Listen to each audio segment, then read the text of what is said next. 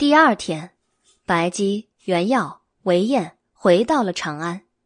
黄莹莹坚持要等到白姬找到玉郎之后，才把来世草还给他，以及离开韦燕的身体。白姬也没有办法，只好答应了。于是，白姬、袁耀回到缥缈阁，韦燕带着来世草回韦府了。白姬、袁耀回到缥缈阁后。黎奴正欢喜的在院子里晾晒什么东西，乍眼看去像是肉干。黎奴看见白姬回来，高兴的说道：“主人，前几天黎奴给戴瑁送了香鱼干，今天戴瑁让人给黎奴送回礼了。”白姬笑着问道：“哦，什么回礼啊？”黎奴拿起一块肉干状的东西，放进嘴里咀嚼，津津有味的说道。鼠肉干吃起来非常香呢，主人、书呆子，你们也来吃一点吧。白姬笑了，我刚才吃过点心了，宣之肯定爱吃，给他吧。白姬逃了，原耀也想逃，小生还不饿，黎奴老弟请自用好了。黎奴不让原耀跑，扑过来抓住他，硬往他嘴里塞老鼠干儿不饿也没关系。这是点心，来，书呆子尝一点非常好吃。原耀被迫吞了两块，没嚼出什么味道，但觉得胃部一阵翻涌，眼泪汪汪的奔到茅厕呕吐去了。傍晚，白姬、原耀、黎奴坐在回廊下吃晚饭。白姬云淡风轻的说道：“黎奴，我打算去延福图。”竹筷从黎奴手中掉落，他望着白姬，眼神有些惊恐。啊，主人，去了阎浮屠的飞人，很少有人能活着回来的。我知道，可是我必须去一次，去确认一件事情。那黎奴陪主人去吧。你就不用去了，也许会回不来的。黎奴坚定的说道。正因为也许会回不来，黎奴才要和主人一起去。白姬转头望着原耀，宣之，你会和我一起去吗？原耀脑海中闪过不断的涌出无尽的黑气，不断的传出撕心裂肺、可怕声音的阎浮屠，哭丧着脸说道：“小生就不去了吧。”白姬笑了。宣之怎么能不去呢？如果连你也回不来的话，小生去了也没有用啊。谁说没用的？至少如果回不来，被困在阎浮屠的话，宣之还可以拿来解闷儿啊。原要流泪，小声的嘀咕道：“小生上辈子一定是造了什么孽了。”宣之这么一说，我也很好奇，宣之的前世是什么？宣之放心，等来世草拿回来了，我一定替你看一看，你上辈子究竟造了什么孽。原耀生气的说道：“不许窥探小生的前世，请尊重小生的隐私。如果白姬知道他的前世了，正常也就罢了；如果他的前世比较奇怪的话。”他又会借此捉弄、取笑他吧？白姬笑道：“不窥探宣之的前世也可以，但宣之要随我去阎浮屠。”小生突然很想知道，小生的来世会变成什么？白姬鬼笑：“ 去了阎浮屠，也许会连来世也没有。”白姬离奴决定三天后去阎浮屠。原要被迫决定和他们一起去，三人约定同生共死，共同进退。但是原耀觉得死的极可能只是他一个人。第二天一早，白姬换上一身暗绣云纹的展绣胡服，束一只纹雕辟邪兽的白玉簪，拿着一柄绘着水墨山水画的折扇，化作风度翩翩的龙公子，拉着原耀去平康坊寻欢作乐去了。原耀哭丧着脸说道：“白姬，都要去阎浮屠送死了，还做什么乐呀？白姬一展折扇笑了。正是因为也许快要死了，才要及时去作乐呀。大厅西面的墙壁上挂着一幅白马图，白姬对着古画吹了一口气，两匹骏马发出一声嘶鸣，奔出画卷，来到白姬、袁耀面前。走吧，宣之。白姬牵了其中的一匹马，走出缥缈阁，翻身骑上。袁耀牵了剩下的一匹马，走出缥缈阁去。他回头望去，白马图上少了两匹马。他扯了扯马的鬃毛，想看马是不是真的。马儿很生气，咬了他一口。白姬、原耀骑着高头骏马进入平康坊，来到长相思外。长相思外车水马龙，人来人往。原耀觉得，缥缈阁一个月的客人加起来，恐怕也没有长相思一天的客人多。长相思的老鸨花姨见了白姬。笑着迎了上来，哎呦，龙公子居然来了，真是贵客临门。今儿个长相思真是蓬荜生辉啊！白姬一展折扇，拍了拍袁耀的肩膀。今儿我带了一个朋友来，花姨可要好好招待呀。花姨望向袁耀，认出这就是上次叫他大妈的人，心里有点不高兴，但还是露出了笑脸。这不是前几日和韦公子来的那位读书的公子吗？啊，公子姓舒还是姓姚？袁耀讷讷的说：“小生姓袁。”哎呀，是袁公子！你看看我这记性不大好，居然说错了，勿怪勿怪呀！原来袁公子也是龙公子的朋友。俗话说：“物以类聚，人以群分。”看来袁公子也是一个贵气文雅之人了。袁耀想说什么，白姬已经抢先笑道：“哈，宣之非常文雅，他喜欢雅静，给我们最好的雅士。宣之喜欢美人儿，花姨一定要叫最美丽、最温柔的美人儿来陪我们作乐啊。”白姬说话的同时，已从袖中取出了一大锭金子。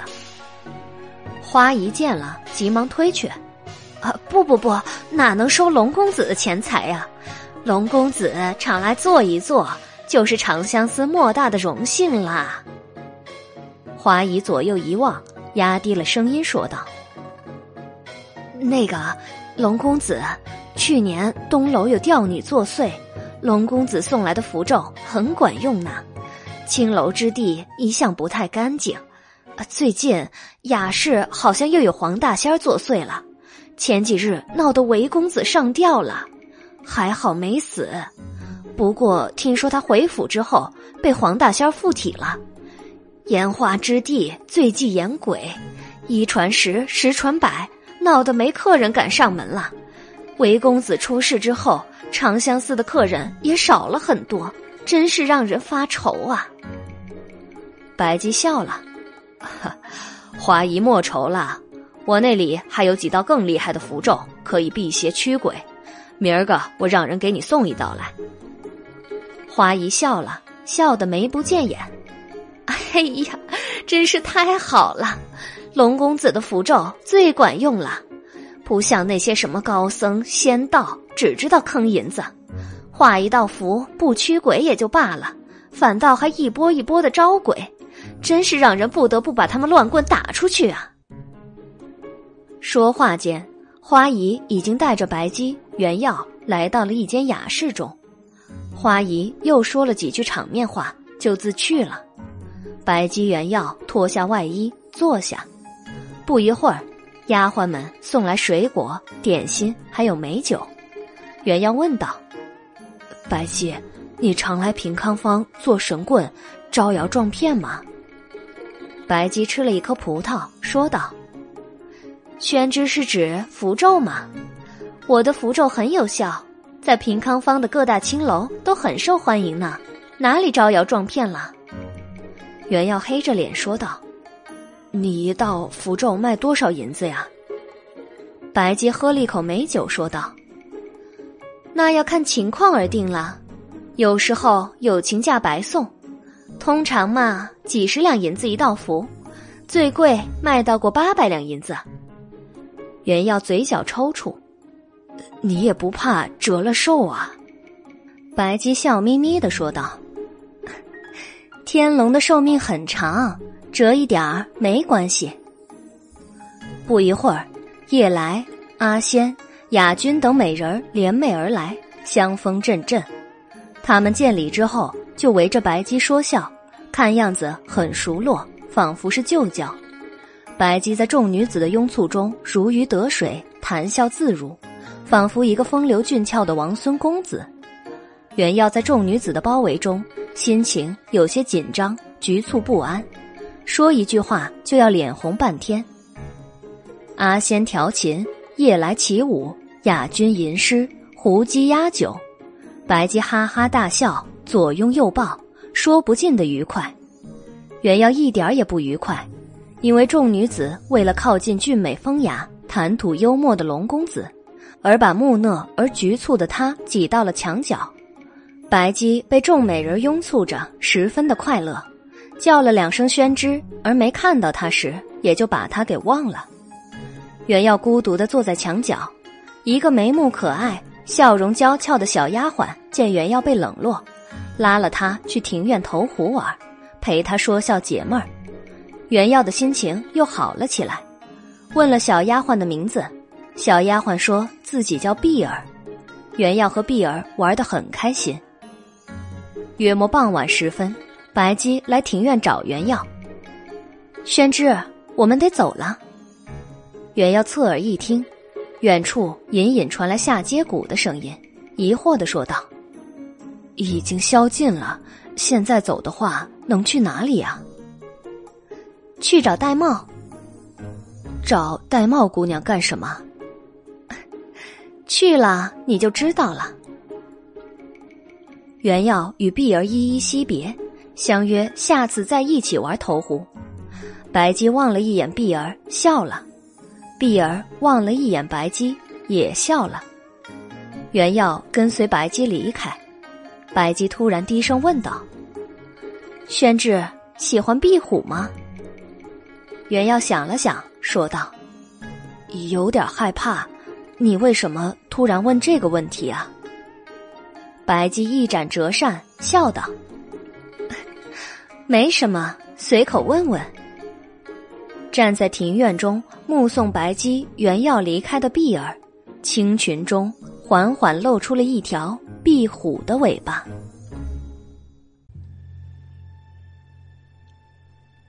白姬、原要离开长相思，走在平康坊的街道上，天色渐渐黑了，华灯初上。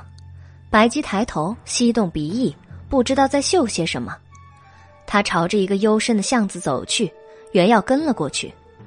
幽深的巷子中，一男一女紧紧相拥在一起，难解难分。借着昏蒙的光线望去，女子穿着一身玳瑁色的长裙，脚穿红鞋。女子听见白姬、原耀的脚步声，蓦地抬起头来，她黛眉一弯，明眸流光。瞳孔细得如一条直线，正是黎奴的妹妹，戴帽。戴帽的唇角鲜血淋漓，衬托的嘴角的黑痣格外的诡艳。戴帽看见白姬、原耀，松开了与他相拥的男人，男人砰的一声倒在地上，已经是一具尸体了。他的肚皮被撕裂，脏腑和鲜血流了一地。原耀头皮发麻。胃里一阵翻涌，俯身呕吐。白姬一展折扇，遮住了半张脸。哎呀，恶鬼道的吃相还是这么不雅观啊！戴帽袅袅挪挪的走向白姬和原耀，伸出粉红的舌头舔去嘴角的血迹。哼，恶鬼道自然不似缥缈阁风雅了。戴帽也不像白姬，杀人不见血。吃人不吐骨头。袁耀冷汗，他觉得戴帽好像对白姬有很深的敌意。白姬也不生气，笑道：“戴帽，你还是这么口齿伶俐，如刀伤人啊！”玳瑁冷冷的哼了一声：“哼，你专程过来，不是为了看我不雅观的进食吧？”玳瑁真是冰雪聪明啊！我来找你是为了借一件恶鬼道的东西。什么东西？缥缈阁没有，却要跑来向恶鬼道借？白姬红唇微挑。引魂灯。玳瑁奇怪的问道：“你要引魂灯干什么？”我要去阎浮屠啊！玳瑁吓了一跳。去阎浮屠？你不想活了吗？不，我想活着，所以才来见引魂灯啊。引魂灯是鬼王的宝物，你找我可没有用。恶鬼道中只有你和夜叉才能随时夜见鬼王，请你去向鬼王传达，白姬想借引魂灯一用。如果白姬能够从阎浮屠回来，不仅引魂灯完璧归赵，还有厚礼相谢。如果白姬不幸不能从阎浮屠回来，那么缥缈阁中的一切东西任凭鬼王自取，以赔偿引魂灯。玳瑁笑了，哼，条件倒是很诱人，不过你为什么认为我会替你传话？白姬望着玳瑁，因为黎奴也会去阎浮屠。玳瑁一惊，有些生气的说道。哼，真是一个让人操心的笨蛋哥哥。玳瑁生气的离开了，白姬站在原地看着玳瑁脚踏血印渐行渐远，血泊中尸体狰狞。白姬挥袖，一阵夜风吹过，卷落了不远处的一束木棉，金红色的花朵纷落如雨，埋葬了尸首。白姬对原耀说道：“宣之。”走吧，回缥缈阁。原耀问道：“白姬，玳瑁姑娘会去向鬼王传信吗？她好像没有答应啊。”白姬笃定的说道：“他会的，我们回缥缈阁等消息吧。”月光下，白姬原耀走回长相思，在马厩中牵出来时骑的骏马，准备回缥缈阁。原耀抚摸骏马的鬃毛，叹道：“这大晚上的骑马走在街上，心中总觉得不踏实。如果这马会飞就好了。”白姬伸手拍了拍马头，说道：“马儿啊，马儿，宣之想要你们飞，你们长出翅膀好不好啊？”骏马打了一个响鼻，没有变化。原耀问道：“他们怎么没有长出翅膀啊？”他们说啊，长出翅膀很辛苦，宣之必须拿出两吊钱出来给他们买草料。原耀生气的说：“他们明明说画上的马，怎么会吃草料呢？是白金尼想诓小生的两吊钱吧？”白姬以折扇掩面道：“ 听黎奴说，宣之偷偷的攒了几吊钱呢。那是小生每个月省吃俭用才从月钱里辛苦攒下的，你别想诓走。唉，马儿啊，宣之很小气，不肯给你们买草料。白姬伸手拍了拍马背，两道白光闪过，马背上呼啦啦生出两只雪白的翅膀。原耀的马背上也生出两只巨大的翅膀。白姬翻身上马，笑眯眯的对原耀道。他们说：“宣之告诉他们，你为什么要攒钱？他们这次就不收草料费了。”袁耀也翻身上马，有些脸红。“呃，一定要说吗？”两匹天马足踏夜风，载着白姬、袁耀飞上了天空。月光下，天马行空，足步履尘，长安城尽在眼底。白姬道：“当然要说了。”袁耀小声的回答：“嗯，这几吊钱，小生想攒着将来娶妻的时候用。”白姬笑了：“ 宣之想的真长远啊，不过几吊钱怕是不够娶妻呀。所以你就不要再打小生这几吊钱的主意了，小生会慢慢再攒一些的。”宣之，你想娶怎样的妻子啊？原要望了一眼白姬。心中有些难以名状的情愫，但是又说不出口，到底是什么感觉？小生也不知道，不过希望她是一个勤劳、善良、温柔、贤惠的姑娘。白姬想了想，啊，勤劳、善良、温柔、贤惠，比如莹莹姑娘。那个白姬，小生不想娶一只黄鼠狼。宣之，不要太挑剔了，不然会打一辈子光棍的。这和挑剔没关系。说话间，天马已经落在了缥缈阁的庭院中。天马回归白马图。白姬和原耀道了晚安，各自去歇下了。第二天，夕阳近黄昏，原耀正在擦地板，有人来敲缥缈阁的大门。原耀放下擦地板的抹布，奔去开门了。他打开门，看清楚站在外面的四个人，顿时吓得牙齿打颤。四名妖娆美艳的女子俏生生的站在门外。一名长着猫耳，一名长着鹰鼻，一名拖着蝎尾，一名全身蛇鳞。原耀牙齿咯咯的打颤。四四位大姐，有何贵干啊？玳瑁笑道：“哼，真是没有礼数，难道让我们站在外面说话吗？”原耀还没有回答，玳瑁伸手推开他，带着蛇女、鹰女和蝎女。走进了缥缈阁，蛇女回头对原耀媚然一笑，吐出了分叉的舌头。原耀头皮发麻，不敢看蛇女。他低下头去，看着四双血红色的金莲踏过刚擦干净的地板，留下一串串脚印，顿时汗毛倒竖。白姬在里间接待了玳瑁，白姬和玳瑁对坐在清月岸边，蛇女。鹰女、蝎女站在一旁，黎奴见玳瑁来了，十分的欢喜，不仅沏上了最好的香茶，还拿出了自己珍藏的香鱼干招待玳瑁。黎奴站在玳瑁旁边，一会儿拍他的头，一会儿喂他吃鱼干，俨然一个宠爱妹妹的哥哥。玳瑁非常的尴尬，怕在下属面前有失一向的体面，于是就把蛇女。鹰女、蝎女遣去大厅了。原要在大厅里擦地板，蛇女、鹰女、蝎女出来之后到处乱走，刚擦干净的地板上又布满了血脚印儿。原耀有些生气的说道：“小生擦地板很累的，能劳烦几位大姐站着不动吗？”蛇女、鹰女、蝎女听了，嘻嘻哈哈的笑。干脆在大厅里你追我赶的玩闹了起来，原耀很生气，但又不敢发作，只好放下手里的抹布，想等他们走了之后再擦地板。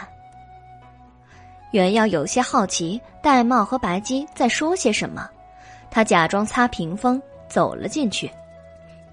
荷花屏风的另一边，白姬跪坐着，他的对面不见了玳瑁和狸奴。多了一只玳瑁色的猫和一只黑猫，玳瑁猫正襟危坐和白姬说话，黑猫一会儿蹭玳瑁猫，一会儿伸爪拍拍它的头。玳瑁猫说道：“鬼王说了，可以借你引魂灯，不过他有一个条件。什么条件？鬼王希望你不要再在平康坊货卖符咒了。哎呀，我是一个生意人。”如果不卖东西，怎么维持生计呀？缥缈阁里三张嘴都还等着吃饭呢。玳瑁吼道：“在青楼月坊中少卖一张符咒，你会饿死吗？”白姬笑了：“ 在平康坊中少卖一张符咒，我倒不会饿死，只是有很多人会枉死呀。”玳瑁冷冷的说：“这就和你无关了。”鬼王借我引魂灯，我三个月内不在平康坊卖符咒。三个月？你不是开玩笑吧？那和一直在卖有什么区别啊？如果我不能从阎浮屠回来，那就是永远不会在平康坊卖符咒了。这一句话让玳瑁有些动心。如果你回不来了，缥缈阁也归恶鬼道，是。玳瑁猫说：“那好，我回去复命了。我觉得鬼王会答应的，不出意外，明天我就把引魂灯送来。”有劳了。玳瑁和蛇女、鹰女、蝎女告辞离去。黎奴不放心，黎奴不放心玳瑁夜行，坚持要送他。玳瑁嫌黎奴婆婆妈妈，骂了他一句。黎奴生气，也回了一句。两人本来好好的，却又开始吵了起来。最后，玳瑁猫挠了黑猫一爪子，气呼呼的走了。黎奴很伤心，坐在月亮下面哭着。我一直想做一个好哥哥，为什么玳瑁就不能理解我呢？每次见面总要和我吵架。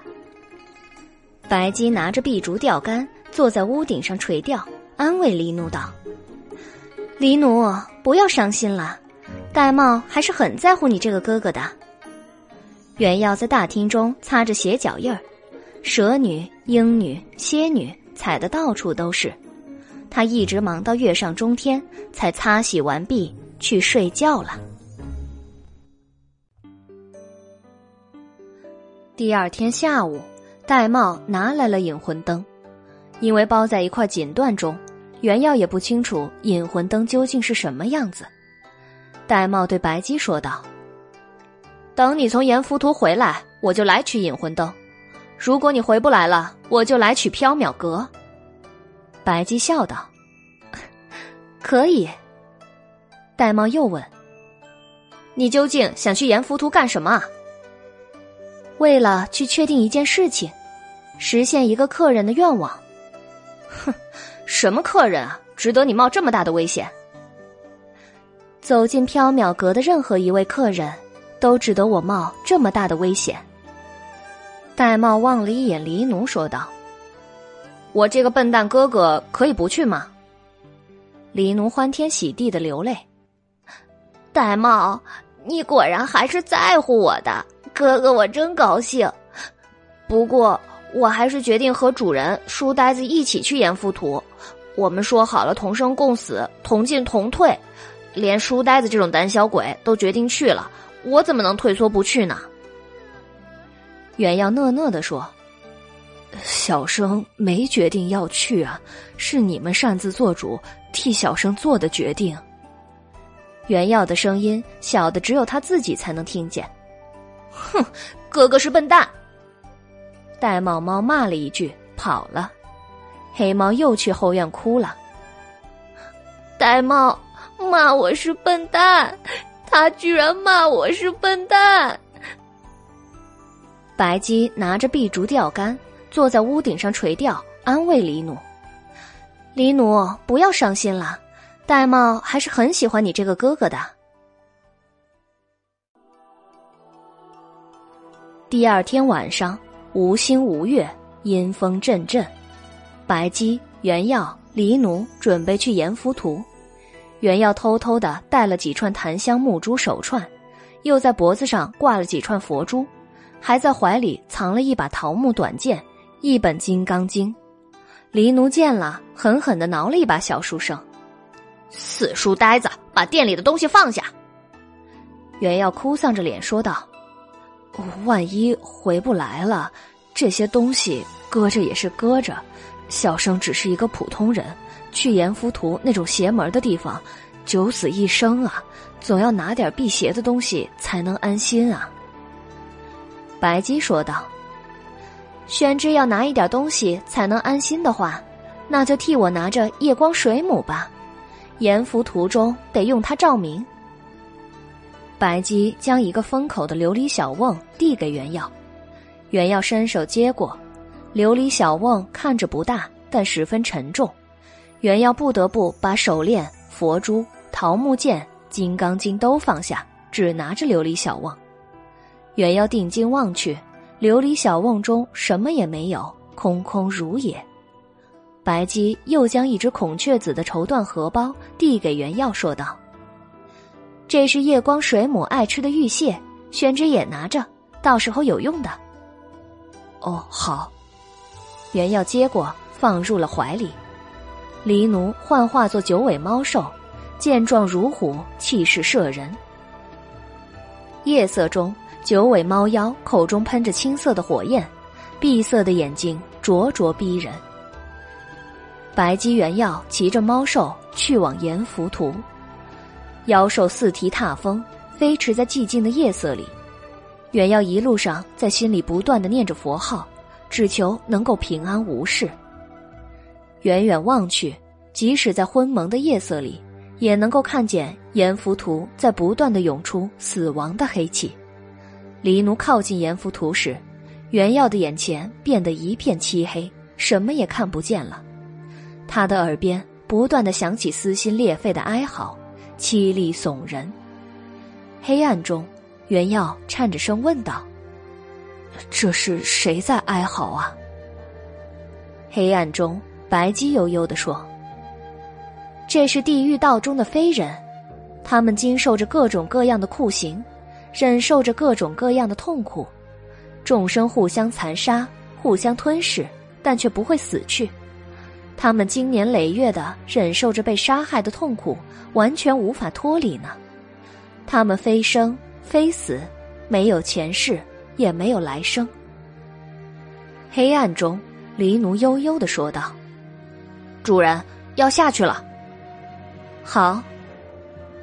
猫兽降落在地上，四周一片漆黑，伸手不见五指，让人寒毛倒竖的哀嚎声、嘶喊声清晰刺耳。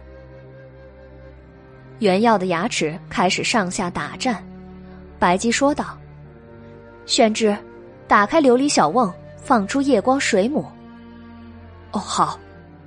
原耀答着，他摸黑扭开琉璃小瓮的盖子，一阵冷风卷起来，好像有很多冰凉滑腻的东西擦过他的脸，琉璃小瓮的重量渐渐减轻了。原耀举目四望，还是一片漆黑。哪里有什么夜光水母啊？白姬，夜光水母在哪里啊？小生怎么看不见啊？把荷包里的玉屑都撒出去，你就能看见了。袁耀从怀里摸出荷包，解开束绳，抓了一把玉屑，但是他的手一直在颤抖，玉屑总从指缝中漏下，只好干脆抓着荷包，将玉屑全部都撒了出去。玉屑在空中划过一道半弧，拖曳出一抹光尾。玉屑的光芒消失的刹那，袁耀看见了神奇的一幕，嘴巴不由得张大了。以玉屑划出的弧度为起点，黑暗中亮起了一盏盏银蓝色的灯火，如同天上繁星点点的银河。仔细看去，那一点一点的蓝光，并不是灯火。而是一只只透明的水母，它们晶莹透亮、柔软如绸，像一朵朵透明的、发着亮光的蘑菇，在空中悠然漂浮荡漾。借着夜光水母的光芒望去，袁耀看见了一张张狰狞扭曲的人脸，有的皮开肉烂，有的七窍冒烟。这些人脸没有身体，他们突兀的浮现在无尽的黑暗中。瞪着白姬、原耀还有黎奴，当啷一声，原耀吓得拿不住琉璃小瓮，他舌头直哆嗦，说不出完整的话来。白白白姬，白姬却掐腰大笑道：“ 宣志，我们到地狱了。”原耀嘴里发苦，说不出话来，一大堆人脸向白姬、原耀涌来，黎奴一跃而起。喷出青色妖火，人脸纷纷退散。猫兽问白姬道：“主人，我们现在要去哪里啊？”夜光水母照不见的地方是无边无尽的黑暗，无边无尽的黑暗中传来各种各样让人寒毛倒竖的恐怖声音。白姬说道：“地狱道分为八大热地狱、八大寒地狱、近边地狱。”孤独地狱，我们现在应该是在八热地狱中吧？八热地狱又分为等活地狱、黑绳地狱、合众地狱、叫唤地狱、大叫唤地狱、焦热地狱、大焦热地狱、无间地狱、我们现在大概是在等活地狱中吧？哎呀，地狱太大了，要在地狱里找一个人还真不容易呢。我们先在此等候，让纸人去找吧。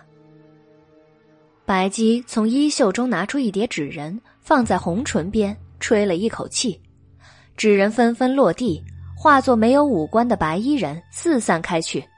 所有纸人嘴里都发出黄莹莹的声音，在叫唤着：“玉郎，玉郎，玉郎，玉郎郎。”原耀冷汗对白姬说道：“白姬，你来阎浮屠是为了找玉郎吗？”不是找玉郎，是看玉郎在不在阎浮屠。玉郎会在阎浮屠吗？哎，不清楚啊。不过三世草中看不见玉郎的前世、今生还有来世，他很有可能是被困在阎浮屠了。原耀咽了一口唾沫，和白姬离奴在原地等待，人脸一大堆一大堆的靠近。不断的滴落浓腥的液体，他们张开了血盆大口，似乎要将白姬、原药还有黎奴吞噬。黎奴不断的喷出青色火焰，阻止人脸靠近，但是明显的，黎奴的火焰阻止不了猖狂的玉鬼。原药哭丧着脸说道：“白姬，黎奴老弟快撑不住了，你也喷个火吧。”白姬在原药耳边笑道。龙火不但会焚尽百鬼，宣之也会灰飞烟灭呢。原要流泪，啊，那现在这样，小生也会被这些人脸吃掉吧？站着不动也很无趣，难得来到地狱，我们四处参观一下吧。黎奴说道：“主人，如果走到无间地狱，我们就真的回不去了。”无妨。有引魂灯呢，黎奴担忧的说道。黎奴的意思是，越往里走，遇鬼不仅会越来越多，也会越来越凶残的，只怕难以脱身呀。白姬说了一句不相干的话：“我饿了，想吃夜宵。”袁耀生气的说：“白姬，都什么时候了，你还想吃夜宵？我们都快变成这些恶鬼的夜宵了。”哎呀，小生上辈子做了什么孽呀？白姬笑眯眯的打断原耀：“宣之，不要生气，我们先游地狱解闷儿吧。”白姬对黎奴说道：“黎奴，往里走。”是主人。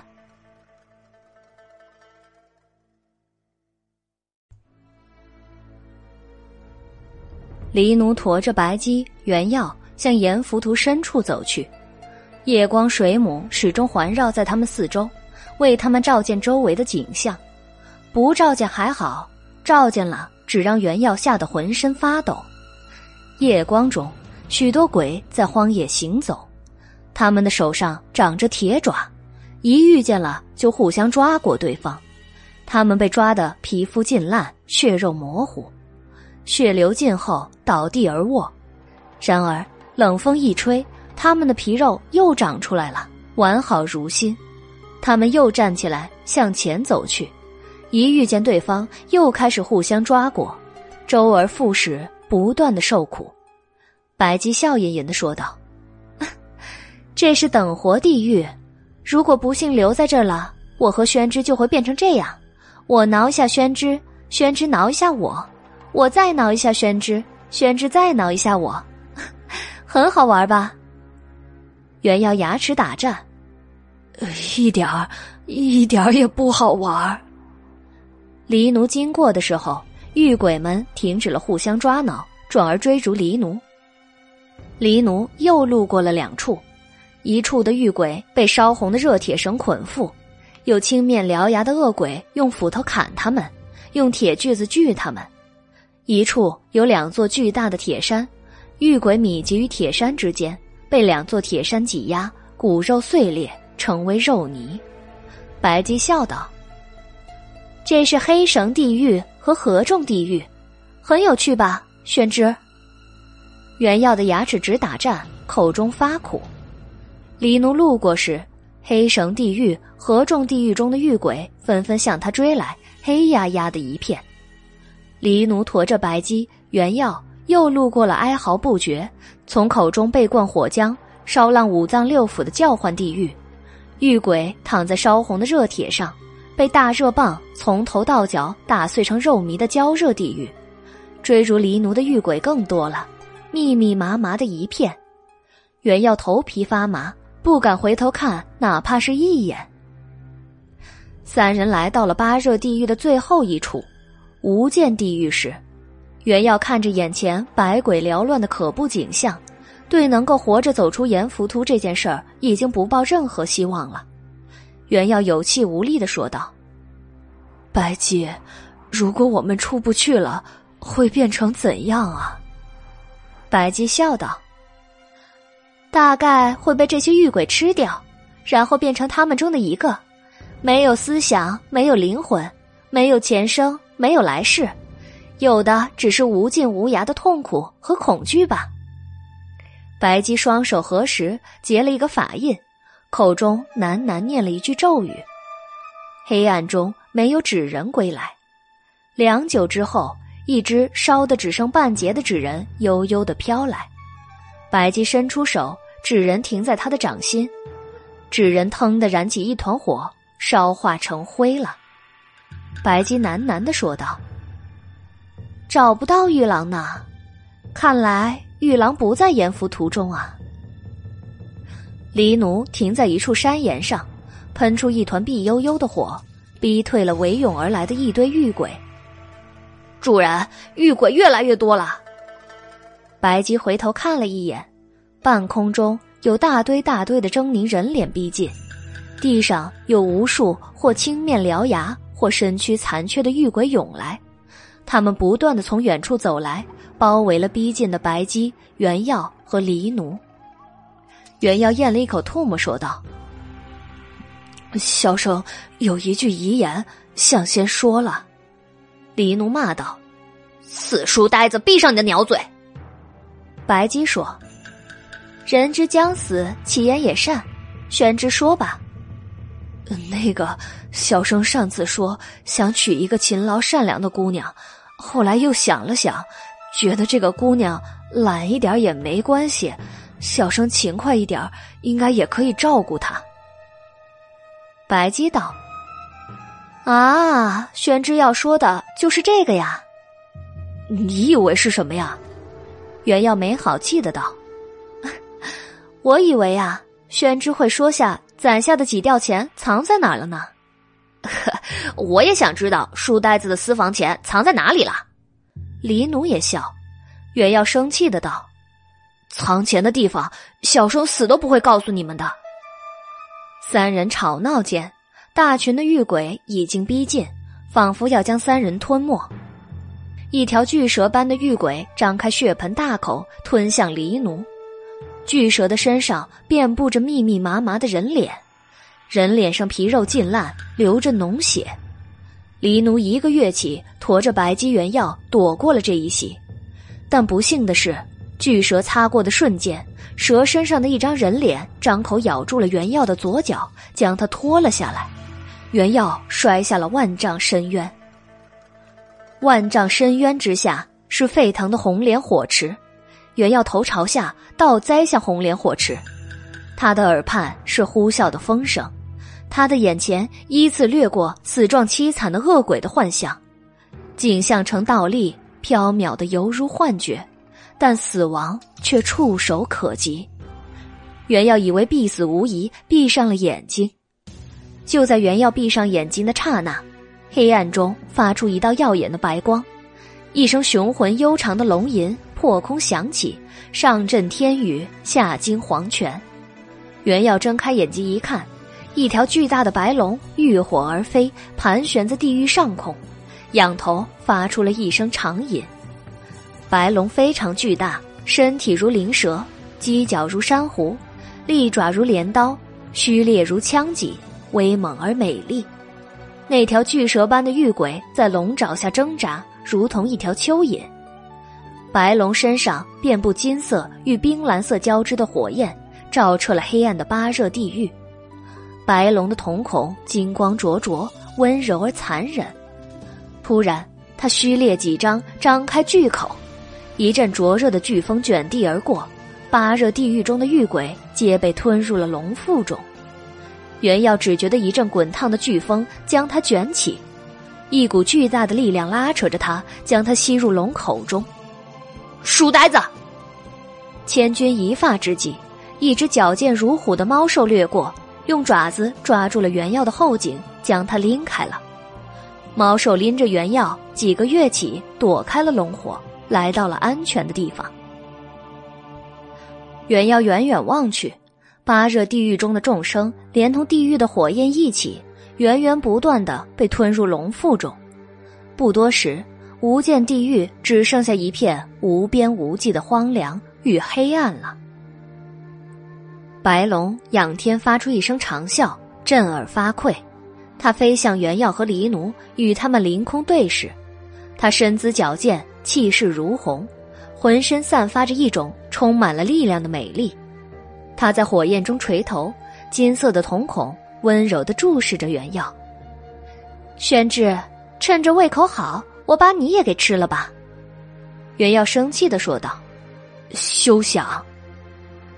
白龙不高兴的说：“哎，宣之真小气啊。”一阵金红色的火焰腾空而起，白龙在火焰中化为一名妖娆女子，她凌空踏步，环佩叮当走向原药。白姬拍着肚子说道：“啊，吃的真饱啊，就是有些上火。哎，宣志，回去了之后给我沏一杯凉茶。”黎奴嘟着嘴道：“主人，你怎么全都吃了，也不给黎奴留两个？”白姬伸手拍了拍猫兽的头，黎奴还是回去吃香鱼干吧，你暂时还承受不了地狱的红莲业火，吃下玉鬼会烧烂五脏六腑的。原耀嘴里发苦，白姬，黎奴老弟，闲话少说，我们还是赶紧回去吧。白姬说道：“既然玉郎不在阎浮屠，那我们就回去吧。”白姬从衣袖中拿出一个小包袱，小心翼翼的打开，借着夜光水母的光芒望去，原耀看见了一个牵绊睡莲形状的灯盏。白姬伸出手指，在灯盏中心点了一下，莲花蕊上忽然冒出了一点金色的火苗，金色的莲花缓缓浮上半空中，夜光水母纷纷靠拢。金色的灯火与蓝色荧光相互辉映，美如梦幻。原耀望着金色灯火，张大了嘴：“这是引魂灯吗？”“是啊，很美吧？真有些不想还给鬼王了。”“主人，那就别还了吧。鬼王一直觊觎缥缈阁中的宝物，还总在背后说您的坏话。他这次借您引魂灯，也没安好心。”分明是希望你被困在阎浮屠，永远不要再回去，他好坐享缥缈阁中您收集的宝物啊。”白姬说道。虽然不想还，也知道他不安好心，但还是要还。做人要守信用啊。主人，咱们是非人啊。非人也一样。原耀苦着脸道。我们可不可以先回缥缈阁，再讨论别的问题呀？宣之说的有理，黎奴道：“也好。”无间地狱黄泉道上，一盏金色的灯火浮现在无尽的黑暗中，为白姬、原耀、黎奴在无边的死寂与荒凉中指引出一条道路。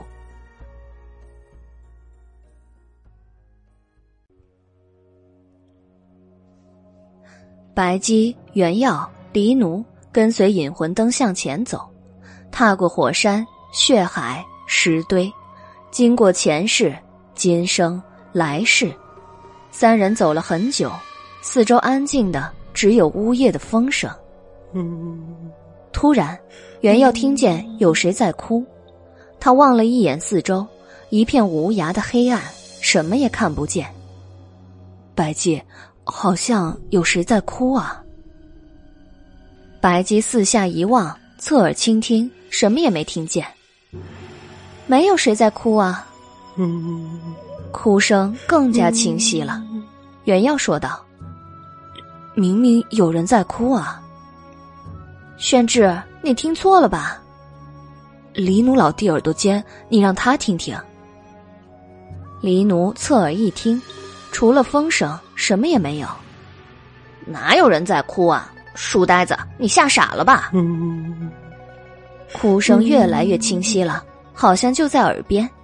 原耀说道：“小生没有吓傻，真的有人在哭啊。”宣之听错了，白姬没有理会原耀，径自向前走去。黎奴也没有理会原耀，径自向前走去。原耀仔细听去，哭声就在他的耳边。他低头望去，地上有一块雪白的骨头，森森白骨在灰烬焦炭中显得格外刺目，仿佛被一种神秘的力量吸引。原要弯下腰去拾起了那块白骨，手触碰到骨头的刹那，仿佛被雷电击中。原要倒在地上，白姬、黎奴走在前面，没有发现原耀倒在地上。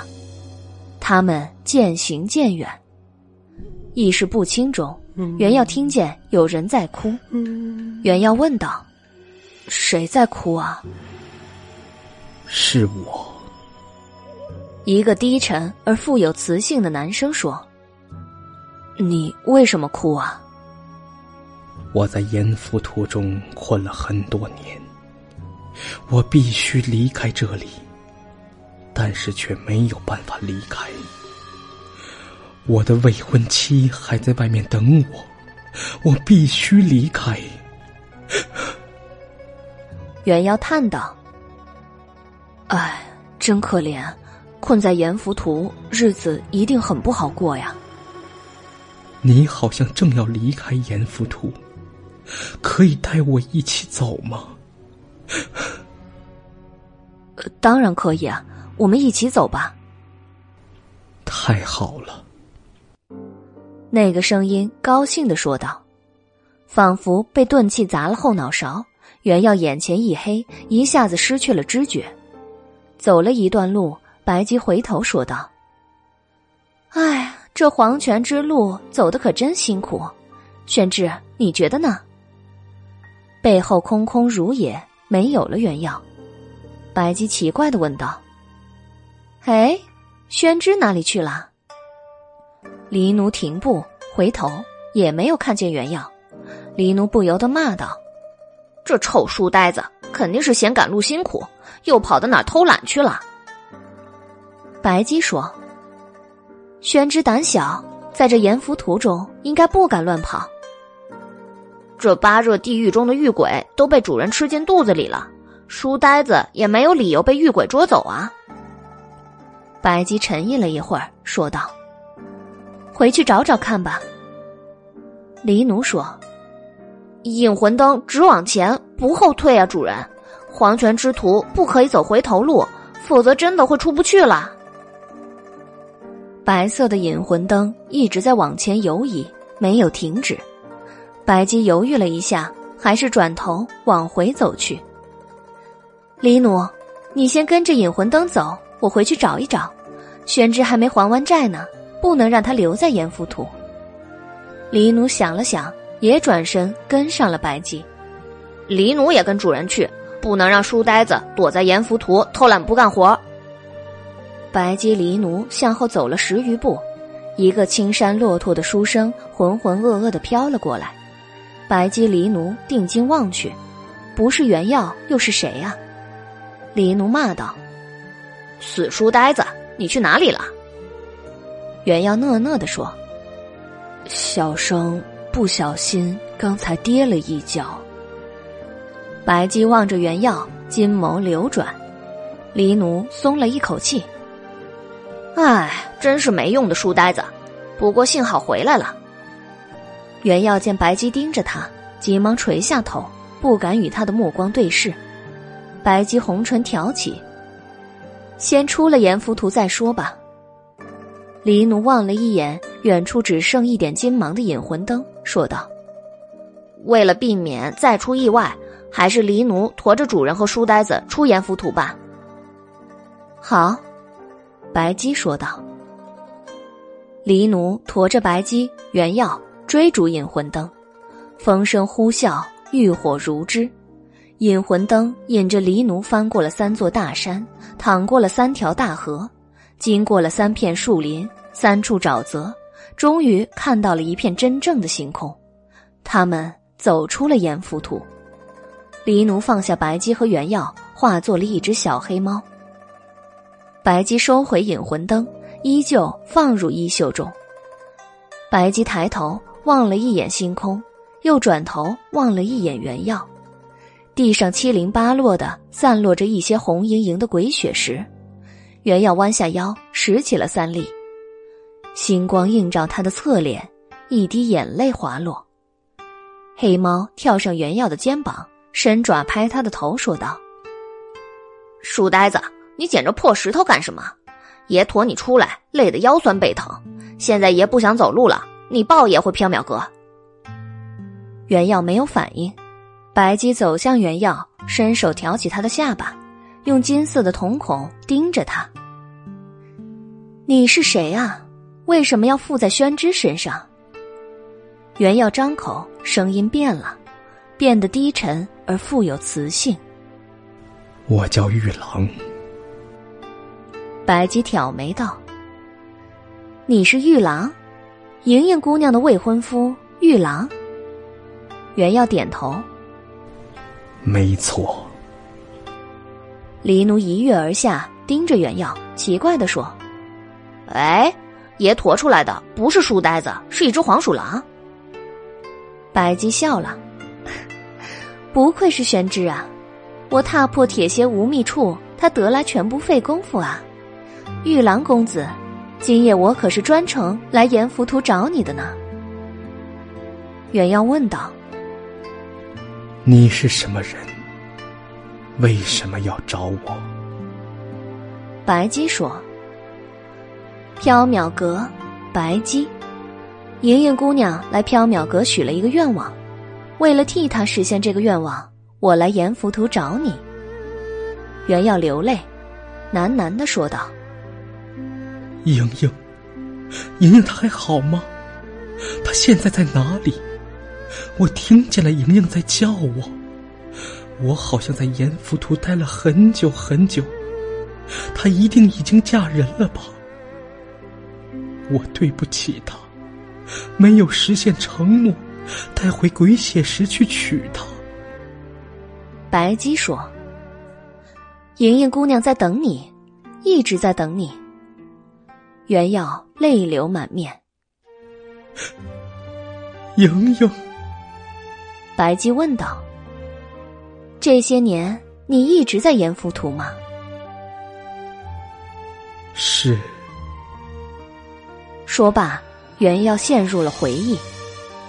多年以前的那一天，他刚来到阎浮屠外，准备捡几颗鬼血石，马上离开。谁知突然刮起了一阵暴风，将他卷入阎浮屠中。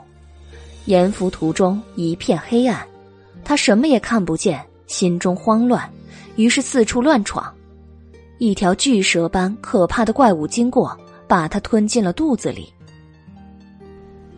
我被一条全身都是脸的怪物吞入了腹中。我的一块骨头被他吐出，落在了阎浮屠中的某处。我的魂魄。化作了他身上的一张脸，从此我就没有了记忆，一直浑浑噩噩，无想无识，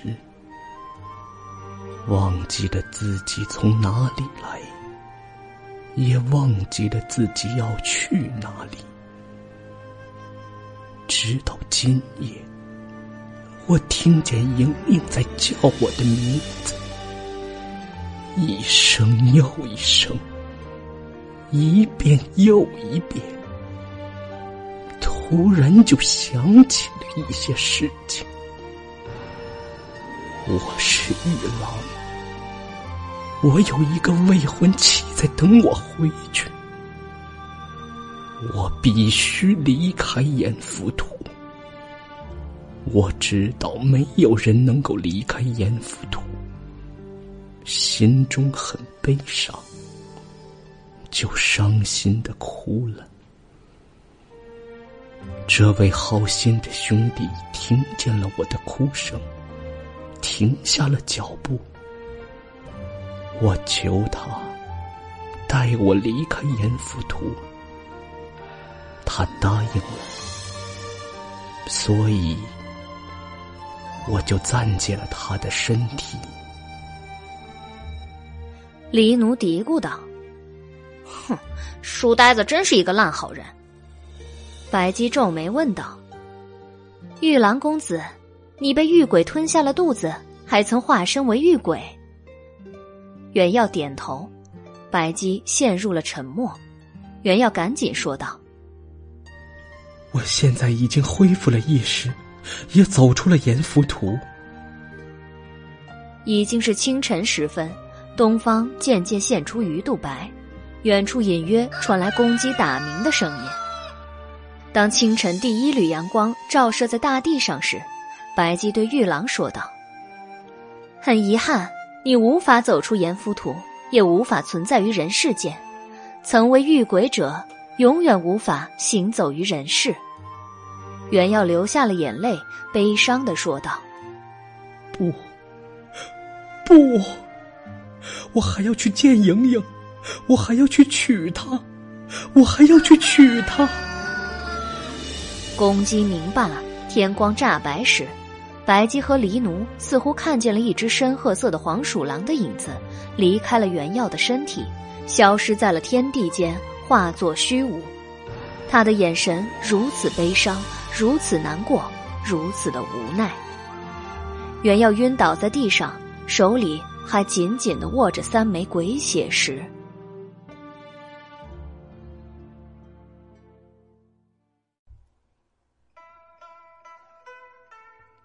原要晕倒在地上，手里还紧紧的握着三枚鬼血石。白姬叹了一口气，说道：“唉。”六道之中再也没有玉郎了。曾经玉郎和莹莹彼此相爱，只差一步就可以结为夫妇，白头到老。如今啊，两人碧落黄泉，生死相牵，可还是差了一步。情深缘浅，造化弄人，也只能徒叹奈何了。黎奴说：“主人，黎奴也觉得有一点悲伤。”人世间总是有那么多悲伤的事情啊！云烟过眼，风平聚散，造化使然，悲伤无益。李奴，把宣之带上，我们回缥缈阁吧。又得驮书呆子了，真是倒霉。黎奴虽然抱怨连连，但还是把原药弄到了自己背上。白姬、黎奴、原药离开阎浮图，回到了缥缈阁。原耀醒来的时候已经是正午光景了，他四下张望，发现自己躺在白姬的床上，松了一口气的同时，又吓了一大跳。幸好已经不再见鬼的阎浮屠了，但他怎么躺在白姬的床上啊？他只记得跟着引魂灯走出阎浮屠时，他听见有谁在哭泣，随后他弯腰拾了一块白骨，和谁说了几句话，就没有意识了。究竟发生了什么事啊？袁耀侧头一看，枕边放着三粒红莹莹的石头，心中又有些疑惑：这是什么东西？袁耀坐起身来，头还有点晕，脖子也有点酸。他伸手去摸脖子，又发现他的颈上被挂着一块用红线穿着的骨头。仔细看去。这骨头好像是他在阎浮途中拾起的那一块啊！哗啦一声，门被人推开了，黎奴端着一个托盘走了进来，托盘上放着一碗米饭、一条清蒸鱼、一碟玉露团。黎奴看见袁耀醒了，笑道：“书呆子，你醒了，一定饿了吧？来，快来吃饭啊！”袁耀闻到饭菜的香味儿，肚子也咕咕叫了起来。他走到桌子边，端起饭碗开始吃饭。袁耀奇怪的问道：“哎，黎奴老弟，你今天怎么对小生这么好啊？”“哈，今儿是书呆子你大喜的日子，爷自然要对你好一点啊。”原耀夹了一块鱼放进嘴里。“呃，什么大喜的日子呀？”黎奴眉飞色舞的道：“今儿是书呆子你成亲的日子呀，快点吃，吃饱了好去成亲。”一阵咳嗽，原耀大惊之下被鱼刺卡住了。黎奴对被鱼刺卡住似乎很有经验，他挥拳在原耀背上狠狠拍了几下，咕噜一声，原耀把鱼刺吞了下去，缓过了气。原耀扯着嗓子问道：“成亲？”谁成亲啊？黎奴笑道：“书呆子，你成亲啊？小生和谁成亲啊？和韦公子啊？”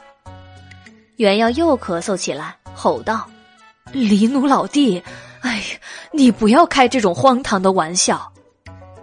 爷没开玩笑，主人正在楼下簪花打扮，准备去参加你和韦公子的婚礼呢。当然，爷也会穿戴整齐的去喝喜酒。”黎奴的话还没说完，原耀已经旋风般卷下楼去了。大厅之中，白姬正坐在柜台后，手拿着一面铜镜簪花。白姬看见原耀，笑了：“ 宣之啊，参加婚宴是簪胭脂红的牡丹，还是簪月光色的玉兰呢？还是簪金步摇好啊？”原耀生气地说：“簪什么？待会儿再说吧。”白姬，你先说清楚是谁跟谁成亲啊？是玉郎公子和莹莹姑娘成亲啊。袁耀松了一口气，笑道：“哎，原来是玉郎公子和莹莹姑娘成亲。哎，玉郎已经找到了吗？刚才黎奴老弟诓小生，说是小生和丹阳成亲，真是吓死小生了。”白姬以袖掩面。虽说实际上是玉郎公子和莹莹姑娘成亲，但是从表面上看是宣之和韦公子成亲呢。宣之，你啊是玉郎公子的转世。袁耀的脸黑了下来。白姬，你不要开这种玩笑。小生的前世怎么会是黄鼠狼呢？莹莹姑娘从来世草中看见了宣之的模样啊，认定了宣之是玉郎的转世。她本来的愿望是再见玉郎一面，可是见识宣之又改变了主意，说是要和宣之，也就是玉郎成亲了了夙愿，才肯离去。莹莹姑娘寄身在韦公子身上，玉郎的转世又是宣之，那么玉郎公子和莹莹姑娘成亲，也就是宣之和韦公子成亲了。这小生，哎呀，小生怎么能和丹阳成亲呢？宣之想着是和莹莹姑娘成亲不就行了？小生也不想和黄鼠狼成亲。唉，白姬叹了一口气。宣之，你忍心看着韦公子永远被莹莹姑娘附身，不得自由吗？宣之，你忍心让莹莹姑娘空等玉郎一生一世，临死也无法达成心愿吗？还有玉郎公子。更可怜了。白姬把昨晚发生在严浮图的事情告诉了袁耀，玉郎如何消失，如何遗憾，句句泣血，字字是泪。袁耀听得眼泪汪汪的，他觉得白姬去茶楼酒肆中说书，一定会博得满堂喝彩的。袁耀流泪道：“白姬，你不要再说了。”小生这就去和丹阳成亲，玉郎已经遗憾了，绝不能让莹莹姑娘也遗憾呐。白姬叹道：“ 宣之真善良。”整整一个下午，白姬、原耀、黎奴开始忙碌成亲的事情。白姬笑道：“宣之，你今天要成亲了，不如把攒的几吊钱拿出来做聘礼吧。”黎奴也说道：“书呆子，不如去买香鱼干做聘礼吧，把钱给爷，爷去替你买。”袁耀生气的说道：“今天是玉郎公子和莹莹姑娘成亲，不是小生成亲啊！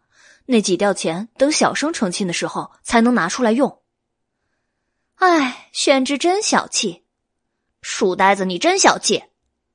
袁耀问道：“白姬，小生在哪里和丹阳成亲啊？是在缥缈阁，还是在韦府？”白姬答道：“在七里坡的草堂。”弦乐东升，万籁俱寂。白姬、袁耀、黎奴三人骑着天马出了长安城，直奔七里坡而去。袁耀脱下一身青衫，换上一身大红色的吉服，他拿着三粒鬼血石作为聘礼。黎奴还是一身黑衣，但在发髻上插了一朵小红花，以示喜庆。白姬也还是一身白衣。但披着一袭金色的西番莲图案披帛，头上簪着一朵盛开的红色牡丹，以示喜庆。袁耀不放心的问道：“只要一拜堂，莹莹姑娘就会安心离去吧？丹阳也会恢复意识的吧？”白姬以秀眼唇，也许还要入洞房呢。荒唐！小生和丹阳同为须眉男子，怎可入洞房啊？只是也许而已啊，嗯没有这种也许。七里坡草堂，红烛高烧，灯火晃晃，草堂中隐约传出喜庆的乐曲声。南风衣着光鲜，苦笑着站在篱笆外等候。他看见白姬、原耀。黎奴骑着天马而来，急忙迎上前来。袁耀、白姬、黎奴翻身下马，走向南风。南风说道：“公子在草堂等候多时了，几位随我进去吧。”南风领着袁耀、白姬和黎奴走向草堂，他叹了一口气，说道：“唉，老爷如果知道今晚的事儿，一定会气得晕过去的。不过……”为了让公子摆脱黄大仙，也只能这样了。”袁耀说道，“今晚的事情，还请南风老弟千万不要告诉韦世伯呀。”“哦，这是自然，你们随我进去吧。”快要走进草堂时，南风低声说道：“那黄大仙花了一下午的时间在梳洗打扮，他不知从哪里找来几名吹拉弹唱的乐师，还找了厨师、丫鬟什么的。”他一会儿问我眉毛画的好不好看，一会儿问我戴哪样首饰合适，看上去还真像是要嫁人的心腹呢。可怜公子毫无知觉，任由身体被他摆布呀。白姬以秀眼唇道：“花了这么多心思打扮，新娘子一定很美啊。”黎奴笑道：“ 呵黎奴也要看书呆子的新娘子。”袁瑶大声的反驳。丹阳不是小生的新娘子呀。说话间，白姬、袁耀、黎奴、南风已经走进了草堂。袁耀走进去时，不知道是不是错觉，他觉得草堂中似乎比上次来时要宽敞许多。大厅中灯火通明，四名乐师在演奏管弦，四个小丫鬟正在端水果和点心。四个小丫鬟一见袁耀，笑道：“啊 新郎官来了，快去告诉小姐。”一名丫鬟进里面去通报了。不一会儿，一阵环佩声在屏风后响起。袁耀转头望去，隐约可见屏风后面立着一个人。是玉郎吗？黄莹莹的声音隔着屏风响起。袁耀说道：“是小生。”白姬瞪了袁耀一眼，袁耀急忙道：“玉郎按照约定带回了鬼血石来迎娶莹莹姑娘。”袁耀呈上鬼血石，一名小丫鬟拿了，绕进屏风后呈给黄莹莹。不一会儿，屏风后面响起了哭泣声。“玉郎，你回来了，真是太好了。其实这些年来……”奴家一直在后悔，后悔让你去阎浮屠那么危险的地方找鬼学士。原耀说道：“莹莹姑娘，不要伤心了，玉郎已经回来了。”南风在旁边道：“吉时快到了，准备拜天地吧。”黄莹莹欢喜的说：“啊，奴家还没有戴上凤冠呢。玉郎，稍等片刻，奴家这就去准备。”袁耀想说什么，但白姬瞪了他一眼，摇头示意他不要反对。袁耀想了想，也就没反对了。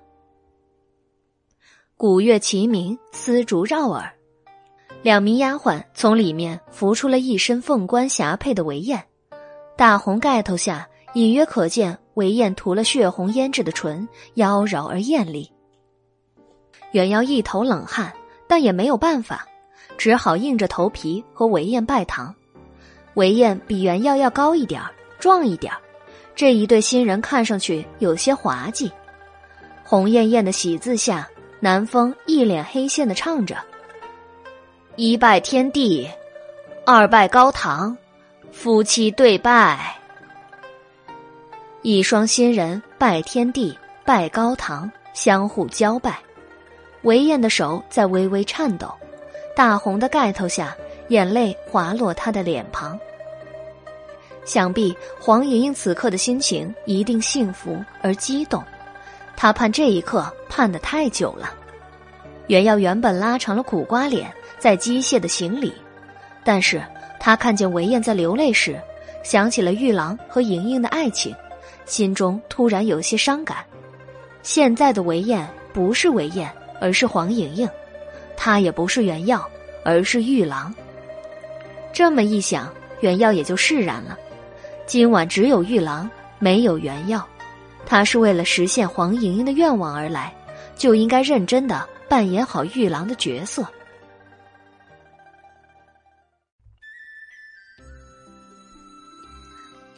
相互交拜过后，袁耀拉住了韦燕的手，说道：“莹莹姑娘，从今天起，你就是玉郎的妻子了。”玉郎。韦燕羞涩的垂下了头，心中幸福而满足，流下了眼泪。白姬坐在宾客席上捧茶，感慨道：“唉，真是幸福的一对啊。”黎奴说：“主人，黎奴突然也想娶一个新娘子了。”白姬喝了一口茶：“ 黎奴想娶谁做新娘子啊？”戴帽。白姬呛住了。黎奴，戴帽是你妹妹，你不能娶她做新娘子呀。可是书呆子能娶他表弟做新娘子，为什么黎奴就不能娶妹妹啊？因为，因为戴帽肯定会不愿意啊。黎奴很沮丧，戴帽一定不愿意的。我们总吵架，算了，我不娶戴帽了。白姬问道：“十三郎怎么样？”主人，你突然提那只臭狐狸干什么？啊，没事儿，随口提提，有些想他了。袁耀和韦燕温情脉脉的站着，一阵夜风吹来，吹翻了韦燕的红盖头，露出了她的脸。韦燕修眉俊目，面如冠玉，唇似点珠。有那么一瞬间，袁耀看见了黄莹莹的脸，而在黄莹莹清澈的瞳孔中。他看见了一张陌生男子的容颜，袁耀想，或许在这一瞬间，他变成玉郎了吧。韦燕深情的望着袁耀，柔声说：“玉郎，来世我们还要做夫妻。”袁耀点头道：“好。”韦燕伏倒在袁耀怀中，失去了知觉。袁耀急忙抱住他。韦燕太重了，袁耀抱不住，两人一起倒在了地上。袁耀听见虚空中有谁在说道：“谢谢你，袁公子。”声音飘渺如风，转眼消散无痕。袁耀明白，黄莹莹已经离去了。袁耀望着虚空，露出了一个温柔的笑容。白姬望着虚空，露出了一个满意的笑容。他的手上多了一个木盒子，木盒子里面装着来世草。顷刻间，乐师变成蟋蟀，丫鬟变成了田鼠，草堂化作虚无。月光下，白姬、袁耀、韦燕、黎奴、南风处在一片荒凉的乱石岗中。南风望着昏迷不醒的韦燕。问白姬道：“黄大仙真的已经走了吗？”白姬笑道：“已经走了，韦公子已经没事了，我们回长安。”白姬挥手招来三匹天马，黎奴道：“一、二、三、四、五，五个人，三匹马，主人这可不好办呀。”白姬说：“这简单啊，我乘一匹。”南风公子乘一匹，宣之和韦公子共乘一匹。黎奴，你走路，你的脚程不比天马慢。黎奴嘟嘴道：“可是黎奴讨厌走路。”远耀问道：“为什么小生要和丹阳共乘一匹马呀？”白姬笑了：“因为你们是夫妻啊。”袁耀十分生气。小生和丹阳不是夫妻，今晚是玉郎公子和莹莹姑娘的婚礼啊。可是没有人理会袁耀，白姬南风乘上天马，说笑着走了。黎奴妖化成猫兽也走了，袁耀只好把韦燕横放在天马上，自己也乘了上去。天马飞向了夜空，天马行空去往长安城。南风惊奇的望着白姬，问道：“恕南风问一句冒昧的话，您真像坊间传说的那样是妖怪吗？还是只是一位精通玄术的高人？”白姬鬼笑道：“你说呢？”袁耀在旁边壮着胆子说：“南风老弟，他不是高人，是妖怪。”昨天晚上，他在阎浮屠一口气吃了八热地狱中的所有狱鬼呢。他还常常恐吓小生，说要把小生也吃掉。南风一头冷汗，白姬笑道：“宣之今晚头一次成亲，因为太兴奋、太激动了，竟然胡言乱语起来。南风公子，你不要信他的话，我只是一个稍微懂一点玄术的人罢了。”南风松了一口气。笑道：“哈，原来如此，传言都不足信。白姬您这么美丽善良，救我家公子于水火，绝不可能是妖怪。”袁耀说道：“南风老弟，相信小生，他他真的是妖怪呀，是天龙八部中的天龙。”南风笑了：“ 袁公子不要污蔑白姬了，依南风看来。”比起白姬，你倒更像是妖怪呢。袁耀欲辩无词，只好沉默。白姬望着袁耀，眼唇鬼笑。白姬、袁耀、黎奴把韦燕、南风送入崇仁坊的韦府，才回缥缈阁。路上，白姬对袁耀说道：“宣志，你也是有家室的人了，从今以后一定要更加勤劳一些。”才能对得起妻子呀，白姬，小生还没有妻子。袁耀吼道。黎奴说：“哎，书呆子成完亲就翻脸不认账了，新娘子一定很苦恼吧？”小生还没有成亲。袁耀反驳。从此以后，白姬、黎奴总以为袁耀已经和韦燕成了亲。并且以有了家室为理由，让小书生更勤劳的干活，以养家糊口。袁耀很生气，但也没有办法，只好任由他们说。韦燕恢复意识之后，来缥缈阁的次数更加频繁了。他来取笑小书生，因为南风在对韦燕讲述事情的原委时，怕韦燕生气，谎称玉郎和黄莹莹的婚礼中，韦燕是新郎，袁耀是新娘。韦燕就总来取笑袁耀，一口一个娘子。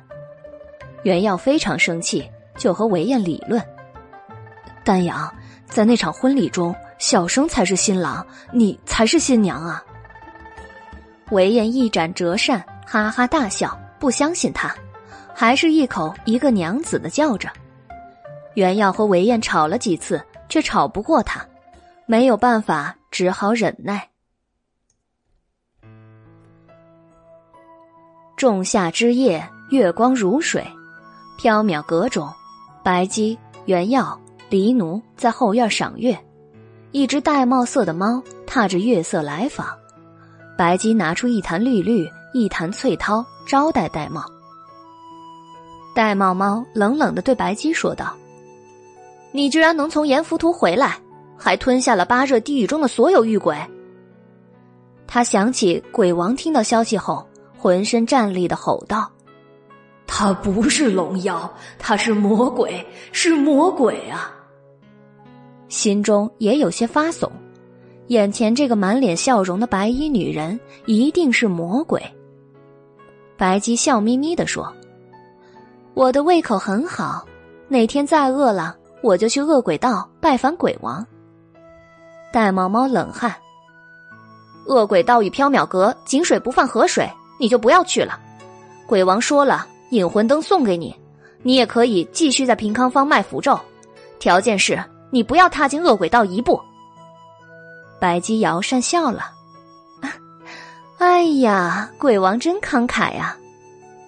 玳瑁猫说：“反正你也不打算归还引魂灯，不如索性大方的给你算了，免得多生事端，因小失大。”白姬啧啧叹道：“唉，鬼王总是以己夺人，以为谁都跟他一样阴暗邪恶、反复无常呢。”这引魂灯，我倒还是真心想遵守承诺还给他的。不过他既然愿意相送，我若是拒绝，未免太没有礼貌了。玳瑁猫说：“不许你对鬼王出言不逊。”黑猫插嘴道：“玳瑁，主人说的都是事实啊，鬼王也没少说主人的坏话，鬼王不是什么好东西。”玳瑁猫很生气。狠狠的挠了黑猫一爪子，哼！即使是哥哥，也不许对鬼王无礼。黑猫生气的挠回去，我说的都是事实。哥哥，你去死！玳瑁猫狠狠的挠了黑猫一爪子，跑了。黑猫很生气，坐在月亮下面哭。玳瑁让我去死，他居然让我去死！白姬递给黑猫一杯绿绿酒，说道：“黎奴，不要伤心了。玳瑁有口无心，他还是很喜欢你这个哥哥的。”黑猫喝了一杯绿绿酒，醉了。他坐在月光下，骂骂咧咧的说了一会儿胡话，就倒下睡觉了。白姬一边望月，一边喝绿绿酒，似醉非醉。原耀想起了黄莹莹，他来缥缈阁的那一晚。白姬也在喝绿绿翠涛酒，还喝醉了。袁耀问白姬道：“白姬，关于莹莹姑娘的事儿，小生有一个疑问。”白姬回眸：“宣之，有什么疑问啊？”小生明明不是玉郎，莹莹姑娘为什么会在来世草中看见小生是玉郎的来世啊？因为。他从来世草中窥探玉郎的转世时，我稍微动了一点小手脚啊。什么手脚啊？我在宣之拾回的玉郎遗骨上施了一点小法术，宣之胸前挂着白骨，莹莹姑娘想着玉郎的时候，就会从水镜中看见宣之了。袁耀有些生气的说：“你当时为什么不把玉郎的遗骨挂在自己身上啊？”你和丹阳成亲好了，偏偏害得小生一直被丹阳取笑捉弄。啊，我和韦公子成亲未免太无趣了，看宣之成亲更有趣啊！你，你果然是为了找乐趣啊，也是为了实现莹莹姑娘的夙愿，得到一个因果呀。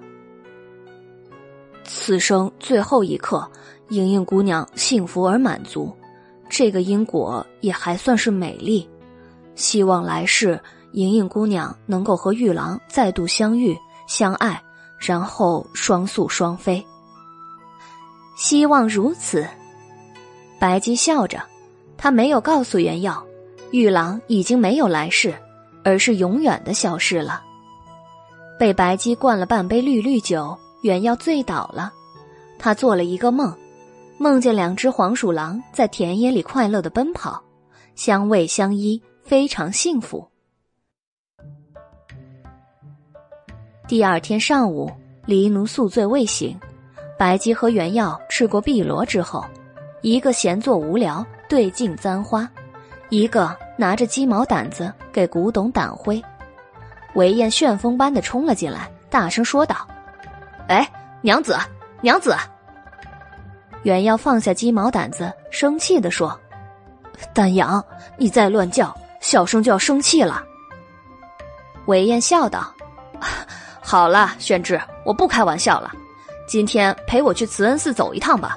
虽然黄大仙已经走了，但二娘非要让我去慈恩寺上一炷香，我一个人去无聊，你陪我去吧。”袁耀望了一眼白姬，问道：“丹阳让小生……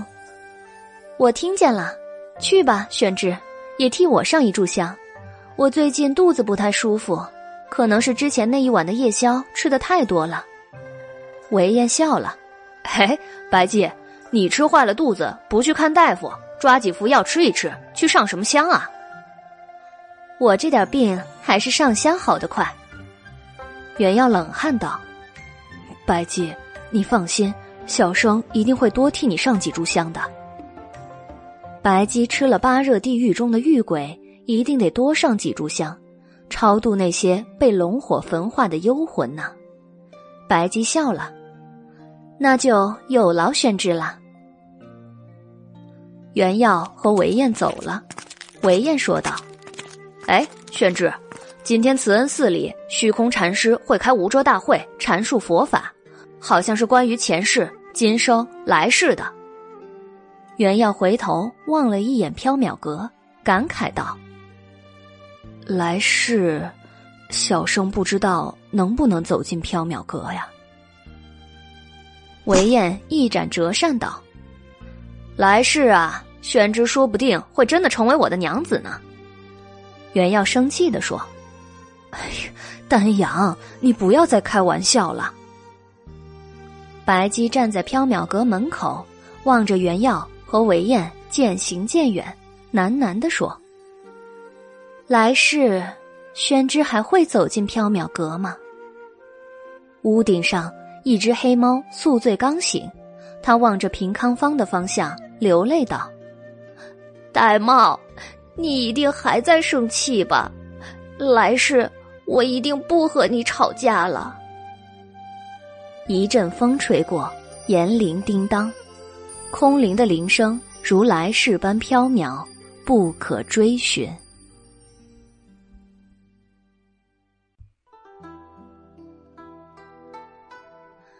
欢迎收听长篇奇幻小说《缥缈提灯卷》，第六折，提灯鱼。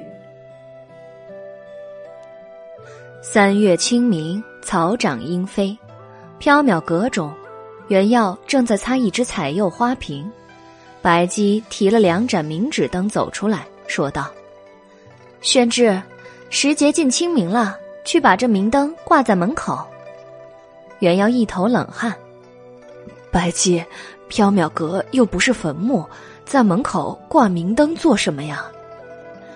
三月清明，亡灵夜行。明灯可以为迷途的亡灵照路啊！为什么要为亡灵照路啊？照亮路途，可以让亡灵回到该回的地方去，不再留在人世间徘徊了。哦，这样啊，那看来挂明灯也是做好事呢。小生这就去挂。袁耀笑着接过明灯，拿了一根竹蒿出去挂明灯。袁耀在缥缈阁的左边挂好一盏，又去挂右边。袁耀刚把右边的明灯弄上去，身后有人说道：“宣志，挂歪了，往右边移一点。”袁耀回头看清来人，笑道：“哎，丹阳，你怎么来了？韦燕站在缥缈阁外说道：“哎，我来散散心。哎，你那个还是歪了呀，再往右一点。”原耀又往右边移了一点儿，韦燕还是觉得歪了。原耀只好又移了一点儿，韦燕还是不满意。最后，韦燕不耐烦了，抢了原耀的竹蒿，自己去挂了。韦燕很麻利的挂好明灯，左右对称，非常完美。韦燕拍着原耀的肩膀说：“嘿，宣之，我挂的不错吧？”丹阳挂的很好。哎，不过啊。你怎么不奇怪？为什么挂的是明灯啊？韦燕不以为意。哈，这有什么好奇怪的呀？我闲来无事，也常常在燃溪楼挂明灯玩啊。袁耀冷汗，他一直不敢恭维韦燕喜好诡异事物的恶趣味啊。韦燕和袁耀走进缥缈阁，白姬正在整理货架。白姬看见韦燕，笑了。今天。韦公子想买一些什么宝物啊？韦燕叹了一口气：“唉，今天纯粹来散心的，不买宝物。百济，我被罚了三个月的俸禄，父亲也在生我的气，最近没有银子花了。”袁耀关切的问：“丹阳，发生什么事儿了？为什么你要被罚俸禄啊？”韦燕从衣袖中摸出一块粗糙的木板，说道。就是因为他啦。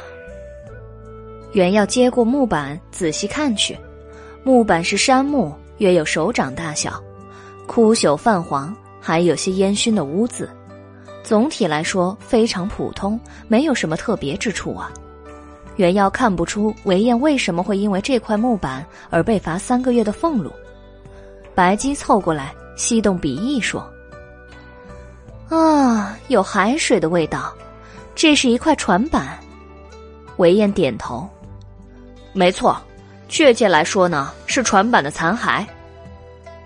袁耀奇怪的问：“那这船板的残骸和丹阳你的俸禄有什么关系啊？”韦燕叹了一口气，缓缓道来：“唉，三个月前从扶桑来的使者东渡回国，太后派我负责他们归国的一切事宜。”例如准备大唐给天武天皇的各种赏赐和馈赠，以及清点使者们要从长安带回去的古书、法典、经文、器物之类的东西，我自认为做的没有缺失。谁知道他们运气不好，在海上遇见风暴，船毁人亡，无一幸存。前两天他们的噩耗传来长安，报丧的使者带回几块船板的残骸，太后非常悲痛，心情不好。裴仙那个家伙趁机上奏，说遣唐使船遇难，我也有不可推卸的责任。太后就罚了我三个月的俸禄。哼，裴仙那个家伙太可恶了，我一定要揍他一顿出气。裴仙是韦燕的表哥，现任左金吾卫大将军，两人从小一起长大，但是非常合不来，是冤家对头。裴仙不喜欢韦燕，却很喜欢袁耀，和袁耀交好。袁耀说：“丹阳，仲华是武将，你揍不了他呀。”韦燕恨然道：“哼，反正我不会放过他的。”白姬叹道：“唉，真是不幸啊！这些扶桑人终于可以回家乡了，却偏偏死在了回家乡的路上。”韦燕说：“是啊，很不幸。”这次回去的是来大唐学习佛法的留学生和来学习法律条文、四书五经的留学生，他们都在长安待了许多年了。在大唐待了最久的一名老画师，还是太宗在位时期来的，已经五十多年了。我记得当时整装待发的时候，他们都非常高兴，还激动的哭了。尤其是那位白发苍苍的老画师，他哭得最厉害了。袁耀也哭了，眼泪汪汪。独自漂泊在异国他乡，说不想家、不想念亲人，那是不可能的。如今能够回去了，却偏偏横死在海上，他们太可怜了。白姬说道：“人有旦夕祸福，事情发生了也没办法了。”韦燕道：“虽然我也为他们感到难过，但我更为我三个月随水东流的俸禄而感到难过。”袁耀安慰韦燕：“对丹阳来说，这三个月的俸禄是罚的有些冤枉，但是事已至此，也没有办法，你就放宽一点心吧。今天天气不错，小生陪你出去散散心吧。”唉，借宣之一天得十两银子，我最近手头不宽裕，还是就在缥缈阁和宣之喝茶聊天吧。哎，白姬，有新茶没有？沏一杯好茶来。新茶没有，陈茶倒是有一些。李奴，给韦公子沏一壶茶来。黎奴沏来了茶，韦燕坐着和袁耀天南海北的聊了一下午，心情很好的回去了。黎奴不满的说。哼，书呆子，你又偷懒了一下午。白姬说：“哎，下次啊，借宣之闲聊也要收银子。”袁耀说道：“你们也太没有同情心了吧！丹阳刚没了三个月的俸禄，心情很郁闷呀。书呆子偷懒不干活，爷爷很郁闷。赚不到银子，我也很郁闷呀。”韦燕把那块船板的残骸丢在了缥缈阁，白姬和黎奴让袁耀扔了，袁耀想了想，还是没有扔，他偷偷的把它放在了缥缈阁外柳树的树洞里，他辛辛苦苦攒下的三吊钱，引送给他的夜明珠也都藏在这里。袁耀对着树洞倾诉了最近的烦恼之后，祈祷了一句。希望白姬和黎奴老弟永远不要发现这个树洞啊！然后就去睡了。第二天早上，袁耀起床，梳洗完毕，打开了缥缈阁的大门。清晨的阳光下，一名穿着火月蓝寿衣、头戴笠乌帽子的男人站在柳树旁，正抬头望着缥缈阁外挂着的明灯。他大约二十四五的年纪。朗如玉山，清如秋水，浑身散发着一股温文尔雅的气度。袁耀一愣，这位客人可真早啊！他的服饰有些奇特，好像不是大唐人。袁耀走出去，对男子笑道：“啊，这位兄台真早啊，可是来缥缈阁买东西的。”男子从明灯上收回目光，问道。缥缈阁，这里是缥缈阁。袁耀有些奇怪，明灯旁边的牌匾上不是写着“缥缈阁”三个大字吗？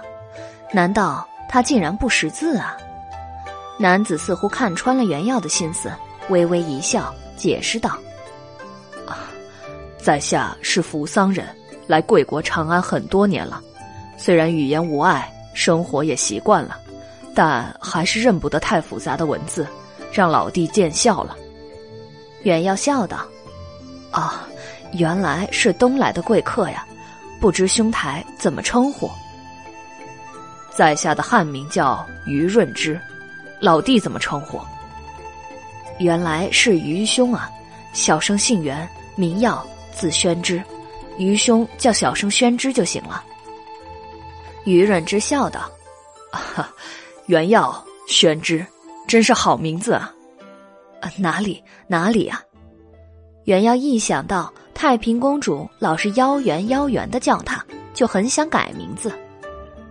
愚兄先进来吧，想买些什么，小生替你找。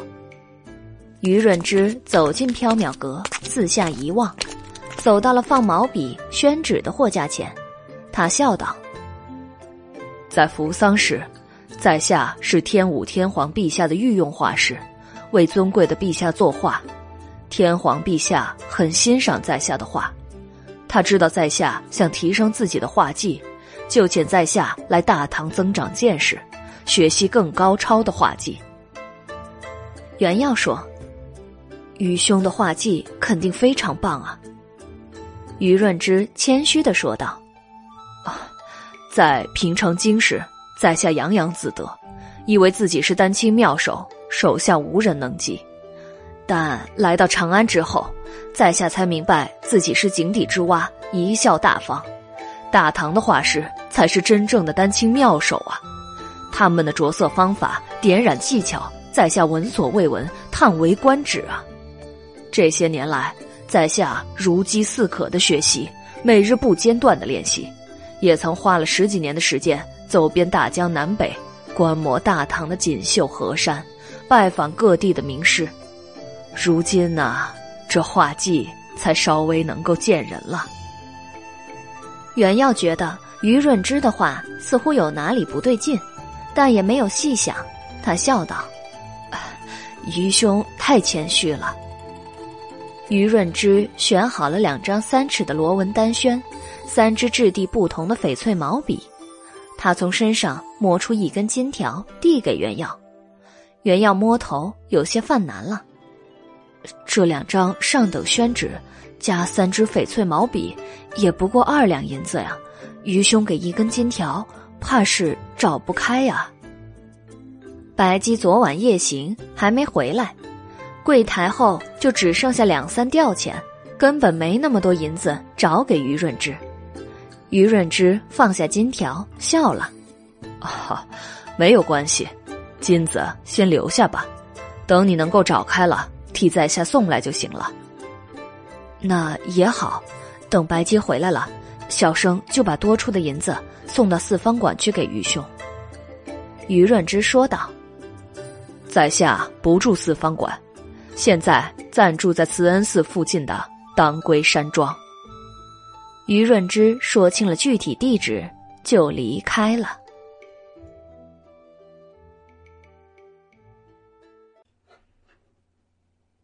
黎奴从里间走出来，睡眼惺忪的问道：“书呆子，大清早的，你在跟谁说话呀？”袁耀说道：“一位扶桑来的画师，他来买宣纸和毛笔。才刚这个时辰啊，这扶桑人起的可真早。哎，这怎么会有一根金条啊？呃，这是客人留下的。”晚些时候，小生还得把多出的钱给他送过去。黎奴撇嘴道：“扶桑人还真阔绰呀，买个纸笔也用金条。”白姬赶在吃早饭的时候回来了，原要向他说了于润之来买纸笔的事情，呈上了金条。白姬拿着金条看了看，笑了：“很有趣的金条啊。”原要说。金条有什么有趣的呀？赶紧把多出的银子找给于兄才是正经事儿。白姬随手把金条丢进柜台后的罐子里，进去取了银子给袁耀，让他送去给于润之。袁耀拿着银子出发了。他出了长安，来到慈恩寺附近时，刚过正午。慈恩寺位于长安南郊，四周青山绿水。袁耀转过一条山路。看见了一座规模很大的庄院，正是当归山庄。当归山庄外面站着两名穿着白色单衣的小童，原要说明来意，一名小童进去通报。不一会儿，小童出来说：“主人，请袁公子进去。”原要换下了干净的鞋子之后，才被小童带进当归山庄。山庄中的布局格调。装饰陈设不像是大唐风格，院落、房间、走廊、移门、屏风、木案、茶具等等，看上去极具异域风情。小童带原耀走在回廊中，不远处的正厅内隐约传来音乐声。原耀侧耳一听，不像是大唐的宫商角徵语，而是一种悠缓而简单的曲调。有男子在用异族语言合着曲子唱歌，歌声中带着一种淡淡的忧伤。袁耀随小童走进正厅时，才发现此处正在开一场宴会。于润之和几十名男女正在大厅中饮宴，在座的男子、女子的服饰打扮、形容举止都是异域风情。男子戴着笠乌帽子，穿着条纹寿衣，手拿蝙蝠扇。女子穿着花纹华丽的十二层单衣，青丝乌黑油亮，如一匹光滑的缎子。她们的脸白皙如凝脂，嘴唇嫣红如樱桃，但是朝袁耀一笑时，露出的牙齿却染成了黑色。于润之站起来，笑着对袁耀说：“玄之，你来的正好，我们正在开歌会，你也来饮一杯。”袁耀递上一个包袱，笑道：“啊，小生是来为余兄送回早上多余的银子。这、这、这扶桑雅风，小生也不太懂啊。”于润之接过包袱，随手丢在一边，拉了袁耀坐下。不懂没有关系，一起喝一杯，乐一乐吧。袁耀不好服了于润之的盛情，只好坐下了。于润之向袁耀介绍了在座的客人，都是从扶桑来大唐的遣唐使，他们中有官吏，有僧人，有阴阳师，有文人，有乐师，有匠人。他们都会汉语，也都很亲切。宴会的气氛快乐而融洽。袁耀和一名汉名叫做吕义士的文人讨论三坟五典、四书五经，他广博的学识让袁耀十分的佩服。快乐的时光总是飞逝如水，不知不觉已经快申时了。袁耀想告辞回去，于润之却挽留道。现在宣之即使离开，也赶不及在宵禁之前回缥缈阁了。不如今夜就留在这里吧，在下派小童骑马去缥缈阁替你说一声。客人们也纷纷挽留袁耀，非常热情。袁耀推却不过众人的盛情，就答应了。扶桑民歌再次响起，这一次换作了欢快的曲调，众人一边大笑一边饮酒。欢宴晚上才散去，大家都歇在了当归山庄里。袁耀睡在客房中，耳边传来虫鸣声、风声，远处有谁在吟诗？长忆故园春来早，十年双鬓归期迟。约莫三更天时，袁耀醒了一次，去上茅房，回来的路上。他远远的看见于润之从外面回来，心中有些奇怪。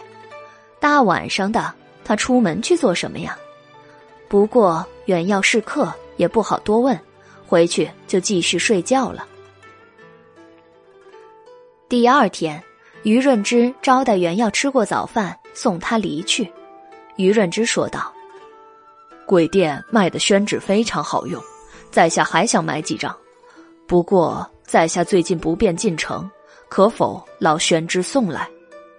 袁耀说：“啊，当然可以啊，举足之劳而已。于兄要多少啊？什么时候要？”于润之笑道：“哈，贵店中有多少就送多少来吧，在下不急。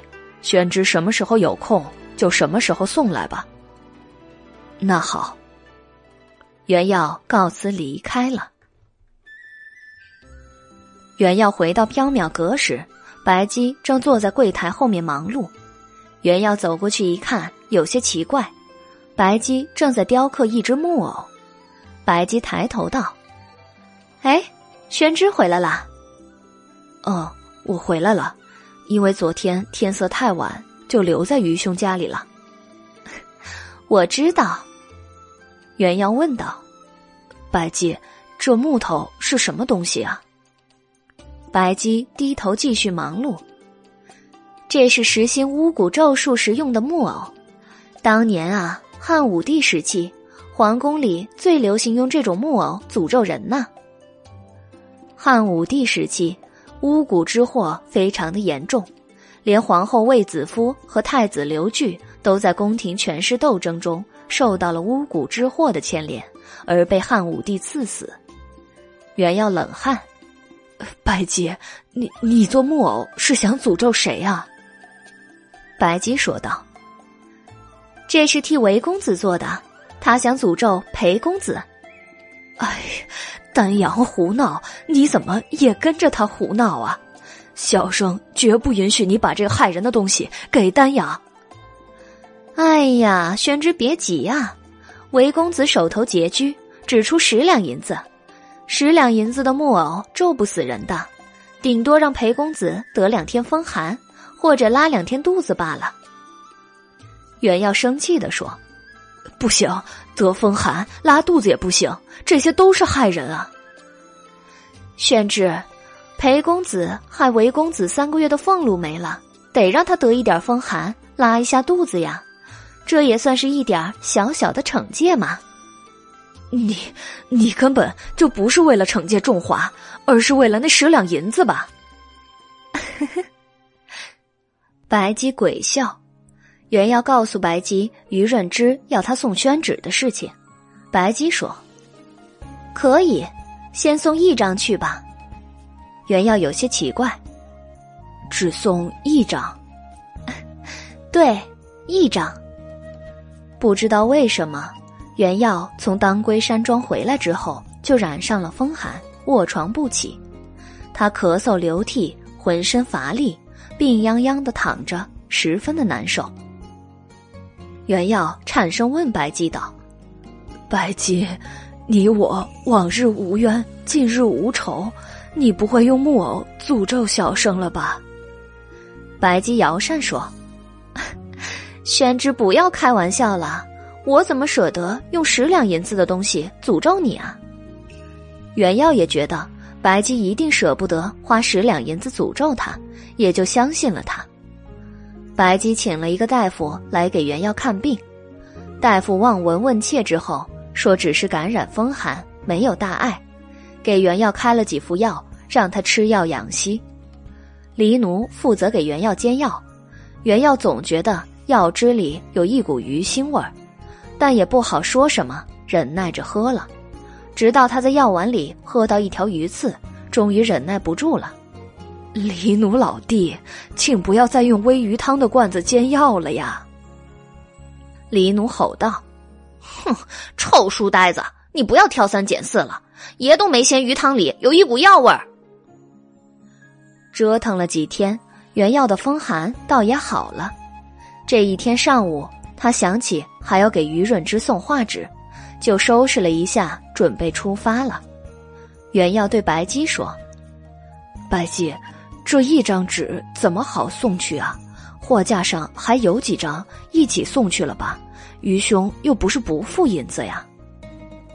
白姬道：“这和银子没有关系，于先生也不是想要纸，他只是想再见到宣之罢了。送去了也是浪费，白白糟蹋了上好的宣纸啊。”啊，于兄想再见小生？是啊。这是很明显的事情嘛？他为什么想再见小生啊？因为他喜欢宣之，想和宣之结交啊。是这样的吗？是啊，宣之的名字很好，大家都喜欢你呢。小生也很喜欢于兄，虽然他是异族人，但却很亲切。白姬侧头望向缥缈阁门口的明灯。笑了。三月清明，有鱼提灯，宿归故里，远不可寻。三月清明，有鱼提灯，葬之半途，悲之幽魂。袁耀奇怪的问道：“白姬，你在说什么呀？什么提灯？什么不可寻的？”这几天晚上，总有人在缥缈阁外唱这首歌谣。宣之没听到吗？袁耀摇头。哦，呃，可能是小生睡得太死了，没有听到。白姬进去取了一条薄毯，递给袁耀。也许宣之又会留宿在当归山庄，你带着他吧。三月的夜里很冷，盖上它，免得再着凉了。袁耀说：“山庄里的客房里有被子呀。”又柔软又暖和呢。带上它，我可不愿意再花银子给你请大夫了。原要带上薄毯离去了。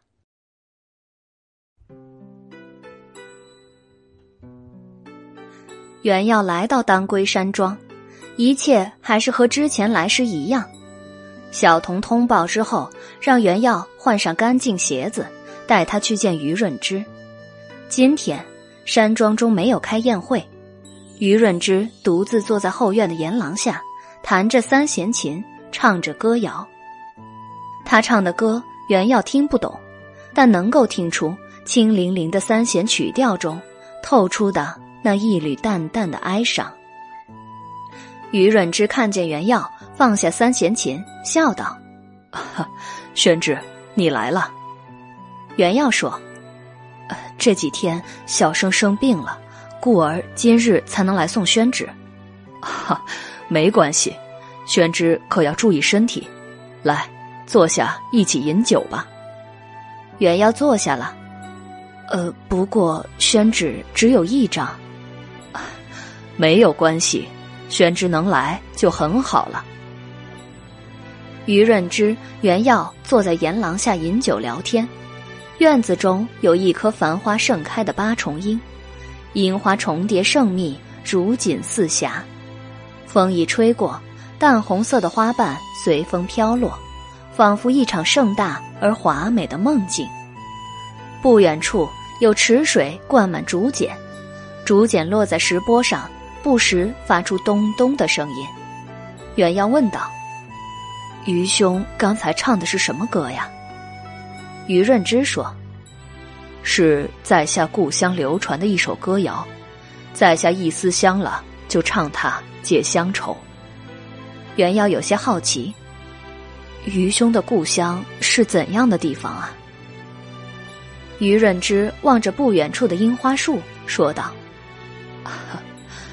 在下的故乡是奈良的一个小渔村，在下的小名叫萨卡拉，啊，翻译成汉文，也就是鱼。”小时候，在下常常在河边玩耍，每到三四月份的时候，都会有一种背脊上发光的鱼逆河而上，去往他们的故乡。许多鱼一起逆流而上，河水中银光点点，美如梦幻。春日的夜里，父母常常带着在下和弟弟妹妹们一起看鱼，弟弟妹妹们总是笑着说。哎呀，鱼提着灯回家了。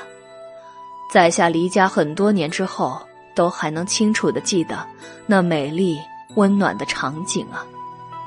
袁耀笑道：“小生只是听着，也觉得很美好。”于润之流泪了。在下来到大唐很多年了，未能侍奉父母膝下，也未能见他们最后一面。弟弟妹妹们也生死不相知，每年中秋月圆时，在这长安月下，就觉得格外的凄清、寂寞呀。袁耀安慰了于润之几句，两人喝酒聊天，消磨了一个下午。于润之给袁耀看了他的一些画作，袁耀很赞赏。于润之画的山水画钟灵毓秀，带着一股行云流水的禅意。他画的人物图也凝练有神，栩栩如真。于润之就着原耀带来的宣纸，即兴画了一幅月夜樱花图送给原耀。原耀提笔在画的留白处写了一首诗：“天心月轮圆，花枝缤纷繁。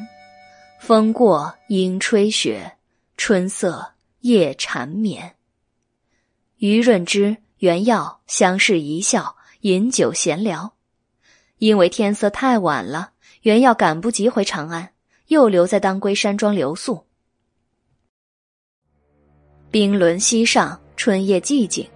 于润之和袁耀在后院饮酒赏樱花时，于润之突然拿出画笔和颜料要出门去。宣之先去歇息吧，在下还得出去作画。袁耀奇怪的问道。大晚上的，于兄要上哪里去作画呀？在下受慈恩寺的委托，要去完工一幅五百罗汉的壁画。啊，晚上去画壁画呀？没错，在下白天不方便去慈恩寺。袁耀有些奇怪，于润之白天很闲呀，为什么不方便去啊？宣之要一起来吗？于润之邀请袁耀，袁耀也很想去开开眼界，看于润之画壁画，说道：“好啊。于润之和袁耀一起出发了。慈恩寺离当归山庄不远，两人走了半炷香时间就到了。于润之没有走前门，而是从后门进去。一名小和尚提着灯笼在后门等待，看见于润之，小和尚笑道：“于施主，你来了。”“呵，来了。”于润之笑道。小和尚看了一眼原耀，问道：“这位施主是？”“哈，这是在下的朋友，想来看在下画壁画。”小和尚笑了。“啊，这样啊，请进吧。”小和尚带着于润之和原耀走进慈恩寺。于润之说：“最迟五日，壁画就可以完工了。保明师傅也不必每天彻夜不眠，辛苦的等待在下作画了。”保明笑了：“啊，哪里哪里，于施主肯为慈恩寺画完壁画，乃是大功德呀。小僧为您提灯捧墨，也可沾一点小功德，谈何辛苦啊？”说话间，宝明带着余润之和袁耀穿过佛塔林，来到藏经阁前。借着月光望去，藏经阁所在的跨院西墙上，有一幅没有完工的壁画。整幅壁画约有五米长，宽约一米有余，五百罗汉栩栩如生。壁画差不多要完工了，只差最右边的三个罗汉还缺了眉目。一部分幽昙花和莲花还没有染色。于润之立刻开始工作了，他选好画笔和颜料，一切准备就绪后，开始继续壁画的工程。宝明提着灯笼在旁边为于润之照明。于润之一投入画作中，就完全沉溺了进去，不闻周围的动静，也忘记了原药的存在。原药在旁边看了一会儿。有些腻了，就四处闲走。宝明轻声说：“这位施主，寺里的人都睡下了，请不要乱走。”袁耀只好坐在佛塔下看月亮，消磨时光。约莫二更天时，于润之收了画笔、颜料，对宝明说：“今晚就画到这里了。”宝明说：“于施主辛苦了。”于润之对袁耀说道。玄之，我们该回去了。哦，好。袁耀说道。于润之、袁耀、保明按原路出寺，一路上没有遇见任何人。袁耀觉得慈恩寺的僧人们有些失礼。于润之怎么都是来为寺里作画的呀？他们竟然连茶水点心都不准备一点只派了保明一个人来应酬。当然，于润之大晚上来做工也有些不合适。不过，不管怎么样，僧人们也不该如此冷落他。宝明送到寺门口，就和于润之和袁耀道别了。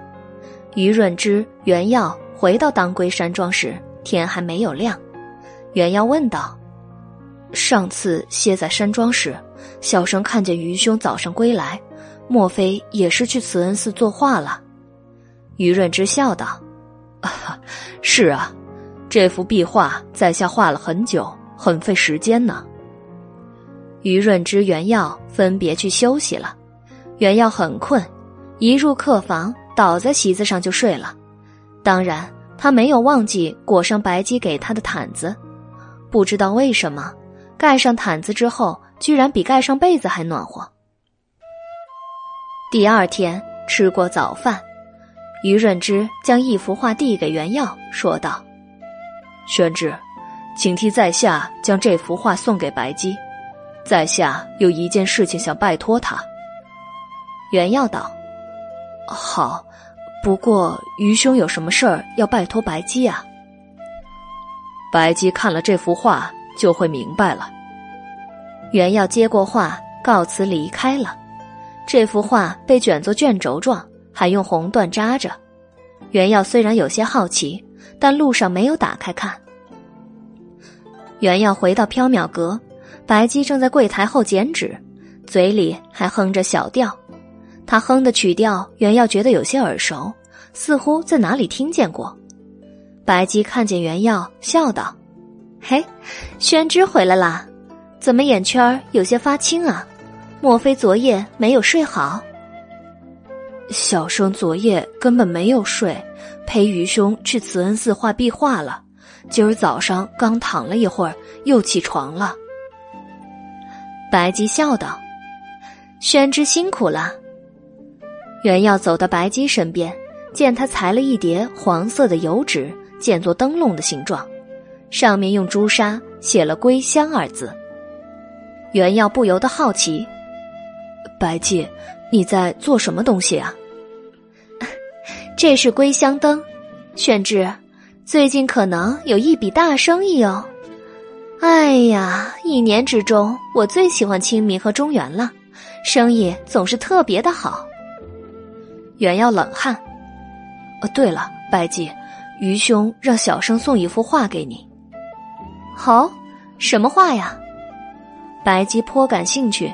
他接过画卷，缓缓打开，画纸上画着一条长着手臂的鱼，鱼提着一盏灯笼。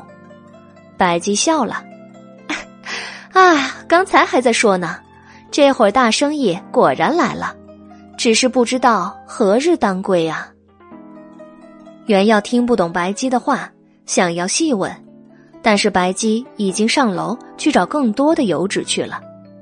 原耀昨晚没睡好，十分困乏，他打了一个哈欠，搬了一张美人靠去后院补觉了。睡梦中，原耀听见许多人在唱一首歌谣，曲子有些耳熟，是于润之用三弦琴弹出的调子，也是白姬剪纸灯笼时哼出的调子。歌词是汉语：“三月清明，有鱼提灯，宿归故里。”远不可寻。三月清明，有鱼提灯，葬之半途，悲之幽魂。歌谣很悲伤，袁耀不觉流下了眼泪。袁耀醒来时已经是下午光景了，白姬还在剪纸灯笼，黎奴不知道哪里去了。袁耀帮着白姬剪了一会儿纸灯笼，就去市集买菜去了。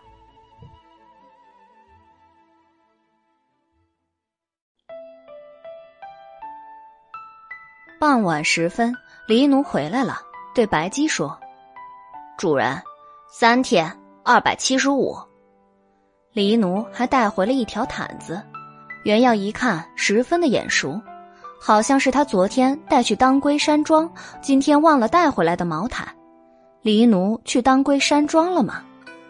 黎奴把毯子扔向原耀，气呼呼地说：“书呆子，不要总是浑浑噩噩的，丢三落四。”白姬喃喃地说：“三天，二百七十五，时间还真有点紧迫呀。”吃过晚饭后，白姬在里间燃了灯，叫原耀、黎奴一起剪纸灯笼。原耀、黎奴剪好纸灯笼，白姬就在每一张纸灯笼上写下“归乡”二字。原耀忍不住问道：“白姬，这些纸灯笼是做什么用的呀？”白姬说：“指引亡魂归故乡啊。为什么要做这么多个呀？因为有很多亡魂要归故乡。”白姬、原耀、黎奴忙到半夜，虽然还没做完，但实在是很困了，就都去睡了。第二天生意还算不错，来了两波买香料的客人。白姬在大厅宰客，原耀在后院剪纸灯笼，黎奴买菜去了。原耀剪纸灯笼剪得眼泪手软，趁白姬、黎奴不在，打起了瞌睡。嘿，宣之在偷懒啊！韦燕的声音从背后传来，吓了原耀一大跳。原耀分辨道：“小生没有偷懒，只是太阳太暖和了，不知怎么的，眼睛就闭上了。”韦燕一展折扇，笑着吟道：“三月奈何天，春阳暖玉棉啊。”原要接着说：“丹阳从天降，吓破小生胆。”两人对视莞尔，哈哈大笑。白姬袅袅走来，摇着扇子说：“好诗啊，好诗，真是一首偷懒的好诗。韦公子，今天缥缈阁很忙，宣之不外借。”韦燕笑着坐在袁耀身边说：“没关系，我就在缥缈阁和宣之聊天反正坐着也是坐着，韦公子帮着捡几个纸灯笼吧。”嘿，剪纸我最拿手了。不过我渴了，想喝茶。白姬去沏了三杯阳羡茶，端了上来。韦燕放下折扇，喝了一口茶之后，开始剪纸灯笼。袁耀喝了一口茶，提了精神，继续剪纸灯笼。白姬一边喝茶，一边监督袁耀和韦燕剪纸灯笼。韦燕对白姬说。白姬，你卖给我的木偶一点效果也没有啊！裴仙那家伙还活得好好的。白姬喝了一口茶，道：“怎么会没效果呀？一定是你诅咒的方法不对。”不会吧？我对巫蛊咒术之类的学问很在行的，不可能弄错方法。我的木偶绝对没有问题，一定是你诅咒的方法不对。白姬和韦燕开始交流巫蛊咒术。白姬兴致盎然，韦燕兴高采烈，两人互相交流用巫蛊害人的心得。袁耀一头冷汗，他觉得仅仅是听了这些话都会折寿。最后，白姬技高一筹，说的韦燕开始怀疑自己是不是真的弄错了诅咒方法。韦燕叹了口气，说道：“唉，裴仙那家伙不仅没有遭厄运。”反而还走了运呢，得到了太后的重用。哎，最近慈恩寺出了一件怪事儿，他昨天被派去处理这件事儿了。袁耀奇怪的问道：“慈恩寺出了什么怪事儿啊？”慈恩寺闹鬼了。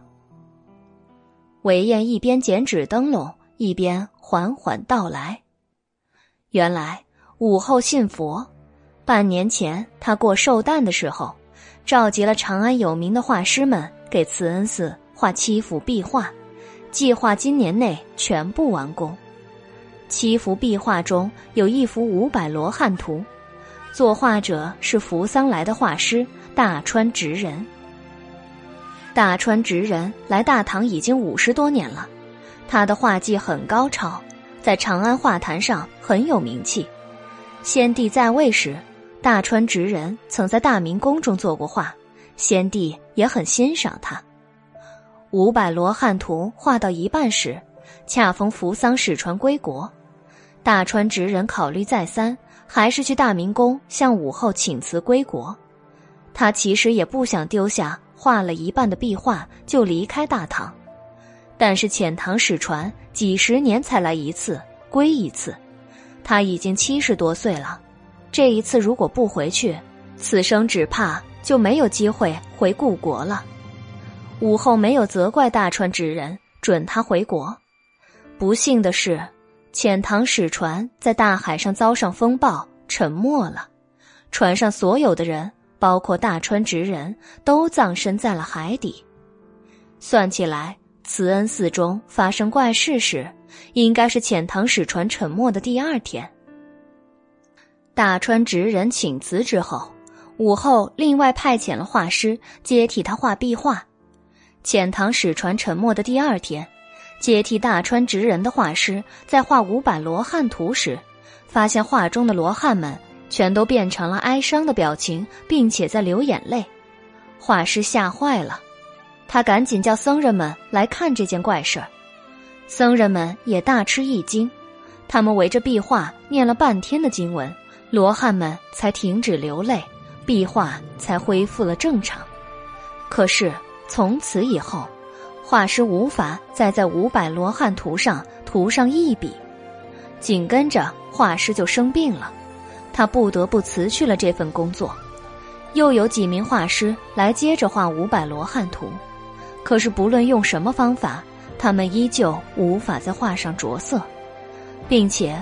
五百罗汉图上又开始发生奇怪的事情，罗汉们不仅流泪，还会用扶桑语唱歌。慈恩寺的僧人们念经驱邪，但也没有什么用。武后下令让众人不要再管这幅五百罗汉图了。然而，大家不管五百罗汉图之后，更奇怪的事情发生了。不知道是谁在偷偷的画这幅壁画，每天早上这幅壁画就会完善一点一日复一日，眼看竟然快要完工了。慈恩寺的僧人们觉得很奇怪，有人半夜躲在壁画旁边偷看，竟然看见去年死去的一个叫做宝明的僧人提着灯笼到处走。大家都很害怕，眼看五百罗汉图就要完成了，慈恩寺的住持虚空禅师觉得妖祟之物来做佛画，未免有辱佛门，他就将事情报告了武后。武后有些发愁，无计可施。裴仙自告奋勇去慈恩寺镇鬼。太宗在位时，曾经赐给裴仙的祖父一柄辟邪刀，可镇千妖百鬼。如今辟邪刀在裴仙手中，武后大悦，同意了裴仙的请求。袁耀的脸色变得有些古怪，白姬的神色也有些凝重。韦燕一边剪纸灯笼，一边说：“哎，如果妖鬼继续作祟就好了；如果裴仙那家伙被妖鬼吃了，就更好了。”韦燕剪了三十个纸灯笼。喝完了阳羡茶，见天色已经不早了，也就告辞了。韦燕离开之后，白姬、原耀对坐在庭院中，继续剪纸灯笼。风一吹过，飞桃树落英缤纷，花瓣洒了两人一身。原耀说：“白姬，每夜去慈恩寺画五百罗汉图的，好像是愚兄啊。”白姬嗯了一声，没有多言。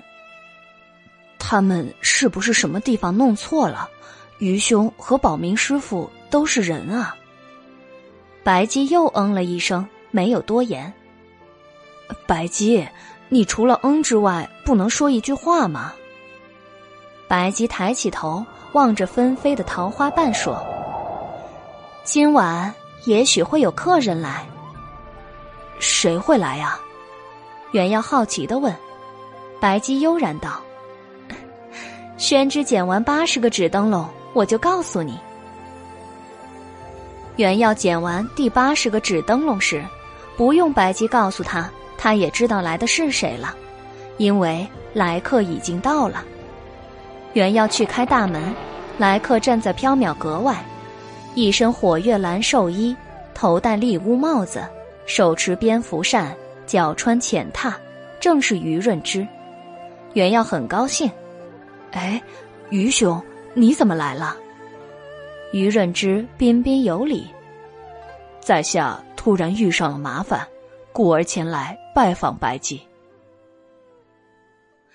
月色极美，清辉如水。白姬坐在檐廊下的一张木案边，继续剪纸灯笼。于润之坐在白姬对面。袁耀坐在白姬旁边，黎奴端来凉茶之后，变作一只黑猫，在草丛中玩耍。于润之拿起一个纸灯笼，说道：“这是在下订的归乡灯吗？”白姬点头：“是的，已经做了一百八十盏了，后天就能够完工。可是，即使归乡登完工，在下暂时也无法归乡。”白姬抬眸问道：“是因为慈恩寺的壁画吗？”“是的。”“非要完成壁画吗？”于润之点头说：“毕竟待了五十多年了，在下想留下一些东西在大唐。”白姬说道：“三月过了，四月就不好走了。”于润之垂首：“白姬。”请助在下完成壁画。”白姬说道，“我只答应送你们归乡，完成壁画不在我们的交易之中。”于润之固执的说：“不完成壁画，在下无法归乡。”唉，白姬发出了一声微不可闻的叹息。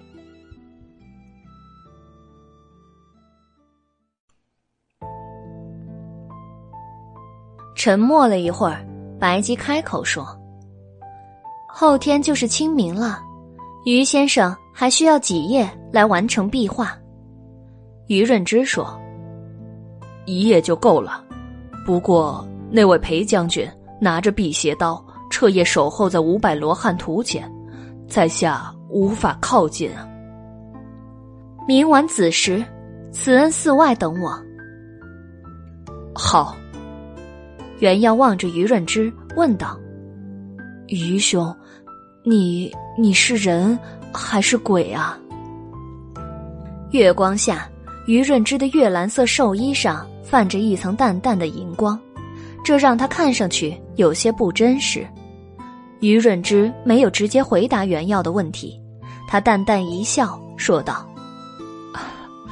在下还没有告诉宣之吧，在下的扶桑名字。”叫大川直人，来大唐已经五十三年了。袁耀吃了一惊，他终于明白第一次见到于润之和他谈话时，为什么会有不对劲的感觉了。他的口吻像是在大唐生活了很多年，阅历深厚，但是他的外貌明显不符合他的年龄啊。于润之似乎明白袁耀的心思，说道：“宣之，你眼中所见的。”是在下刚来大唐时的模样，那是在下风华正茂的年岁。袁耀心中一惊，心绪有些复杂。啊，那那当归山庄是怎么回事儿啊？小生在当归山庄中看见的那些朋友，他们也是鬼？他们是和在下乘同一艘船回故乡的朋友。至于当归山庄嘛，宣之以后自会知道那是什么的。原来于润之已经死了，袁耀的心中涌起一种说不出的滋味有些悲伤，有些沉闷。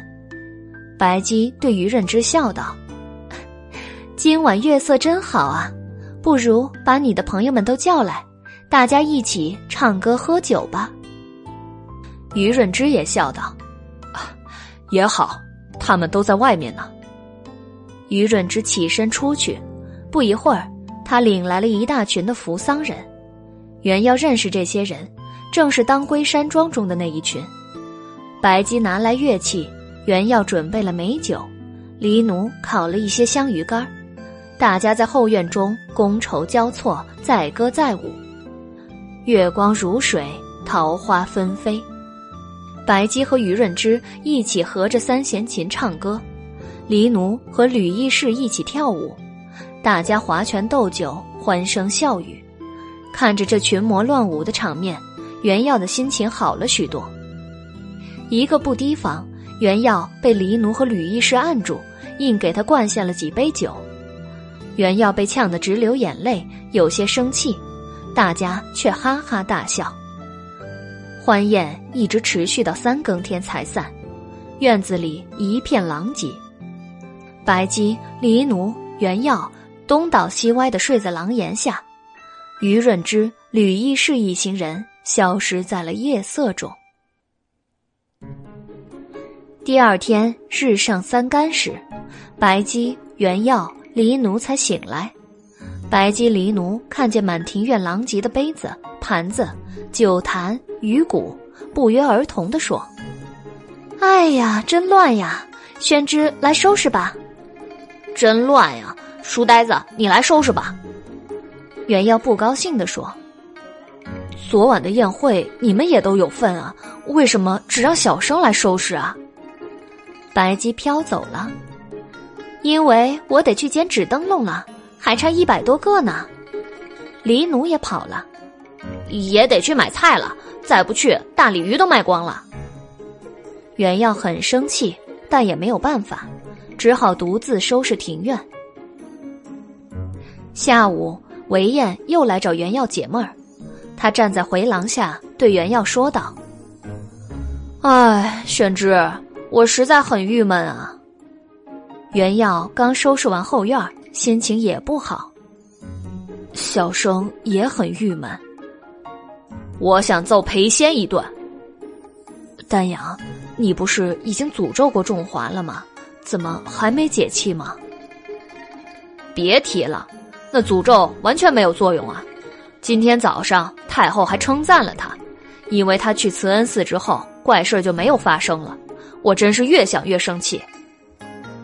丹阳，你少想一点儿，也就不生气了。不行，我还是很生气，我要报复裴仙。白姬笑着走来，有仇报仇，有怨报怨，才是畅快的事情啊！韦公子，我有一个好办法，可以让你报复裴公子，一解仇怨。袁耀哭丧着脸说：“白姬，你去捡纸灯笼吧，不要火上浇油，来出馊主意了。”韦燕问道。又是木偶还是诅咒啊？白姬白了袁耀一眼，对韦燕笑道：“不是，这次更直接一些。”白姬低声在韦燕耳边说了几句什么，韦燕一展折扇，笑得很邪恶。韦燕问白姬道：“白姬，你要多少银子呀？”韦公子自己动手，我就不收银子了。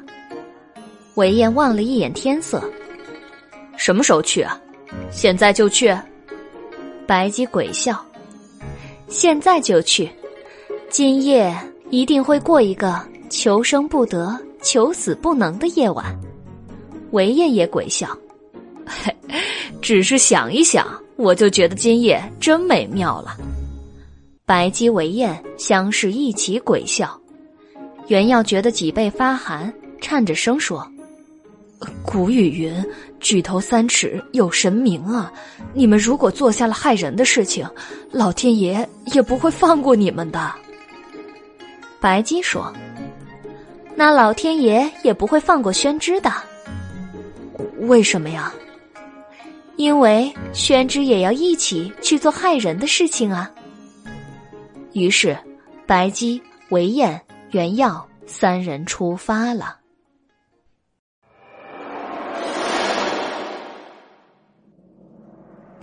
白姬、袁耀乘坐韦燕的马车出了长安城，来到慈恩寺附近。韦燕打发马车先回去了，三人在附近的农家借了挖土的铁铲，来到一片人烟荒芜的林子里，找了一片空地开始挖土。韦燕和袁耀挥汗如雨的挖土，白姬坐在一棵大树下观望，悠闲的吃着刚摘下的野果。韦燕说。哎呀，累死人了！白姬，我和宣之挖了半个时辰了，你不要光看着呀，也过来帮忙啊！白姬不肯。韦公子说笑了，我一个弱智女流，肩不能扛，手不能提，哪里挖得动土啊？韦燕生气地说：“哼，宣之乃是读书之人，手无缚鸡之力，他不也在挖吗？”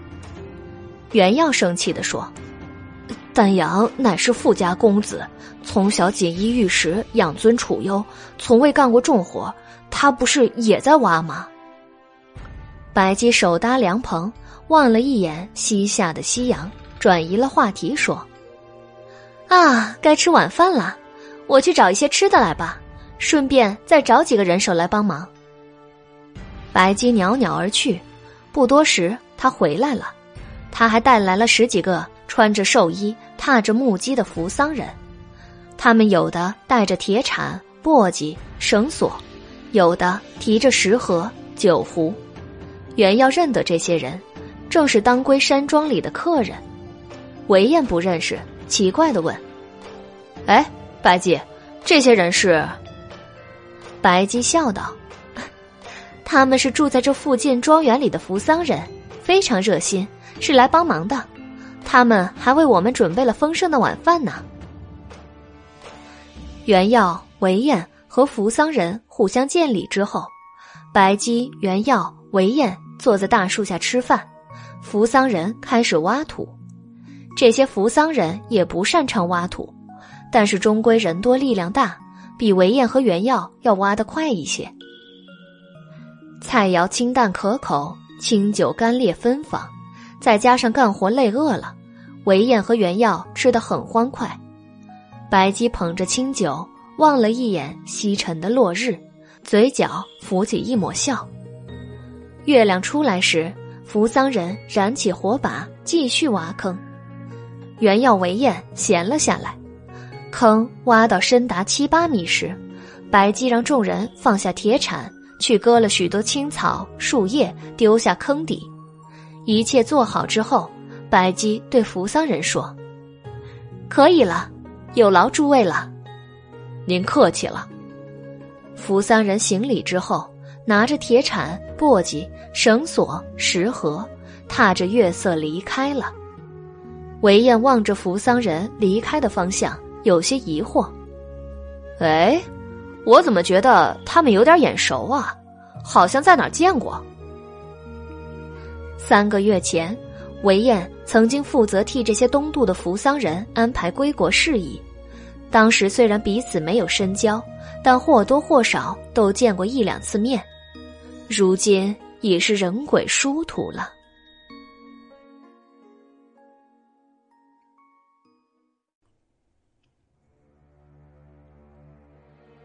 袁耀担心韦燕想起袁伟会受到惊吓，赶紧岔开了他的思路。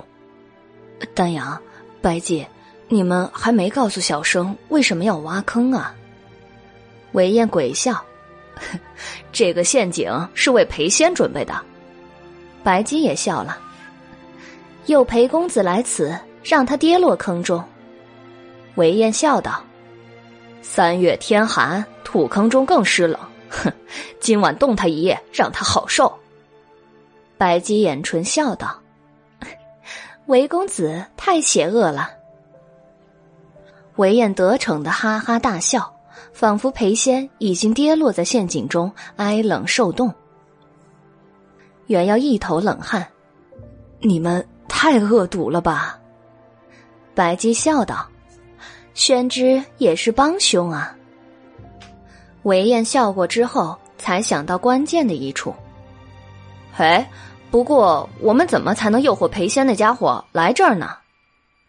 白姬说：“这还不简单啊！”韦公子，你去慈恩寺见裴公子，随便找一个借口把他骗来就行了。在陷阱上盖上一些树枝，掩藏好，大晚上的他也看不清，很容易跌下去的。韦燕思索一下，说道：“这恐怕不行啊！一者小时候我常常骗裴仙，他对我疑心非常重，恐怕不会跟我出来的；二者裴仙这家伙很负责任。”他现在在慈恩寺执行太后交代的任务，一定是死守在五百罗汉图前，不会到处乱走的。白姬笑道：“韦公子去行不通的话，那就宣之去吧。”袁耀生气的说：“休想，休想让小生去！打死小生，小生也不会去害仲华的。”韦燕说：“宣之不会说谎。”去了反而让裴仙看出破绽，产生疑惑。哎，不如白姬你去吧。我去，我又不认识裴公子，他更不会跟陌生人走了。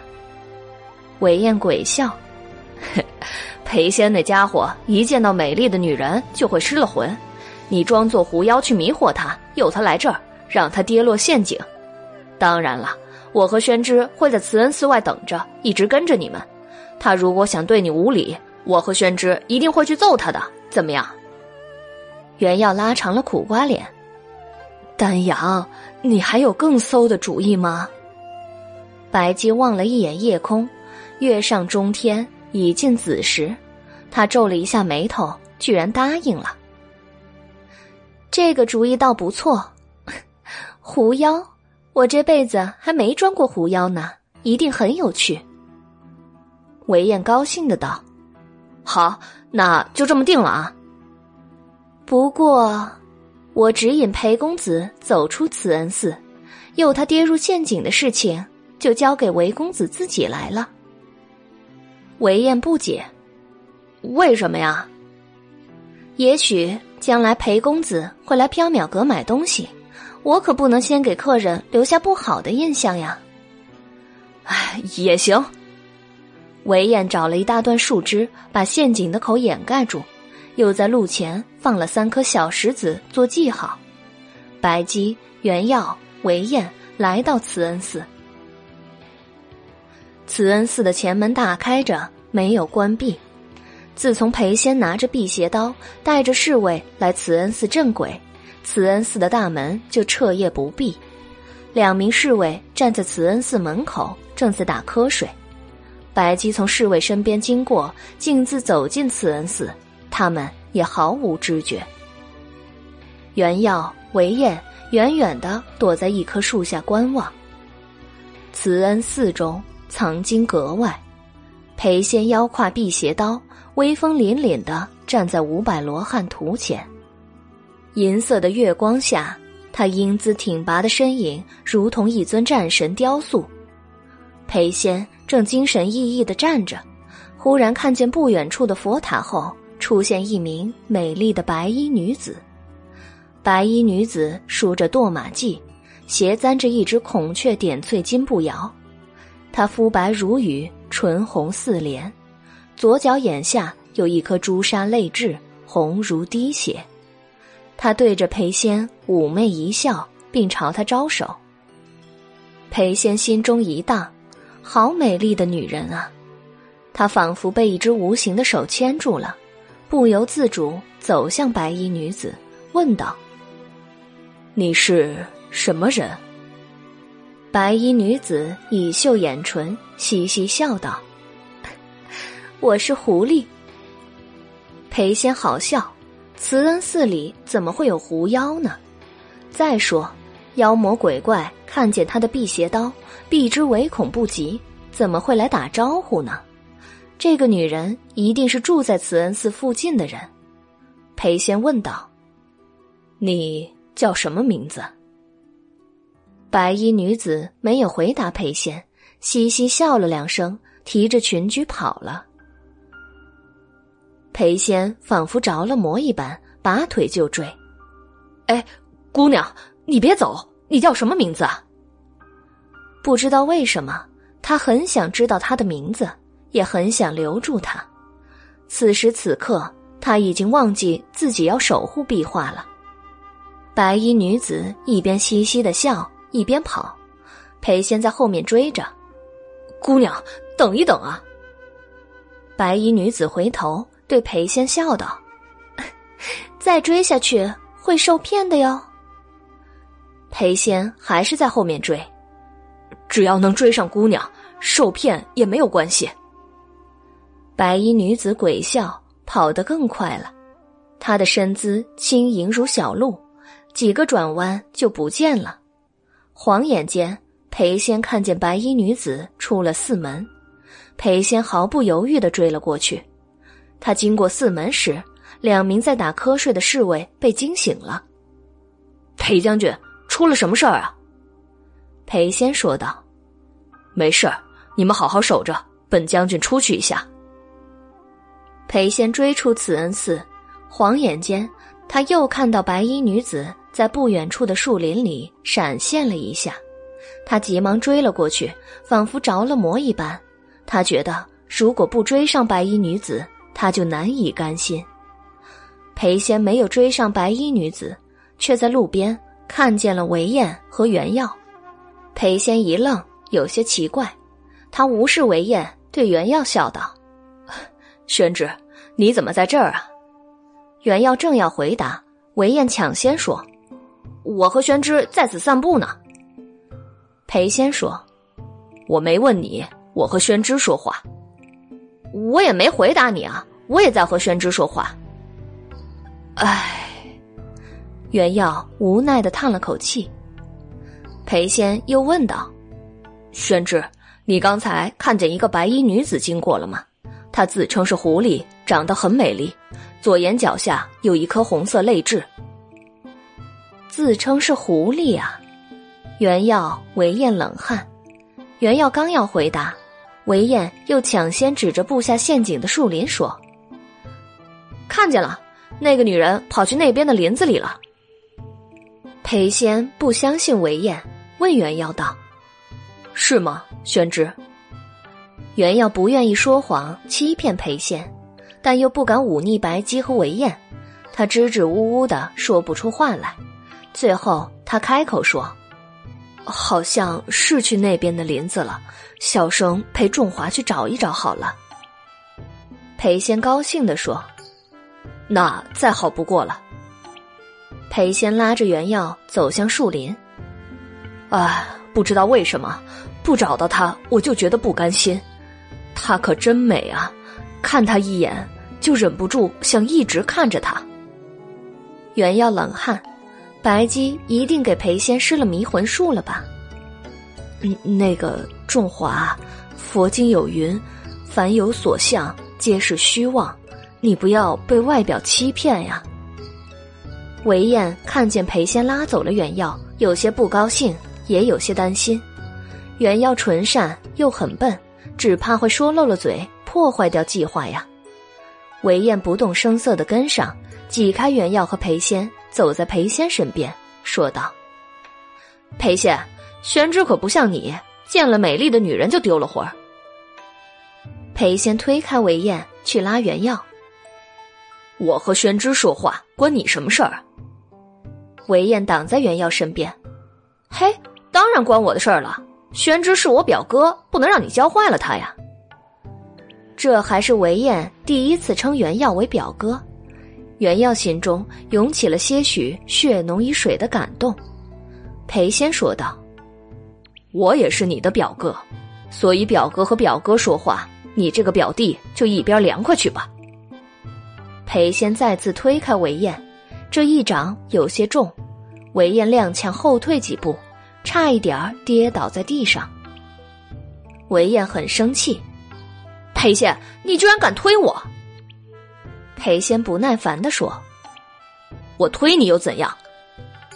韦燕扑上去打裴仙，裴仙反击，一拳打在韦燕左眼上。两人扭打在了一起，袁耀嘴里发苦，只好上去拉扯，劝道：“哎，丹阳、仲华，你们不要再打了，你们不要再打了呀！”三个人扭打成一团往前走，不知不觉已经到了陷阱边。韦燕没有注意到做记号的石子儿，裴仙一脚踏在陷阱上跌了下去。韦燕哈哈大笑。裴仙，你的报应到了。然而紧跟着，韦燕也被一股巨大的力道扯了下去。原来裴仙跌落陷阱，千钧一发之际，伸手抓住韦燕的右脚，将他也扯了下去。丹阳，袁耀大惊，伸手去抓韦燕。宣之，韦燕的动作更快，已经伸手抓住袁耀的衣领。于是，裴仙、韦燕、袁耀三人扭作一团麻花，滚落下陷阱。三人落地时，韦燕被压在最下面，袁耀被夹在中间，裴仙在最上面。幸好陷阱底部铺了足够多的草和树叶，十分的柔软，三人才没有被摔死，也没有受重伤。袁耀挣扎着站起来，哎呦！哎呦，摔死小生了！韦燕奄奄一息的说：“嘿，我怎么也下来了？裴仙，我恨你！”裴仙生气的说：“嘿，韦燕，这是你挖来害我的，对不对？哈哈，报应啊，真是报应！你也下来了吧？自作孽不可活呀！”韦燕大怒，挣扎起来，又去打裴仙。裴仙毫不客气的还手，两人激烈的扭打起来。陷阱底部很狭窄，裴仙和韦燕打架，袁耀也躲不开，不时被谁一拳打翻，或者被谁踢中脑袋。他只好苦口婆心的劝两人不要再打了，但也没有什么用。袁耀抱着脑袋，愁眉苦脸的望着陷阱口，没想到弄巧成拙，他和韦燕也掉下来了。真是自作孽不可活呀！不知道白姬会不会来救他们呀？他应该会来救他们的吧。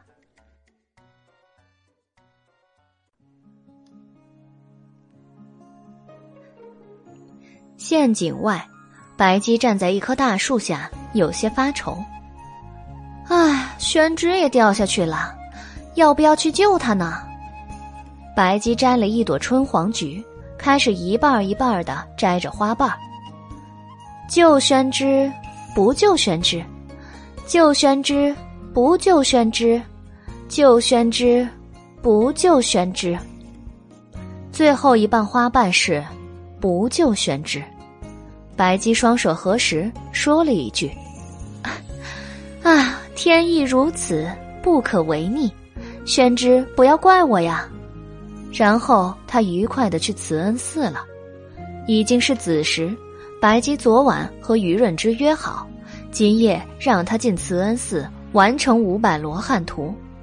这一夜，袁耀体会到了求生不得、求死不能的滋味儿。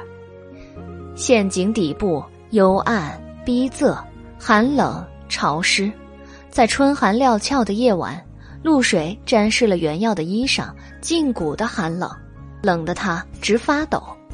裴仙和韦燕也差不多，他们一个挤在原耀左边，一个挤在原耀右边，三人挨着彼此取暖。裴仙和韦燕一直在吵架，说到激烈处还会扭打起来。原耀也没有办法阻止，只能苦劝。他们打累了，又挨着原耀取暖休息。原耀一整夜无法合眼，又冷又累又痛，非常难受。裴仙、韦燕都在他左右睡着了，原耀的耳边还充斥着他们吵架的幻音，无法成眠。原耀枯坐着挨到了天亮。第二天早上。韦燕和裴仙一醒来又开始打架吵架，袁耀憋了一肚子的气，大声怒吼道：“住口！不要再吵了！”袁耀这一声怒吼，用尽了全部的力气，划破了清晨树林里的静寂，惊飞了林子里的鸟儿。韦燕和裴仙都吃了一惊，回头望着袁耀，忘记了打架。这时。有声音从三人头顶传来：“啊，裴将军在这里啊！找到裴将军了。”韦燕、袁耀、裴仙抬起头，抬头望去，几名侍卫的脑袋出现在陷阱上空。昨夜裴仙一去不复返，他们找了裴仙许久，如果不是袁耀吼了一嗓子，他们还找不到这三人。侍卫放下绳索，拉三人上去。侍卫们向裴仙报告说：“裴将军，五百罗汉图完成了。”裴仙十分吃惊：“什么？”裴仙、袁耀、韦燕走进慈恩寺，来到五百罗汉图前，但见一幅色彩斑斓的壁画已经完成，五百罗汉神态各异，栩栩如生。慈恩寺的僧人们来和来画壁画的画师们站在一边围观。一名画师指着五百罗汉图，战战兢兢地说：“啊，闹闹鬼了！这是大川直人的手笔，绝对是他的手笔啊！”裴仙很郁闷：“怎么会这样呢？”韦燕倒是很开心地说：“哼，裴将军玩忽职守，罪该罚俸禄啊！”袁耀的心情十分复杂。裴仙、韦燕、袁耀三人回到长安，裴仙进宫，韦燕回府，袁耀回缥缈阁。袁耀回到缥缈阁时，黎奴坐在柜台后剪纸灯笼，白姬和于润之坐在后院喝酒谈笑。白姬看见袁耀，高兴的挥手：“ 宣之，你回来了。”袁耀本想质问白姬昨晚为什么丢下他和韦燕不管，害他们在陷阱里受了一夜的苦，但是看见于润之也不好当场生气，咽下了怒气。他想起慈恩寺中已经完成的壁画，脑中灵光一闪，白姬突然好心的帮着韦燕设计裴仙，他真正的目的是调虎离山，遣走裴仙，好让于润之完成五百罗汉图吧。白姬对袁耀说：“宣志，我昨晚看见你掉下陷阱，真的是十分担心呢。袁耀生气的说：“哼，既然担心，你怎么不去拉小生上来啊？”白姬解释道：“裴公子、韦公子也在，如果只拉宣之上来，怎么过意的去啊？如果把你们都拉上来，于先生就无法完成壁画了，所以只能委屈宣之了。”于润之笑道：“ 多亏了宣之。”在下才能完成壁画，了却牵挂。不管怎么说，于润之能够完成五百罗汉图，也算是一件好事儿。袁耀闻言，心中的怒气也消了，原谅了白姬。袁耀真心称赞道：“ 小生看见了于兄完成的壁画，画的很棒。”于润之很高兴，谦虚的说：“宣之谬赞了。”在下只是想在大唐留下一点纪念罢了。说着，于润之邀请袁耀，宣之也来喝一杯吧。今天也许是最后一次和宣之饮酒了。袁耀来到于润之身边坐下。于兄要回扶桑去了吗？没错，今晚回去。于润之的脸上浮现出幸福的笑容。于润之和袁耀对饮了一杯，袁耀说：“今天好像是清明节呀。”于润之笑道：“清明啊，正好归故乡啊。”白姬唱道：“三月清明，有鱼提灯，宿归故里，远不可寻。三月清明，有鱼提灯，葬之半途。”悲之幽魂。于润之说：“这首歌谣用汉语来唱也很好听啊。”黎奴兴奋地冲到后院：“主人，二百七十五盏归香灯都做好了，我昨晚捡了整整一夜呢。”白姬笑道：“黎奴辛苦你了。”黎奴用布满血丝的眼睛瞥了鸳鸯一眼：“哼，没办法呀。”谁叫书呆子总是偷懒，只能黎奴辛苦一些了。袁耀想要反驳，但又不敢。于润之有些激动，以袖拭泪道：“能够回去了，终于能够回去了。”白姬笑道：“能够归乡，真的很好。世间最美丽的地方还是故乡啊。”于润之十分高兴。十分激动，他是一个画家，表达心情的方式是作画。他铺开画纸，提起画笔，画了一幅《清明午后图》。白姬、袁耀、黎奴都在画上。青青碧草，夭夭飞桃。白姬、袁耀、黎奴坐在缥缈阁的后院中饮宴。白姬笑颜如花，袁耀笑容亲切。黎奴笑得眉不见眼，袁耀很喜欢这幅《清明午后图》，白姬、黎奴却不喜欢。白姬嫌弃于润之没有把他画成威风凛凛的天龙，黎奴觉得于润之把他画得太傻了。于润之只好又单独给白姬画了一幅《龙啸九天图》，给黎奴画了一幅《黑猫捕鼠图》，白姬、黎奴才算满意了。袁耀昨晚一整夜都没睡，十分的疲惫。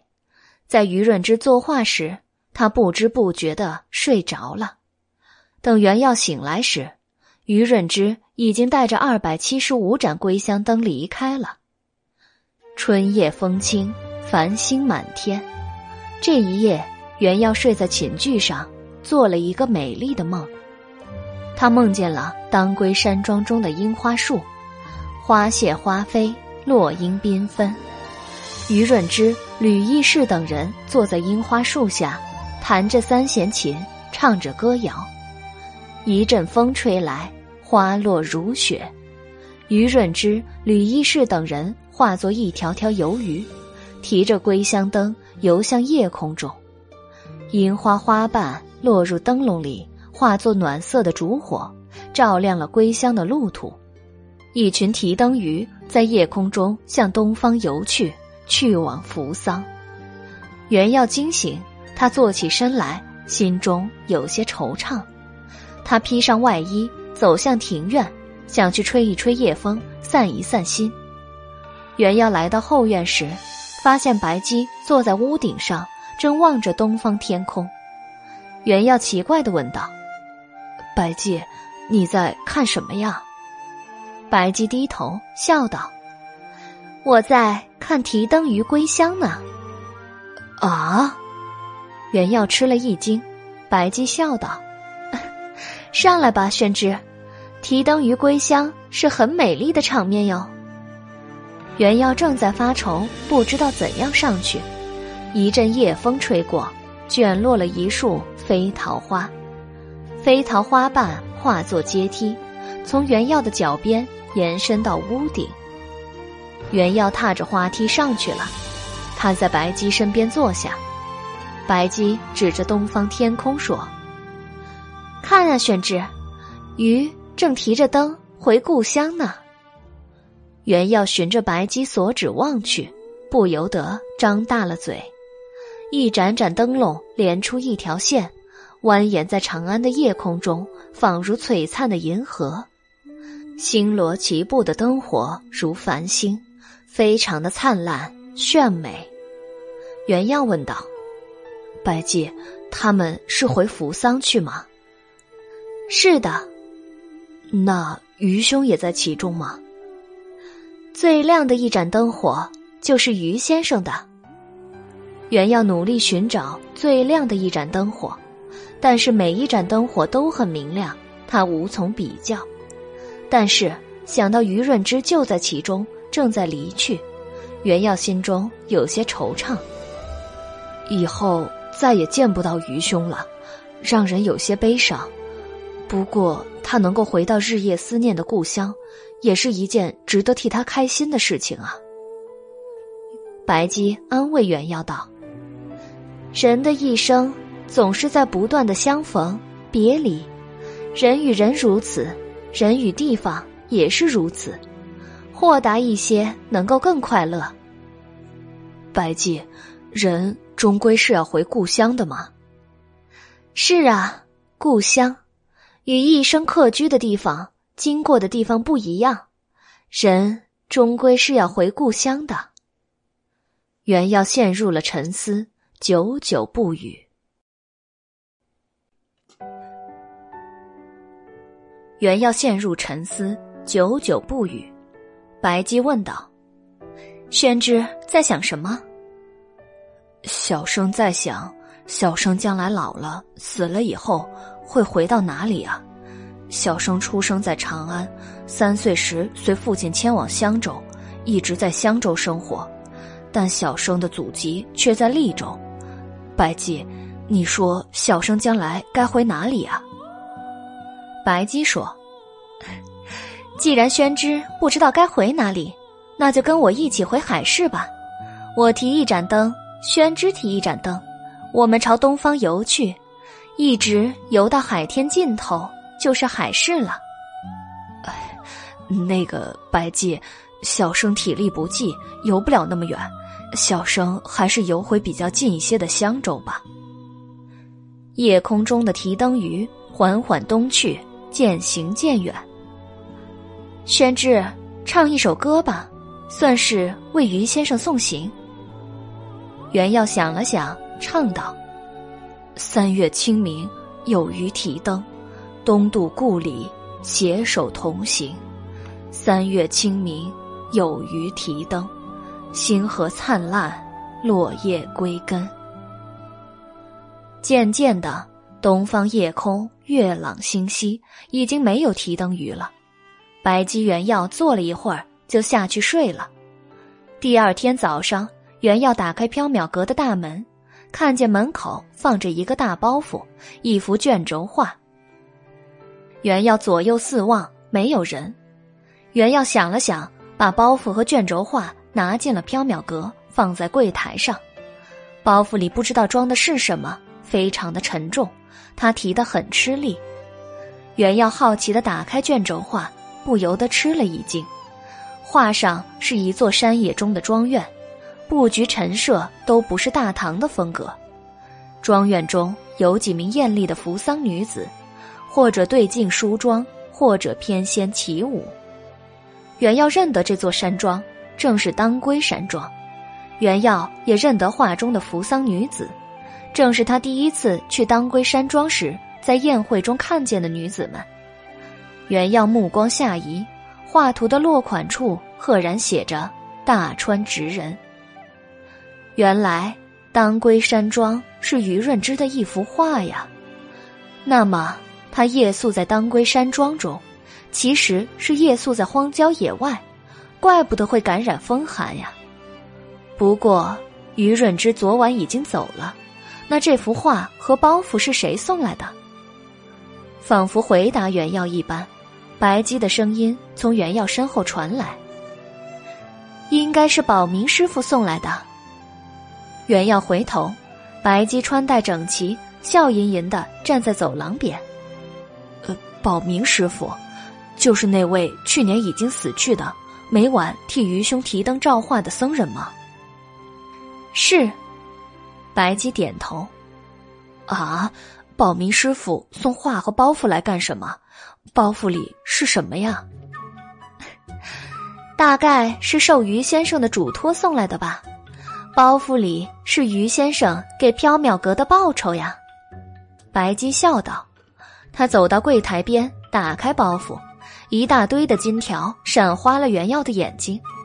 这些金条。让袁耀想起于润之第一次来缥缈阁买纸笔时给他的那一根。白姬笑道：“ 哎，真漂亮呀！我最喜欢金色了。宣之，数一数，是不是二百七十五根？数完之后放入仓库里。”啊，一个纸灯笼，一根金条啊！拜祭，你也太黑心了。宣之可真是快呀！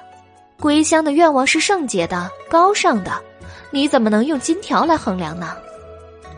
你这乘人之危，拿纸灯笼来诈钱的奸商，怎么好意思说别人是快呢？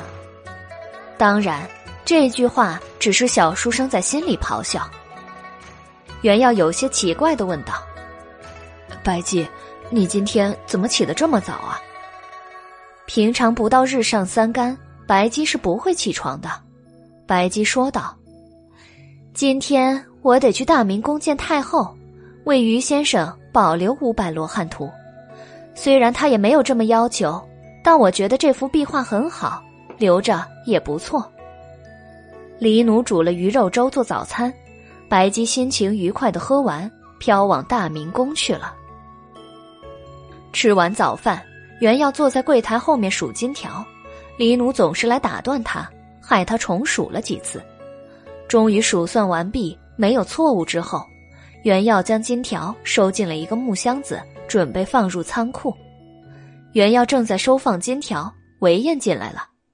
韦燕看见袁耀在收金条，一展折扇，笑了：“嘿呀，宣之竟然攒了这么多金条啊！”哎，丹阳，小生只是在清账，这是白鸡的，他刚卖了一批灯笼。韦燕笑了，走到柜台边。哦，卖什么灯笼能赚这么多金条啊？改日我也卖灯笼去。哎，这金条，这这金条。韦燕的神色突然变得十分的古怪。丹阳，这金条怎么了？韦燕拿起一根金条，仔细看了看，神色更古怪了。这。这是太后赠送给扶桑王的礼物之一啊！你看，每一根金条的右下角都烙着一朵牡丹的印记，牡丹象征着太后，象征着大唐啊！当时还是我钦点的这批金条，这些金条应该已经和遣唐使船一起沉入海底了，怎么会出现在缥缈阁呢？袁耀冷汗，呃，这个。这小生也不太清楚，你得问白姬。韦燕坐着等白姬回来，不知道在盘算着什么。原要几番欲言又止，他本想告诉韦燕金条的来历，但他知道自己拙于言辞，怕说错话，还是什么也没说。中午时分，白姬回来了。白姬看见韦燕，笑了：“韦公子又来了，今天还是找宣之聊天啊？”哼，白姬，最近的纸灯笼可真好卖啊，竟然能赚到沉船里的金条。这金条可是太后赠给扶桑王的礼物，你胆子也太大了吧？白姬哈哈笑了两声，原来被韦公子看见了。说起来，韦公子也捡了三十个纸灯笼，也有一份。宣之，给韦公子三十根金条。哎，我可不敢要这金条，被裴仙看见了，再去太后耳边乱说几句，我连小命都会没了。那。你要什么？韦燕一展折扇，笑了，哼，我要三十个木偶，用来诅咒裴仙。哦，还有啊，以后我来找宣之，不许再收我银子了。前一个条件好说，后一个条件不行。那我这就进宫去告诉太后，西市中有不法之人盗取扶桑王的金条，不知道会不会诛灭九族啊？袁耀苦着脸说：“哎，丹阳，请一定要说清楚啊！这些都是白姬干的，和小生以及李奴老弟无关。”白姬对韦燕说：“回来，除了清明和中元这两个日子前后，你来找宣之，我就不收你银子了。”韦燕不解：“为什么要除开清明和中元这两个日子呀？”袁耀替白姬回答：“因为清明和中元节前后，缥缈阁里比较忙。”韦燕一展折扇，笑了：“哼，也行。”白姬给韦燕做了三十个诅咒用的木偶，封住了他的嘴。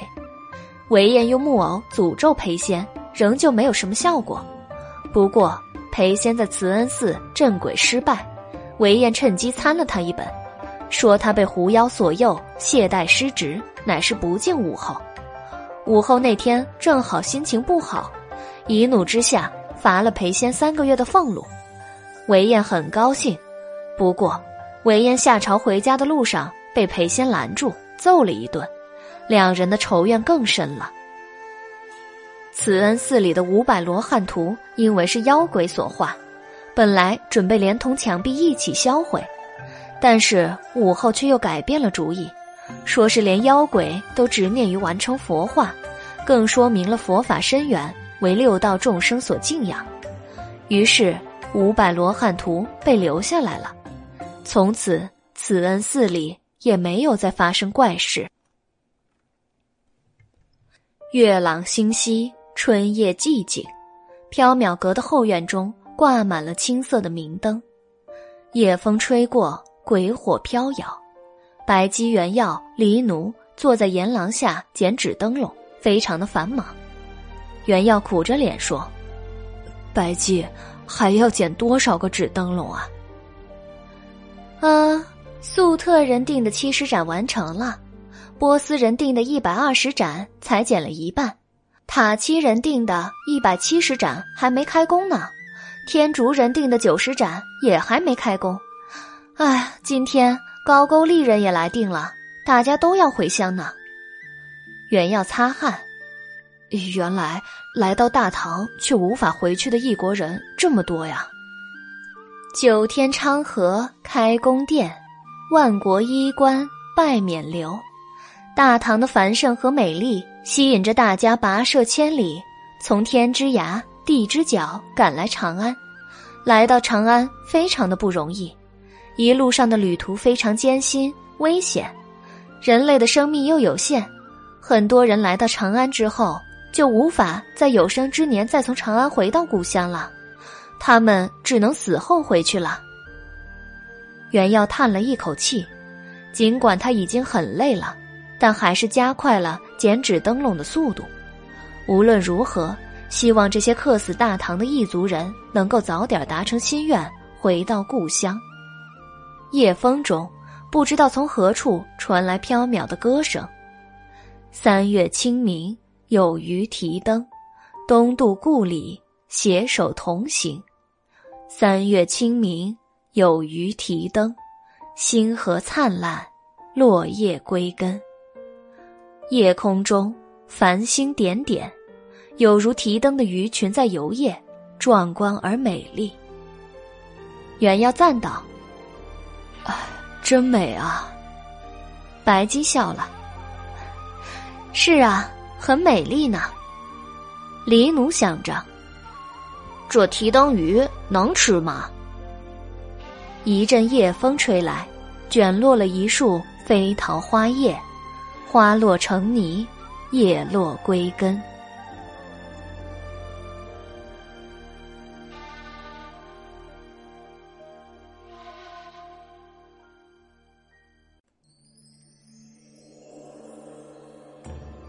欢迎收听《缥缈提灯卷》，作者白姬婉。番外篇：重宴。盛唐长安，夏夜风清，缥缈阁后院中，袁耀、白姬、黎奴正在紫藤花边乘凉。袁耀抱膝坐在胡床上，捧着脸望着天河发呆。白姬已坐在胡床上，手持牡丹团扇，眼帘半合。狸奴化作黑猫的原形，在草丛中扑流萤玩。微风吹过，灵虫微鸣。原要自言自语地说：“今夜是夏至啊！啊，已经夏至了。”白姬蓦地睁开双眸，眼角的泪痣红如滴血。小书生奇怪的问道：“怎么了？夏至有什么不对吗？”我突然想起，似乎该去城外收回一座房子了。白姬站起身，拖曳在草地上的月白色披帛如水一般流动。呃，白姬，什么房子呀？原耀疑惑。白姬在城外有一座房子吗？收回是什么意思？难道谁在住着？谁呀？有谁敢住在鬼宅？本身就住在鬼宅里的小书生心念百转。白姬笑道：“是租给一户人家住的房子。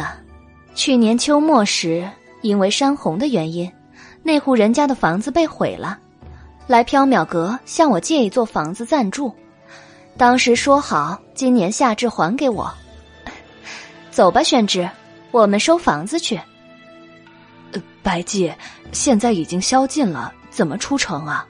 再说了，小生还光着两只脚，今夜恐怕走不得远路了。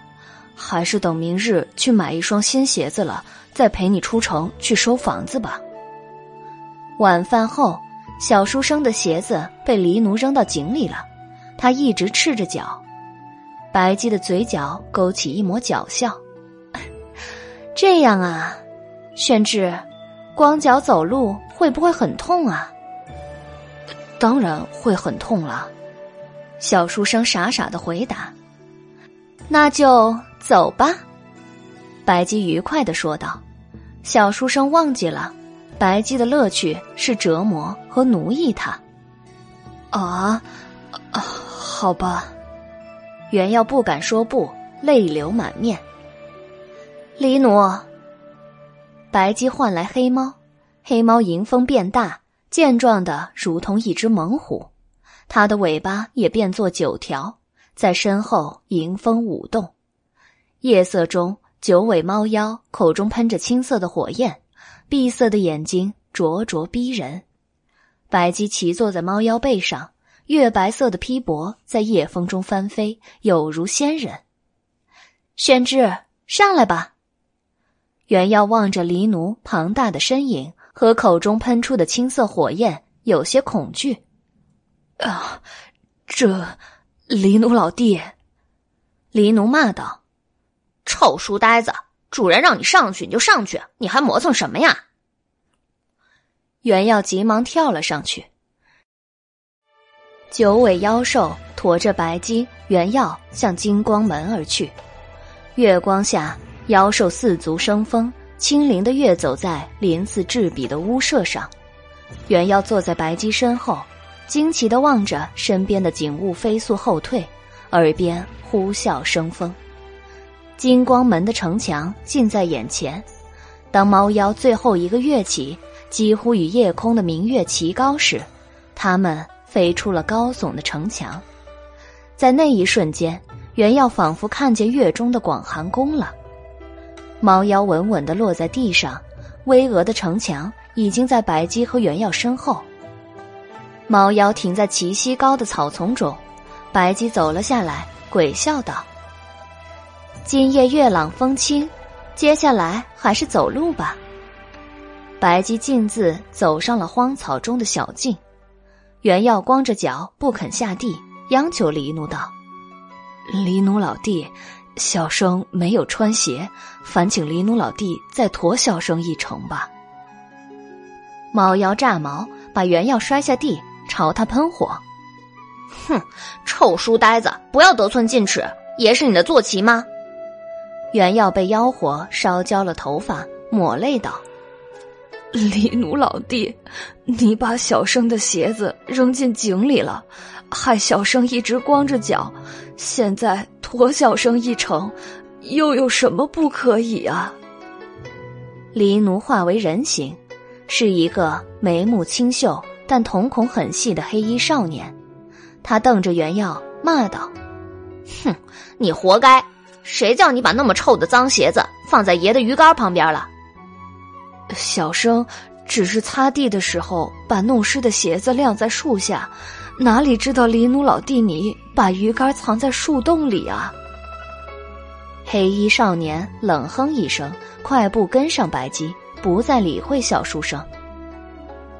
夜风习习，蛙声阵阵，白姬原要走在田野间。四周是一望无际的田野，夏雨平天刮万水，豆花新带稻香风。夏夜田野里的景致有着蓬勃且旺盛的生命力。啊，夜晚在田野间散步，真是非常惬意呀！一阵夜风吹来，白姬的雪袖轻轻舒卷，鬓发微扬。他回头望了袁耀一眼。笑眯眯地说：“宣志，你觉得呢？”袁耀拉长了苦瓜脸说道：“小生觉得很不舒服，什么时候才能到啊？小生的脚受不了了。”田陌上有许多碎石子儿，刀子般割着袁耀的赤脚，他的两只脚丫子已经磨起了水泡。白姬摸了摸下巴，抚掌说。啊，我记错路了，应该是在相反的另一边。宣志，看来我们得倒回去了。白姬转身，轻盈的往来时的路上飘去。黑衣少年又变成一只小黑猫，欢快的在田野里奔跑。小黑猫望着小书生的眼神幸灾乐祸。原要欲哭无泪，只得转身，拔腿跟了上去。这就是卖身为奴的下场。他在心中恨不得把韦燕掐死。白姬说道：“宣志，你不要哭丧着脸嘛。”小生脚疼，笑不出来呀。黎奴不是也没穿鞋子吗？他跑得很快乐呀。白姐，小生怎么能和黎奴老弟比啊？他是猫，小生是人啊。为什么不能比啊？人和非人都是众生。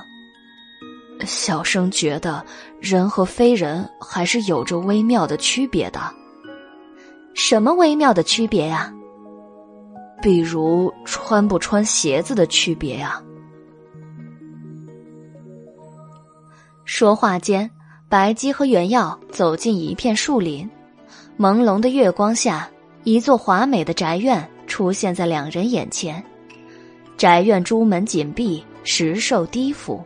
门前挂着两个大红灯笼，白姬笑道：“到了，就是这儿了。”原要借着灯笼的光望去，只见门匾上写着几个囚禁的大字，但是已经十分模糊，无法辨认了。原要问道：“住在这儿的人姓甚名谁？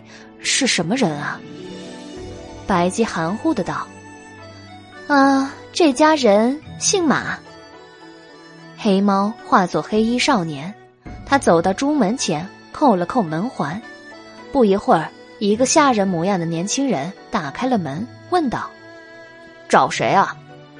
黎奴彬彬有礼：“请向马老太君传达，我家主人按照约定来收回这座宅院。”马府的下人疑惑的问道：“你家主人是？”黎奴笑了笑：“哈。”缥缈阁白姬，马府下人似乎吃了一惊，急忙说：“哦，您稍等，我这就进去禀报太君。”白姬、袁耀、黎奴三人在门外等候。不一会儿，里面传来急促的脚步声，两扇朱门被人打开了。出来的人除了之前开门的下人，还有五名褐红色衣服的中年男人。看五人的服饰和气度，似乎是马府的主人。五人的模样也长得很相似，似乎是兄弟。年龄最大的男子约莫五十岁，白面微须。他向白姬拱手道：“哦，不知白姬大人您来了，马大有失迎驾，还请恕罪。”白姬掩唇笑了：“ 我来探望太君。”他老人家近来身体可好啊？哦，母亲她身体健康，劳烦牵念。母亲正在大厅等您，请进，快请进啊！马大请白姬、袁耀、黎奴三人进府。袁耀走进马府，心中吃惊。马府中非常大，借着月光望去，重楼叠阁，玉云排月。若非人间帝王宫廷，便是天上狼环仙府。一路行去，更让袁耀吃惊的是，马府中到处都是人，假山边、亭台中、楼阁上、水榭旁，无不站满了人，而且所有的人都是男人。这些男人全都穿着一模一样的褐色短打，正在忙忙碌碌的搬运东西。原要留神去看他们搬运的是什么，但看不真切。他感觉似乎是吃的东西，却无法辨认出来。白吉望了马大和他四个兄弟一眼，淡淡的说：“我记得上次相见时，你们不止五位吧？”马大叹了口气，老泪纵横：“唉，初夏时为了新房子。”能够早日完工，老六、老七、老八、老九、老十，冒着雨去河边搬运泥沙，不提防河中涨水，他们都被水冲走了，至今生不见人，死不见尸啊！想是老大勾起了伤心事，马家其余四位兄弟也哭了起来。白金安慰道。吉人自有天相，既然没有找到尸体，他们说不定还在某处活着呢。马大擦干了老泪说：“我们也是这么想的，如果不这么想，还真是悲伤的活不下去了呢。”你们的新房子完工了吗？原本计划立夏时完工，可是因为老六、老七、老八、老九。老十出了事故，耽误了工程，不过也赶在芒种时完工了。您瞧，大家正在搬东西去新房子，今晚就可以空出这所宅院了。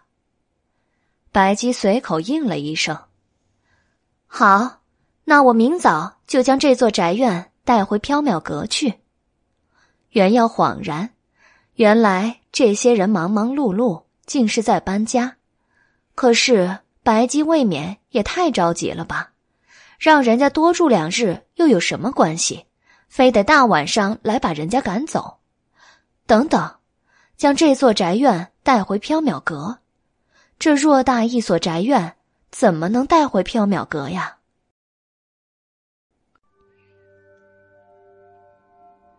马大带领白姬、袁耀。黎奴来到一间富丽堂皇的大厅中，大厅中烛火通明，布置的十分华丽。一位极其富态的、穿着暗红色金纹长裙的老太太，笑眯眯的坐在胡床上，一群仆役簇拥着她，如同众星拱月。袁耀觉得奇怪，因为老太太身边的仆人都是褐衣男仆，照理说，大户人家中服侍女主人的不应该是丫鬟吗？马大上前跪下行礼道：“母亲大人。”孩儿将白姬大人带来了。马老太君微微颔首，转头望向白姬，笑着道：“老身身体不便，就不起来迎接了，请坐。”马老太君实在是太富态了，庞大如山的身躯，堆积的赘肉几乎占据了整张胡床，看样子他不仅很难站起来。只怕连挪动一下也会很吃力的。老太君不必客气了，白姬笑道。仆人搬来胡床，白姬坐下，袁耀和黎奴站在他身后。马老太君对白姬说：“去年秋天家族罹难，多亏了白姬借了这座宅院，老身和孩儿们才能有一瓦栖身。”实在是感激不尽呐。白姬笑了，太君您太客气了。白姬的恩情，老身无以为报。今夜是在这宅院中的最后一夜，又恰逢白姬您前来，不如开一场夜宴招待您吧。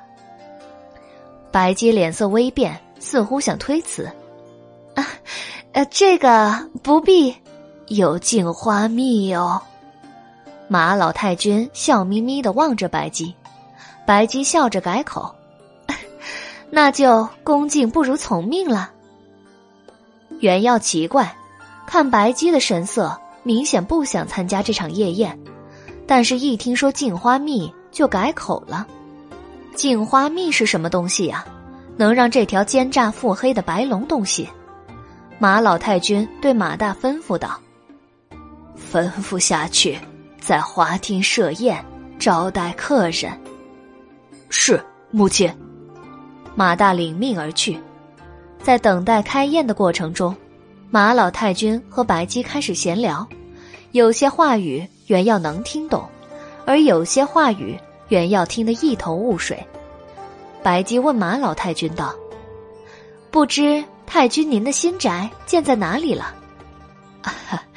就在此宅附近，有一棵老槐树的地方。袁耀心中奇怪，刚才来的时候是在树林里看见一棵老槐树，可是哪里有房子呀？白姬笑了，如此甚好，搬运起东西来也方便。是啊。不过，主要还是因为这里的风水不错，老身舍不得搬走。太君福泽本就深厚，加之此地风水，一定会更加子孙兴旺、家族繁盛的。哈哈，借您吉言了。马老太君非常的开心，他望了白姬身后的原耀一眼，忽而怔住了。这位后生是谁呀？啊，这是缥缈阁新来的杂役，宣旨还不快过来见过马老太君。袁耀闻言来到马老太君身前，作了一揖说：“小生袁耀，字宣之，见过老太君了。”马老太君忽然拉住袁耀的手，望着他，滚下泪来。这后生。长得真像老身死去的九儿啊！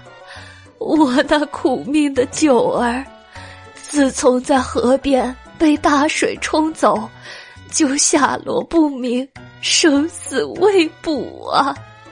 马老太君哭得伤心，一口气没提上来，晕了过去。服侍他的男仆们吓了一跳，急忙围上来，端水的端水，捶背的捶背。掐人中的掐人中，忙做了一团。太君，您醒醒啊！太君，您不要伤心了。太君，您要保重身体啊。袁耀吓了一跳，不知道这是怎么回事马大一边抹泪一边解释道：“我们十兄弟中，母亲最疼爱九弟了。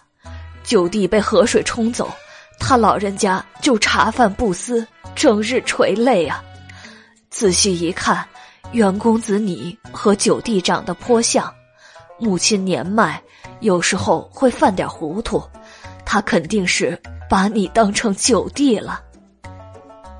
不一会儿，马老太君悠悠醒来，向袁耀招手，泪眼迷蒙的说：“九儿啊，你终于回来了，快过来，让为娘仔细看看你。”袁耀迟蹰，白姬小声说：“老太君既然误认为你是九儿，你就装成九儿。”宽宽他老人家的心吧，治愈人心也是一种积福的功德嘛。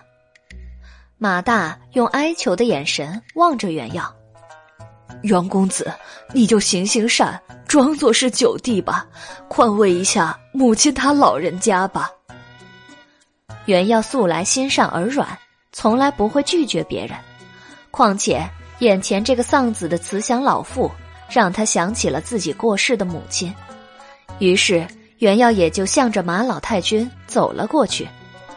马老太君一把搂过袁耀，将他抱在怀里，一边哭泣，一边：“九儿啊，我苦命的九儿啊！”袁耀陷入马老太君的怀抱，只觉得被一团软绵绵的肉包围着，无法呼吸，更加无法挣脱。就在袁耀窒息到快要晕过去的瞬间，马老太君松开了他，伸手捧着他的脸，泪眼迷蒙。九儿，你瘦了呀！瞧你这一把骨头，都不像以前白白胖胖的九儿了。你一定在外面吃了不少苦。哎呀，我苦命的九儿啊！马老太君一边心肝肉的叫着大哭起来，一边又把原耀抱在怀里使劲的揉。原耀被马老太君揉得奄奄一息，无力的冲白姬说：“白姬，救救命啊！”白姬以袖掩唇，众人正在闹着，有仆人进来禀报：“老太君，花厅中已经准备好夜宴了。”马老太君闻言，对白姬说：“那我们就去花厅。”白姬笑道：“客随主便。”马老太君舍不得放开原药，把他拉到自己身边坐下。九儿陪着为娘啊！原药被揉得奄奄一息，靠着马老太君坐着，看什么东西都恍恍惚惚。八名身强力壮的男仆走到胡床边，弯下腰身，连胡床带人抬起马老太君和袁耀，走向花厅。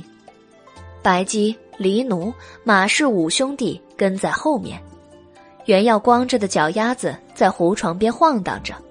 马老太君见了，宠溺的笑道：“ 九儿，你总是改不了喜欢光着脚的坏毛病。”不穿鞋子，仔细路上的碎石子儿割坏了脚。不穿鞋子，仔细路上的碎石子儿割坏了脚。简单的一句关切话语，让袁耀心中一酸一暖。他想起了自己的母亲。袁耀笑着对马老太君道：“孩儿以后会记得穿鞋的，母亲不必挂心。”马老太君闻言。眼眶一红，又抱着原药揉了起来。九儿，我苦命的九儿啊！众人来到花厅，花厅中灯火煌煌，屏花绽笑。一张长约七米、宽约两米的梨花木桌摆在花厅中央，木桌上摆满了山珍海错、美味佳肴。男仆将马老太君的罗汉床放在上首，马老太君对白姬和黎奴笑道：“ 白姬请坐，黎君也请坐。”白姬和黎奴在客座坐下，马氏五兄弟坐在下手相陪。袁耀坐在马老太君身边，望着眼前的珍馐佳肴，心中有些奇怪。这些装在精美食器中的佳肴，散发着诱人的香味儿，但是不是鲜蔬海味，也不是六畜八珍，完全看不出来他们是用什么食材烹饪的。珍珠帘后，几名穿着褐色衣衫的乐师捧着乐器演奏乐曲，轻缓而悠扬。马老太君对着白姬说：“食物粗陋，请不要嫌弃。”白姬笑道：“老太君客气了，菜肴如此丰盛，怎么会粗陋呢？”可是他几乎不动箸，只是喝着琥珀杯中的镜花蜜。黎奴倒是举箸如飞，吃得很欢快。马老太君笑道：“。”今年的镜花蜜味道如何呀？白姬笑道：“很美味呢。春分那一晚，我也本想去月之湖取一些，可惜有事情耽误了。第二夜再去月之湖时，镜花蜜已经没有了。镜花蜜是好东西，长安城的千妖百鬼每一年都在等着春分之夜。”镜花盛开，去往月之湖取蜜，僧多粥少，去晚了自然没有了。老身今年去的早，取了不少，明天送你一些，带回缥缈阁吧。如此，多谢老太君了。原耀很好奇的喝了一口镜花蜜，橙黄色的蜜汁入口清冽如水。但带着一种说不出的甘甜，让人神清气爽。原耀刚要喝第二口，马老太君爱怜的看着他：“我的儿，你都瘦成这样了，怎么还一个劲儿的喝稀的呀？来来，张开嘴，要多吃一些肉啊！”马老太君夹了一些肉菜，一个劲儿的往原耀嘴里塞。原要却不过马老太君的热情，全都囫囵吞到了肚子里，一股极腥极腻的味道充溢了他的嘴。原要疑惑：这些都是什么菜呀？怎么这么腥腻啊？儿啊，这些都是你平日喜欢吃的菜呀。马老太君端起一个荷叶纹六曲银盘，里面装着白花花的肉，晶莹雪白。马老太君用银勺剜了一块肉，喂进原耀嘴里。这个清蒸肉芽不行，来，我的儿，再吃几口。白肉入口即化，软软的，果然不腥腻，似乎还有点清甜。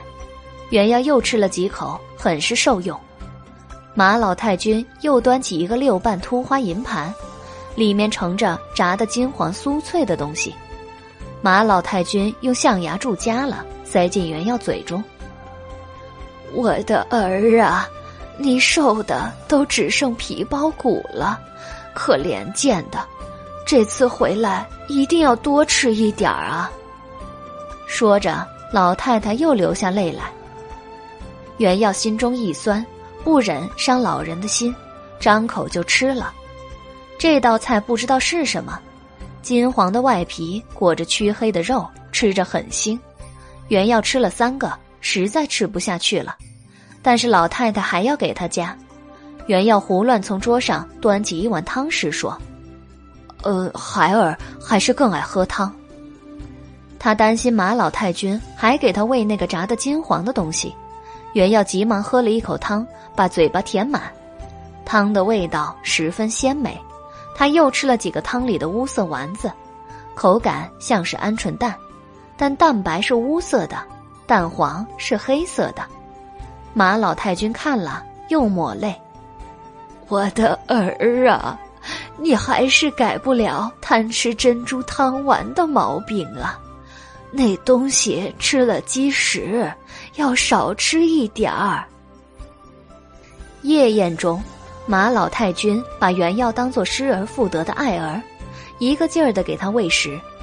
原药心善，怕马老太君伤心，也就一个劲儿的吃。看着马老太君开心的笑容，原药虽然肚子撑得难受，但心里却很开心。能让一个失去儿子的老人展颜欢笑，他多吃些东西又有什么关系呀？白姬一边喝着镜花蜜。一边听乐师演奏乐曲，黎奴和陪坐的马氏兄弟猜拳斗酒，笑声不绝。月色清朗，平花绽笑，夜宴的气氛十分的融洽欢乐。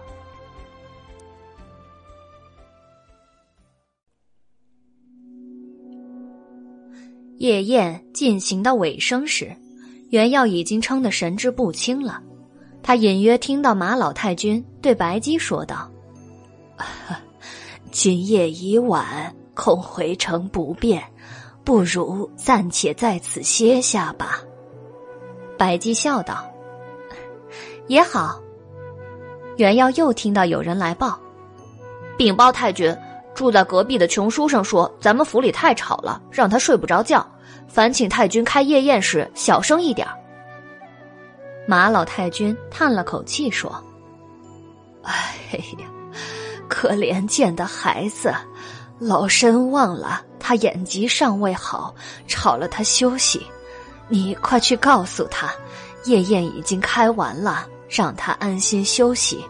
另外，拿点草药和吃食给他。”马大说道：“那穷书生又腐又酸又聒噪。”不如孩儿带人去将他乱棍打走，何必给他草药和吃食啊？马老太君呵斥道：“出口！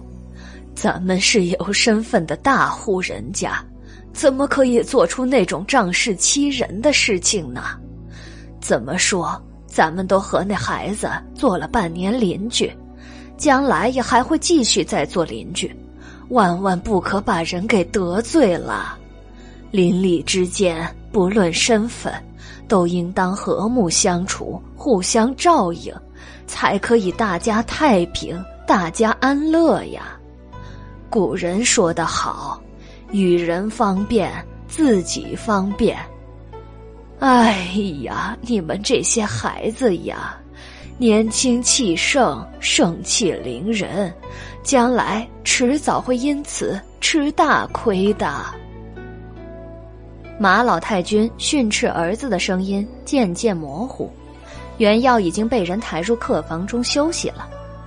袁耀睡得迷迷糊糊，梦见他走在一片树林里，他前面不远处是一个小山岗上，山岗上躺着一个年轻的书生，他正在哎呦哎呦的叫唤。袁耀奇怪，走上前去问道：“这位兄台，你怎么了？”书生一直闭着眼睛，听见有人问他，叹了口气：“哎呀，我的眼睛疼得厉害呀！这位老弟，你能帮帮我吗？”袁耀有些为难的说：“啊，小生不懂岐黄之术，不知道怎么医治眼疾呀。不懂医术没有关系啊，老弟，你帮我看看。”我的眼睛里长了什么东西啊？疼的受不了了。袁耀心生怜悯，说道：“上半夜小生光着脚走山路，脚很疼，还流血了。脚痛尚且让人不能忍耐，更何况是娇嫩的眼睛啊！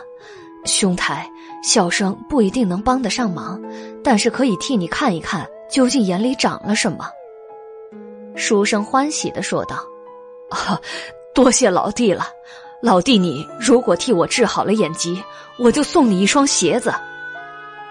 袁耀坐在书生旁边，让他睁开眼睛。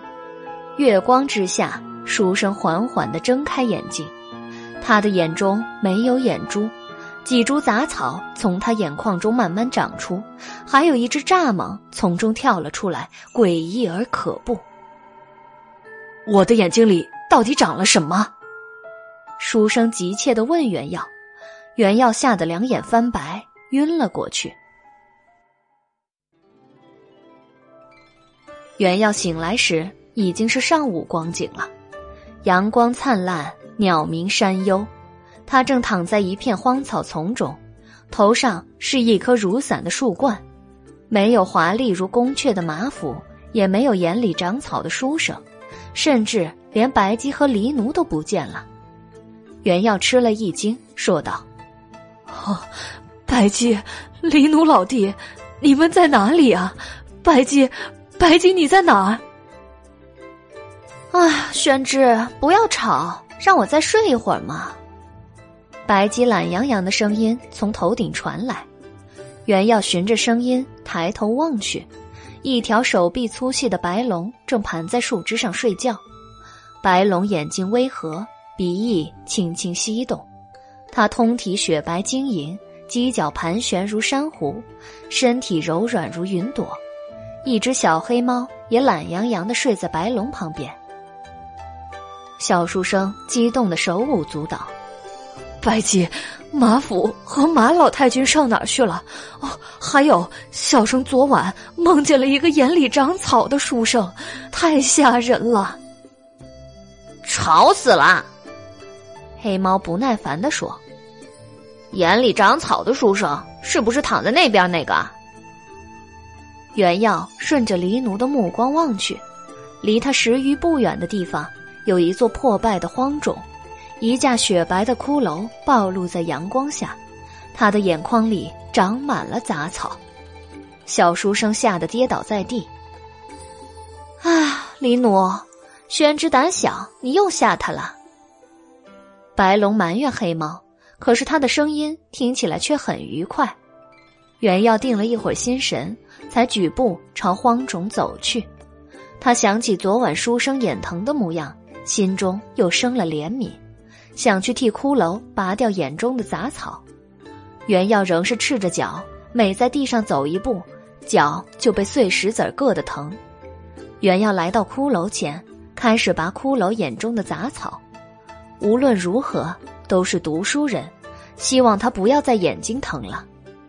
拔干净骷髅眼中的草，袁耀向骷髅作了一揖，说道：“希望兄台以后眼睛不会再疼了。”小生告辞了。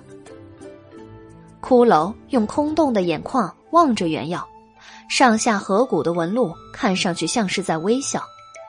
袁耀回到树下时，白龙和黑猫已经化作人形，一名妖娆的白衣女子和一名清秀的黑衣少年。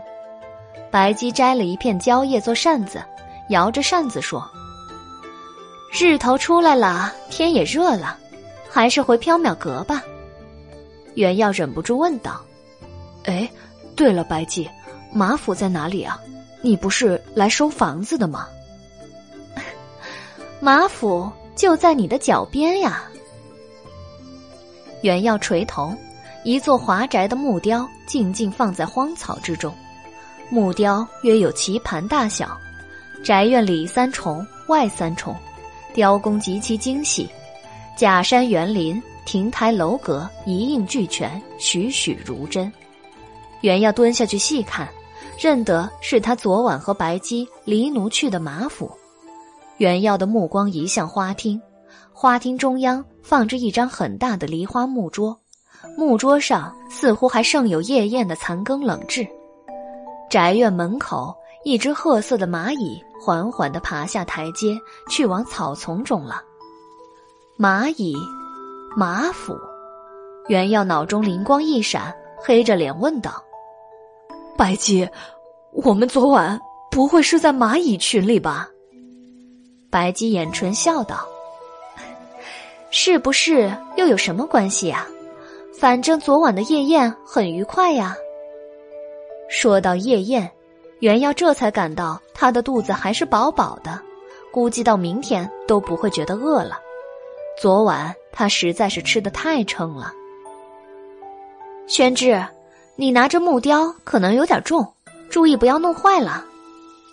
袁耀捧起木雕，他终于明白白姬来收回的房子就是借给蚂蚁住的这个木雕。袁耀想起马老太君慈祥富态的面容，心中有些伤感。白姬，蚂蚁的新家在哪里啊？白姬指着不远处一棵老槐树说：“昨晚马老太君说，在一棵老槐树下，那应该是那里了。”白姬、原耀、黎奴走到老槐树下，只见树下有一个大洞，一群红褐色的蚂蚁正在忙忙碌碌的进进出出。原药趴在地上向树洞里望去，一只体型庞大的。黑色中带着金色的母蚁被一群蚂蚁簇拥着躺在蚁洞深处，那就是昨夜亲切的抱着他给他夹菜喂菜的马老太君吧？不知怎么的，袁耀心中一酸，流下泪来。慈爱的马老太君，让他想起自己母亲的马老太君，竟然是一只蚂蚁。蚁洞外的槐树枝上挂着三个小灯笼一样的东西。看上去似乎是某种植物的花朵，花中盛着橙黄的蜜汁。白姬开心地说：“ 这是马老太君送的镜花蜜了。”原要擦干眼泪，心中还是说不出的伤感。回长安的路上，白姬离奴轻快地走在前面，原要抱着木雕，泱泱的跟在后面。他的脚上全是磨起的血泡。非常疼，忽然原耀被一根藤蔓绊了一下，他低头望去，一双绒草编织的鞋子躺在草丛中，原耀大喜，哎，这里怎么会有一双草鞋呀？白姬望了一眼草鞋，眼唇笑了，宣志，这是有人特意为你做的呢，还不快穿上？老弟你。如果替我治好了眼疾，我就送你一双鞋子。原要想起昨夜书生的话，心中一惊，这莫不是骷髅为他编的？白姬催原要穿上，原要也实在不愿意再赤脚走路了，他硬着头皮穿了。草鞋很合脚，很舒服。小书生步履如风，笑容满面。白姬见了，又开始盘算新的乐趣了。宣之啊，昨晚的夜宴，你觉得菜肴美味吗？小书生开心的道：“哈，虽然有些菜很腥很腻，但是很美味。”白姬笑得诡异。你想知道这些菜是用什么做的吗？小书生摸着饱饱的肚子，好奇心上涌。呃，是用什么做的呀？宣之最爱吃哪道菜呀？小书生回味着说：“呃，清蒸肉芽，肥而不腻，很可口。那是蛆。啊，那炸的酥黄香脆的黑肉，那是蜘蛛腿。那碗珍珠汤丸，那是蚊子卵。在原药弯下腰狂吐之前。”黎奴飞快地抢过木雕，回缥缈阁的路上，原耀的脚倒是不疼了。他又开始吐得翻江倒海，几乎呕出苦胆。白姬眨了眨眼睛，笑道：“ 宣志，马老太君很喜欢你，说不定还会请你去赴百虫宴呢。九儿啊，你可要习惯吃虫啊，不然为娘会伤心的。”原耀哭丧着脸说道。小生，小生打死都不去了。宣志，你不要哭丧着脸嘛。小生胃疼的笑不出来啊。可是黎奴不是也吃了很多虫子吗？他现在也没有吐啊。小生怎么能和黎奴老弟比呢？他是猫，小生是人啊。为什么不能比啊？人和非人都是众生啊。这个，小生觉得人和非人还是有着微妙的区别的。什么微妙的区别呀？比如吃不吃虫子的区别。春光灿烂，清风明媚，白姬、原耀、黎奴朝长安城中的缥缈阁走去。今日又有谁来买欲望呢？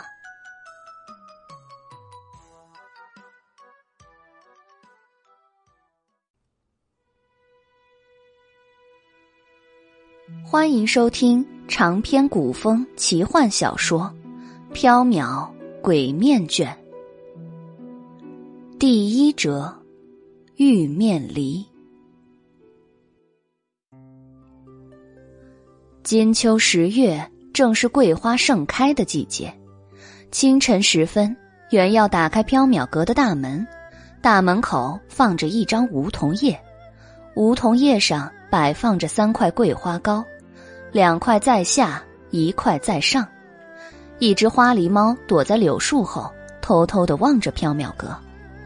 原要抬头时，正好和花狸猫四目相对。花狸猫急忙缩了头，它似乎很羞赧，飞快的跑了。哎，原要想叫住花狸猫，但是花狸猫已经跑远了。原要追不上它，只好作伴。原样望着三块桂花糕，心里有些哭笑不得。三天之前，原要去西市瑞荣斋买桂花糕，回缥缈阁的路上，一只花狸猫跟着他，眼睛盯着他手中的桂花糕。原要猜想花狸猫可能是想吃桂花糕了，就取了两块放在干净的树叶上。花狸猫很开心的吃了。之后一连三天，原要早上打开缥缈阁的大门，都会看见一张梧桐叶、三块桂花糕。饶是小书生呆头呆脑，也能发现一只花狸猫躲在柳树后面，探头探脑的张望。不过，只要一对上原耀的眼神，花狸猫就会飞快的跑掉。原耀问白姬：“这是怎么一回事？”白姬笑道。这是花狸猫在报恩呢，宣之给他吃了桂花糕，他也回送宣之桂花糕啊。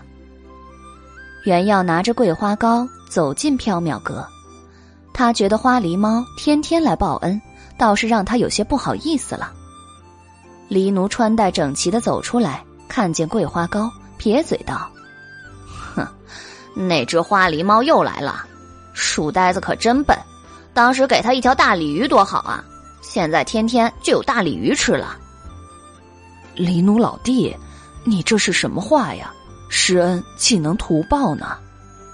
想起了什么，原耀对黎奴说：“这只花狸猫天天来送桂花糕，小生颇为过意不去，想要叫住它，可它又跑了。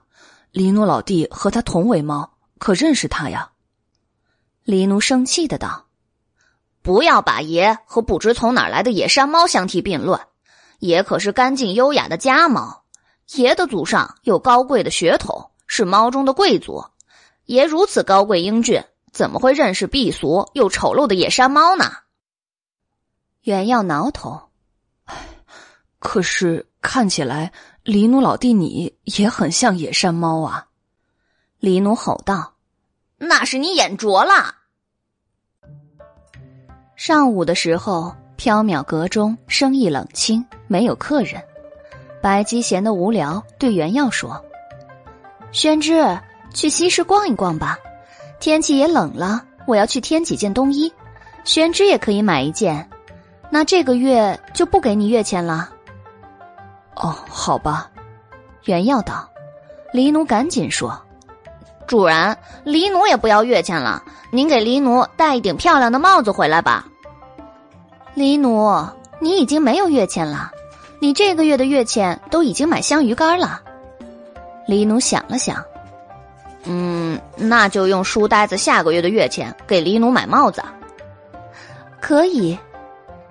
原耀生气的道：“白姬，黎奴老弟，请不要不经小生的同意就擅自预支小生的血汗钱呀。”白姬、原耀离开缥缈阁，来到西市。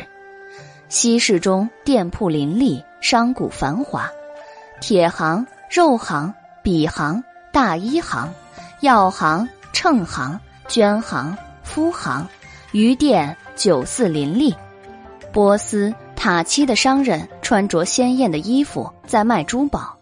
高丽扶桑的客人在大声吆喝着卖药材，一些走江湖的艺人在当街卖艺，许多人围着观看，十分的热闹喧哗。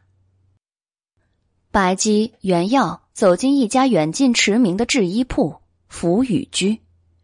福宇居里有衣裳成品，也可以定做，不过几乎没有女装。在唐朝时，贵族王室的女子有家族专属的裁缝、绣女，一般不会在外面买衣裳。平民女子大都精通女工，自己穿的衣裳自己缝制，一般也不在外面买衣服。白姬执意定做几件女装，福雨居的朱掌柜只好把妻子叫出来，让他和白姬详细谈布料与款式。袁耀觉得定做麻烦，试了一件猞猁毛镶边的墨蓝色长袍。这件长袍质地上好，厚实而柔软，剪裁精良，优雅而合体。白姬左右端详了一会儿，赞道：“宣之穿上这件袍子。”倒是很精神，小书生也很满意。那小生就买它了。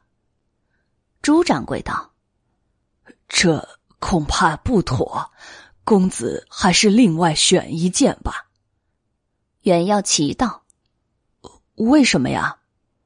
哦，这件袍子是波斯王子萨珊定做的，他今日就会来取。袁耀有些失望，哦，原来是别人定做的呀。白姬对朱掌柜说：“那你再做一件和这件袍子一模一样的，到时候我们来取。”朱掌柜苦着脸：“哎，不可能一模一样啊！这布料是萨珊王子拿来的，十分的珍贵，店里没有啊。”原耀道：“哎，算了算了，不用麻烦了，小生再重新挑一件袍子就好了。”白姬固执的道：“一定要这件，难得宣之能把一件袍子穿的没有酸腐之气。”袁耀生气的反驳：“白姬，你这是什么话呀？小生什么时候酸腐了？”白姬笑道：“ 我随口一说，宣之不要生气啊。”白姬坐在福雨居等波斯王子，袁耀只好陪他等着。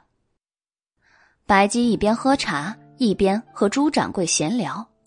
他从朱掌柜的口中打听到，这位萨珊王子的汉名叫做苏亮，他是萨珊王朝的后裔。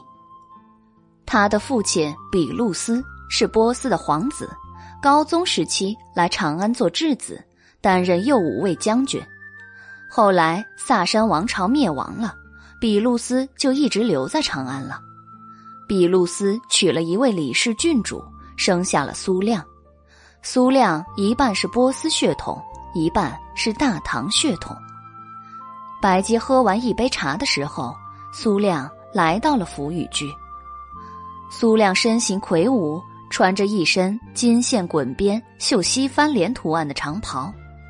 他约莫二十三四岁，高鼻深目，栗色卷发，不似中土人。他的眸子是深碧色，仿佛两潭寒水。白姬望了苏亮一眼，微微一怔，嘴角勾起一抹玩味的笑意。苏亮看见白姬，面无表情，径自走向朱掌柜，说道：“朱掌柜，我来取衣服了。”朱掌柜笑道：“小人替您送到府上也就是了，还劳您亲自来取啊。”没什么，反正顺路。苏亮准备试穿袍子，看见袍子上镶边的猞猁毛，突然勃然大怒：“谁让你用猞猁皮镶边了？”朱掌柜一愣，陪笑道：“啊啊，这……”冬天穿的袍子，通常都是用猞猁毛、狐毛镶边，更加暖和呀。苏亮瞪眼，一把抓住朱掌柜的衣领，凶恶的道：“哼，用人皮镶边，岂不是更保暖？”朱掌柜陪笑道：“您说笑了。苏亮很凶恶，我没说笑，把猞猁皮给我拆了，改用人皮滚边。朱掌柜冷汗道：“啊，这光天化日，朗朗乾坤，小人上哪儿给您找人皮呀？”苏亮问道：“这猞猁皮是谁送来的？”是前街做皮毛生意的王三儿，他家的猞猁皮、狐皮、虎皮都是稀世中最好的。把猞猁皮给我拆了，明天我给你送一块人皮来，改用它镶边儿。人皮，朱掌柜吓得一头冷汗，也只能说：“ 好。”苏亮气呼呼的丢下袍子。准备离去，白姬起身拦住了苏亮。苏公子，请止步。苏亮低头望向白姬，怎么了？我想向苏公子买一块布料。什么布料？那件袍子的布料。苏亮咧齿一笑，哼，真是奇事啊！一向只卖东西的白姬。也会向人买东西啊！袁耀一愣，这苏亮认识白姬啊？白姬也笑了，偶尔也会买一买东西。苏亮说：“布料我还有，但是价格很贵。什么价呀？说来听听。”苏亮咧齿，眼中露出凶残的光芒。一张龙皮，袁耀心中一寒，白姬眼中闪过一道寒光，掩唇而笑。哦，一张龙皮吗？我还以为是一条野猫尾巴呢。苏亮仿佛一只被踩了尾巴的猫，勃然大怒：“住口！”白姬哈哈大笑，怜悯的望着苏亮。苏亮十分愤怒。脸也涨得通红，他恶狠狠的说道：“哼，龙妖，我就是把布料烧了，也不卖给你。”苏亮气呼呼的离开了，白姬不由鬼笑。福雨居外一棵大槐树后，一只花狸猫正在探头探脑的张望。因为苏亮不卖布料，原要另选了一件袍子。白姬原要付了银子，离开了福雨居，去给黎奴买帽子。原耀问道：“白姬，你认识这位波斯王子啊？”白姬道：“不认识啊。”那他怎么会叫出你的名字？也知道你是非人？白姬没有回答原耀的问题，只是笑道：“这位波斯王子很有趣。”袁耀不由撇嘴，他看起来凶巴巴的，哪里有趣了？白姬眼唇，正是因为凶巴巴的，踩一踩他的尾巴，才非常有趣啊！袁耀奇道：“他有尾巴？他没有尾巴。”袁耀、白姬经过一家毛皮店时，一位客人在叫店主。王三，王三在不在啊？我家主人要订五张狐皮，要上好的。一位虬髯汉子从内室走出来，应道：“好，没有问题。”白姬听见了，想了想，转身走进了毛皮店，原耀也跟了进去。毛皮店中充斥着一股腥臊的味道，原耀有些难受。王三看见白姬。笑着招呼道：“快冬天了，这位姑娘买一张毛皮做大衣吧。我这儿有上好的玄狐皮呢。”白姬四处扫了一眼，有没有龙皮呀？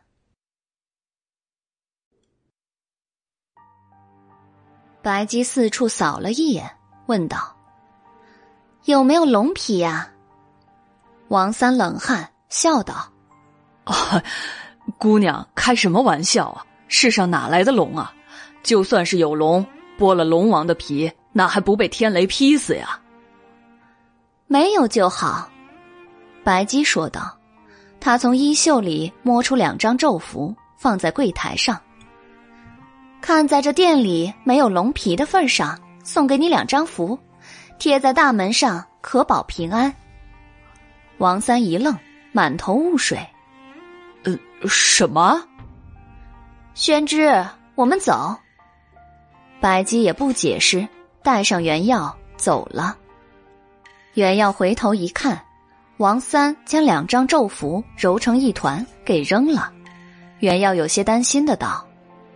白姬，王三好像把咒符给扔了。随他去吧。白姬不以为意的道。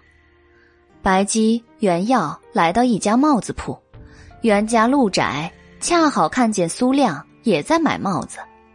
苏亮看见白姬，假装没有看见，埋头选他的帽子。白姬也没有理会苏亮，和袁耀一起给黎奴挑帽子。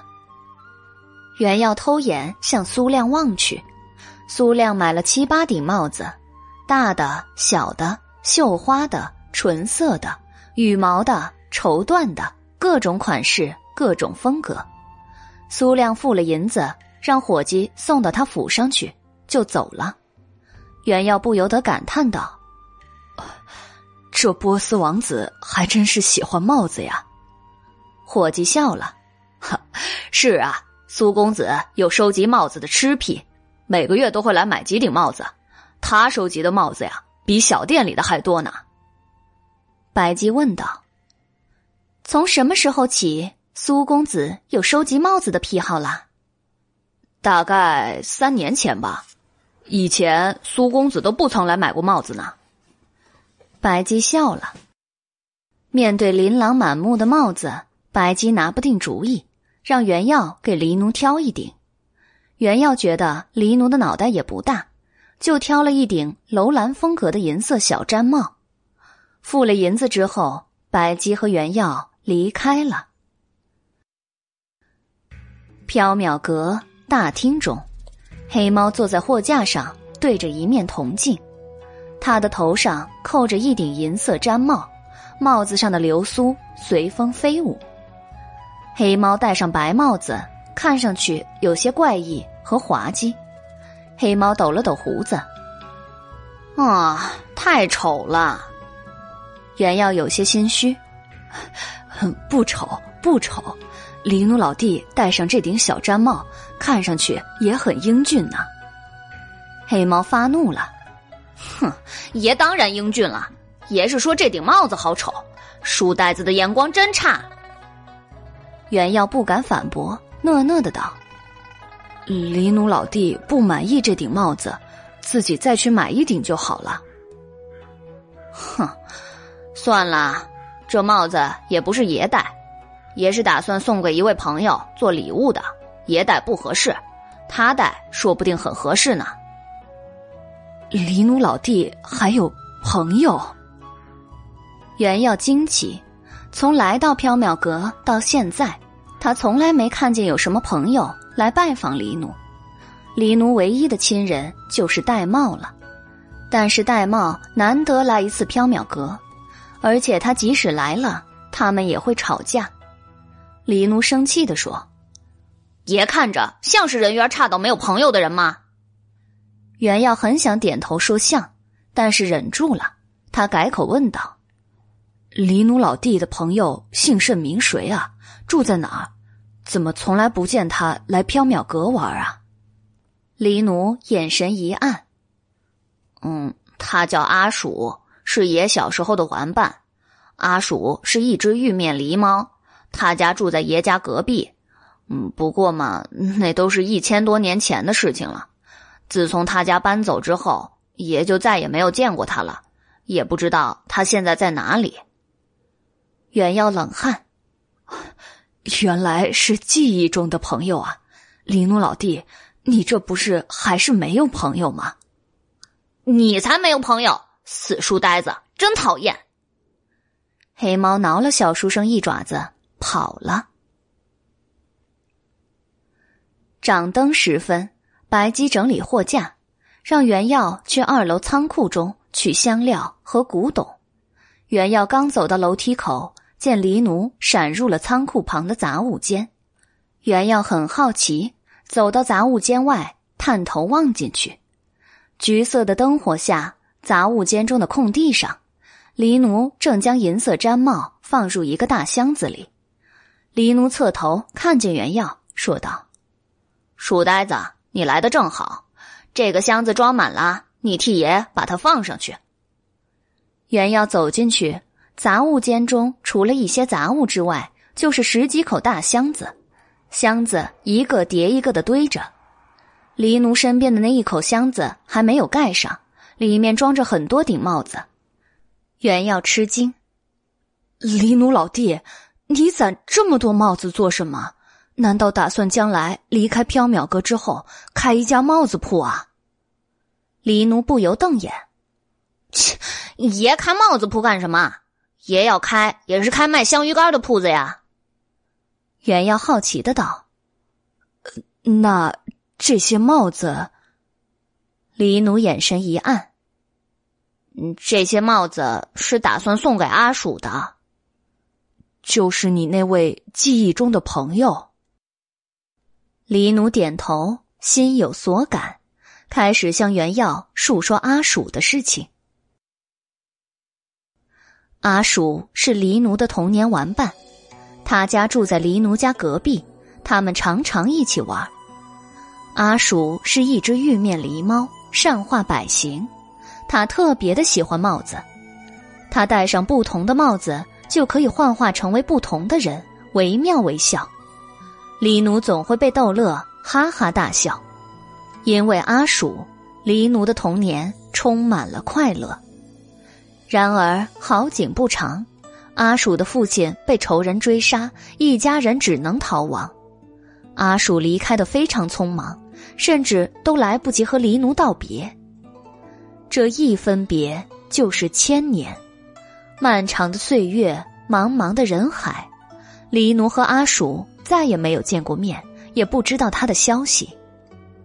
黎奴遗憾的说道：“唉，当年阿鼠离开的那一天，恰好是他的生日，我给他准备了一顶漂亮的帽子，但却没有来得及送给他。”在漫长的岁月中，黎奴偶尔也会想起阿鼠，想起童年的快乐时光。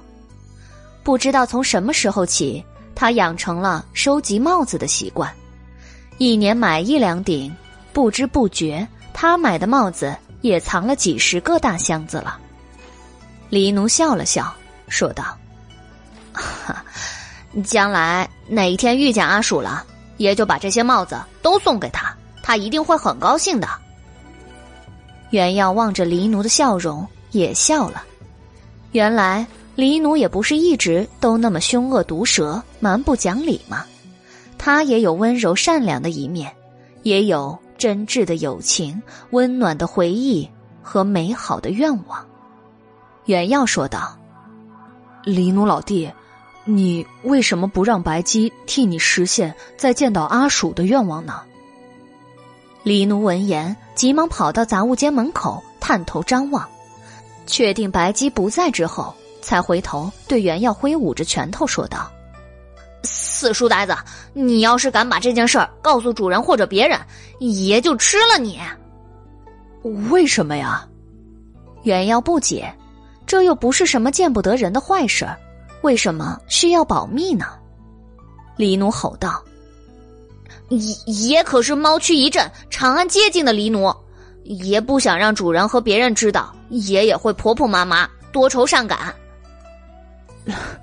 黎奴老弟，小生不觉得想见童年玩伴这种美好的愿望是一件婆婆妈妈多愁善感的事情啊！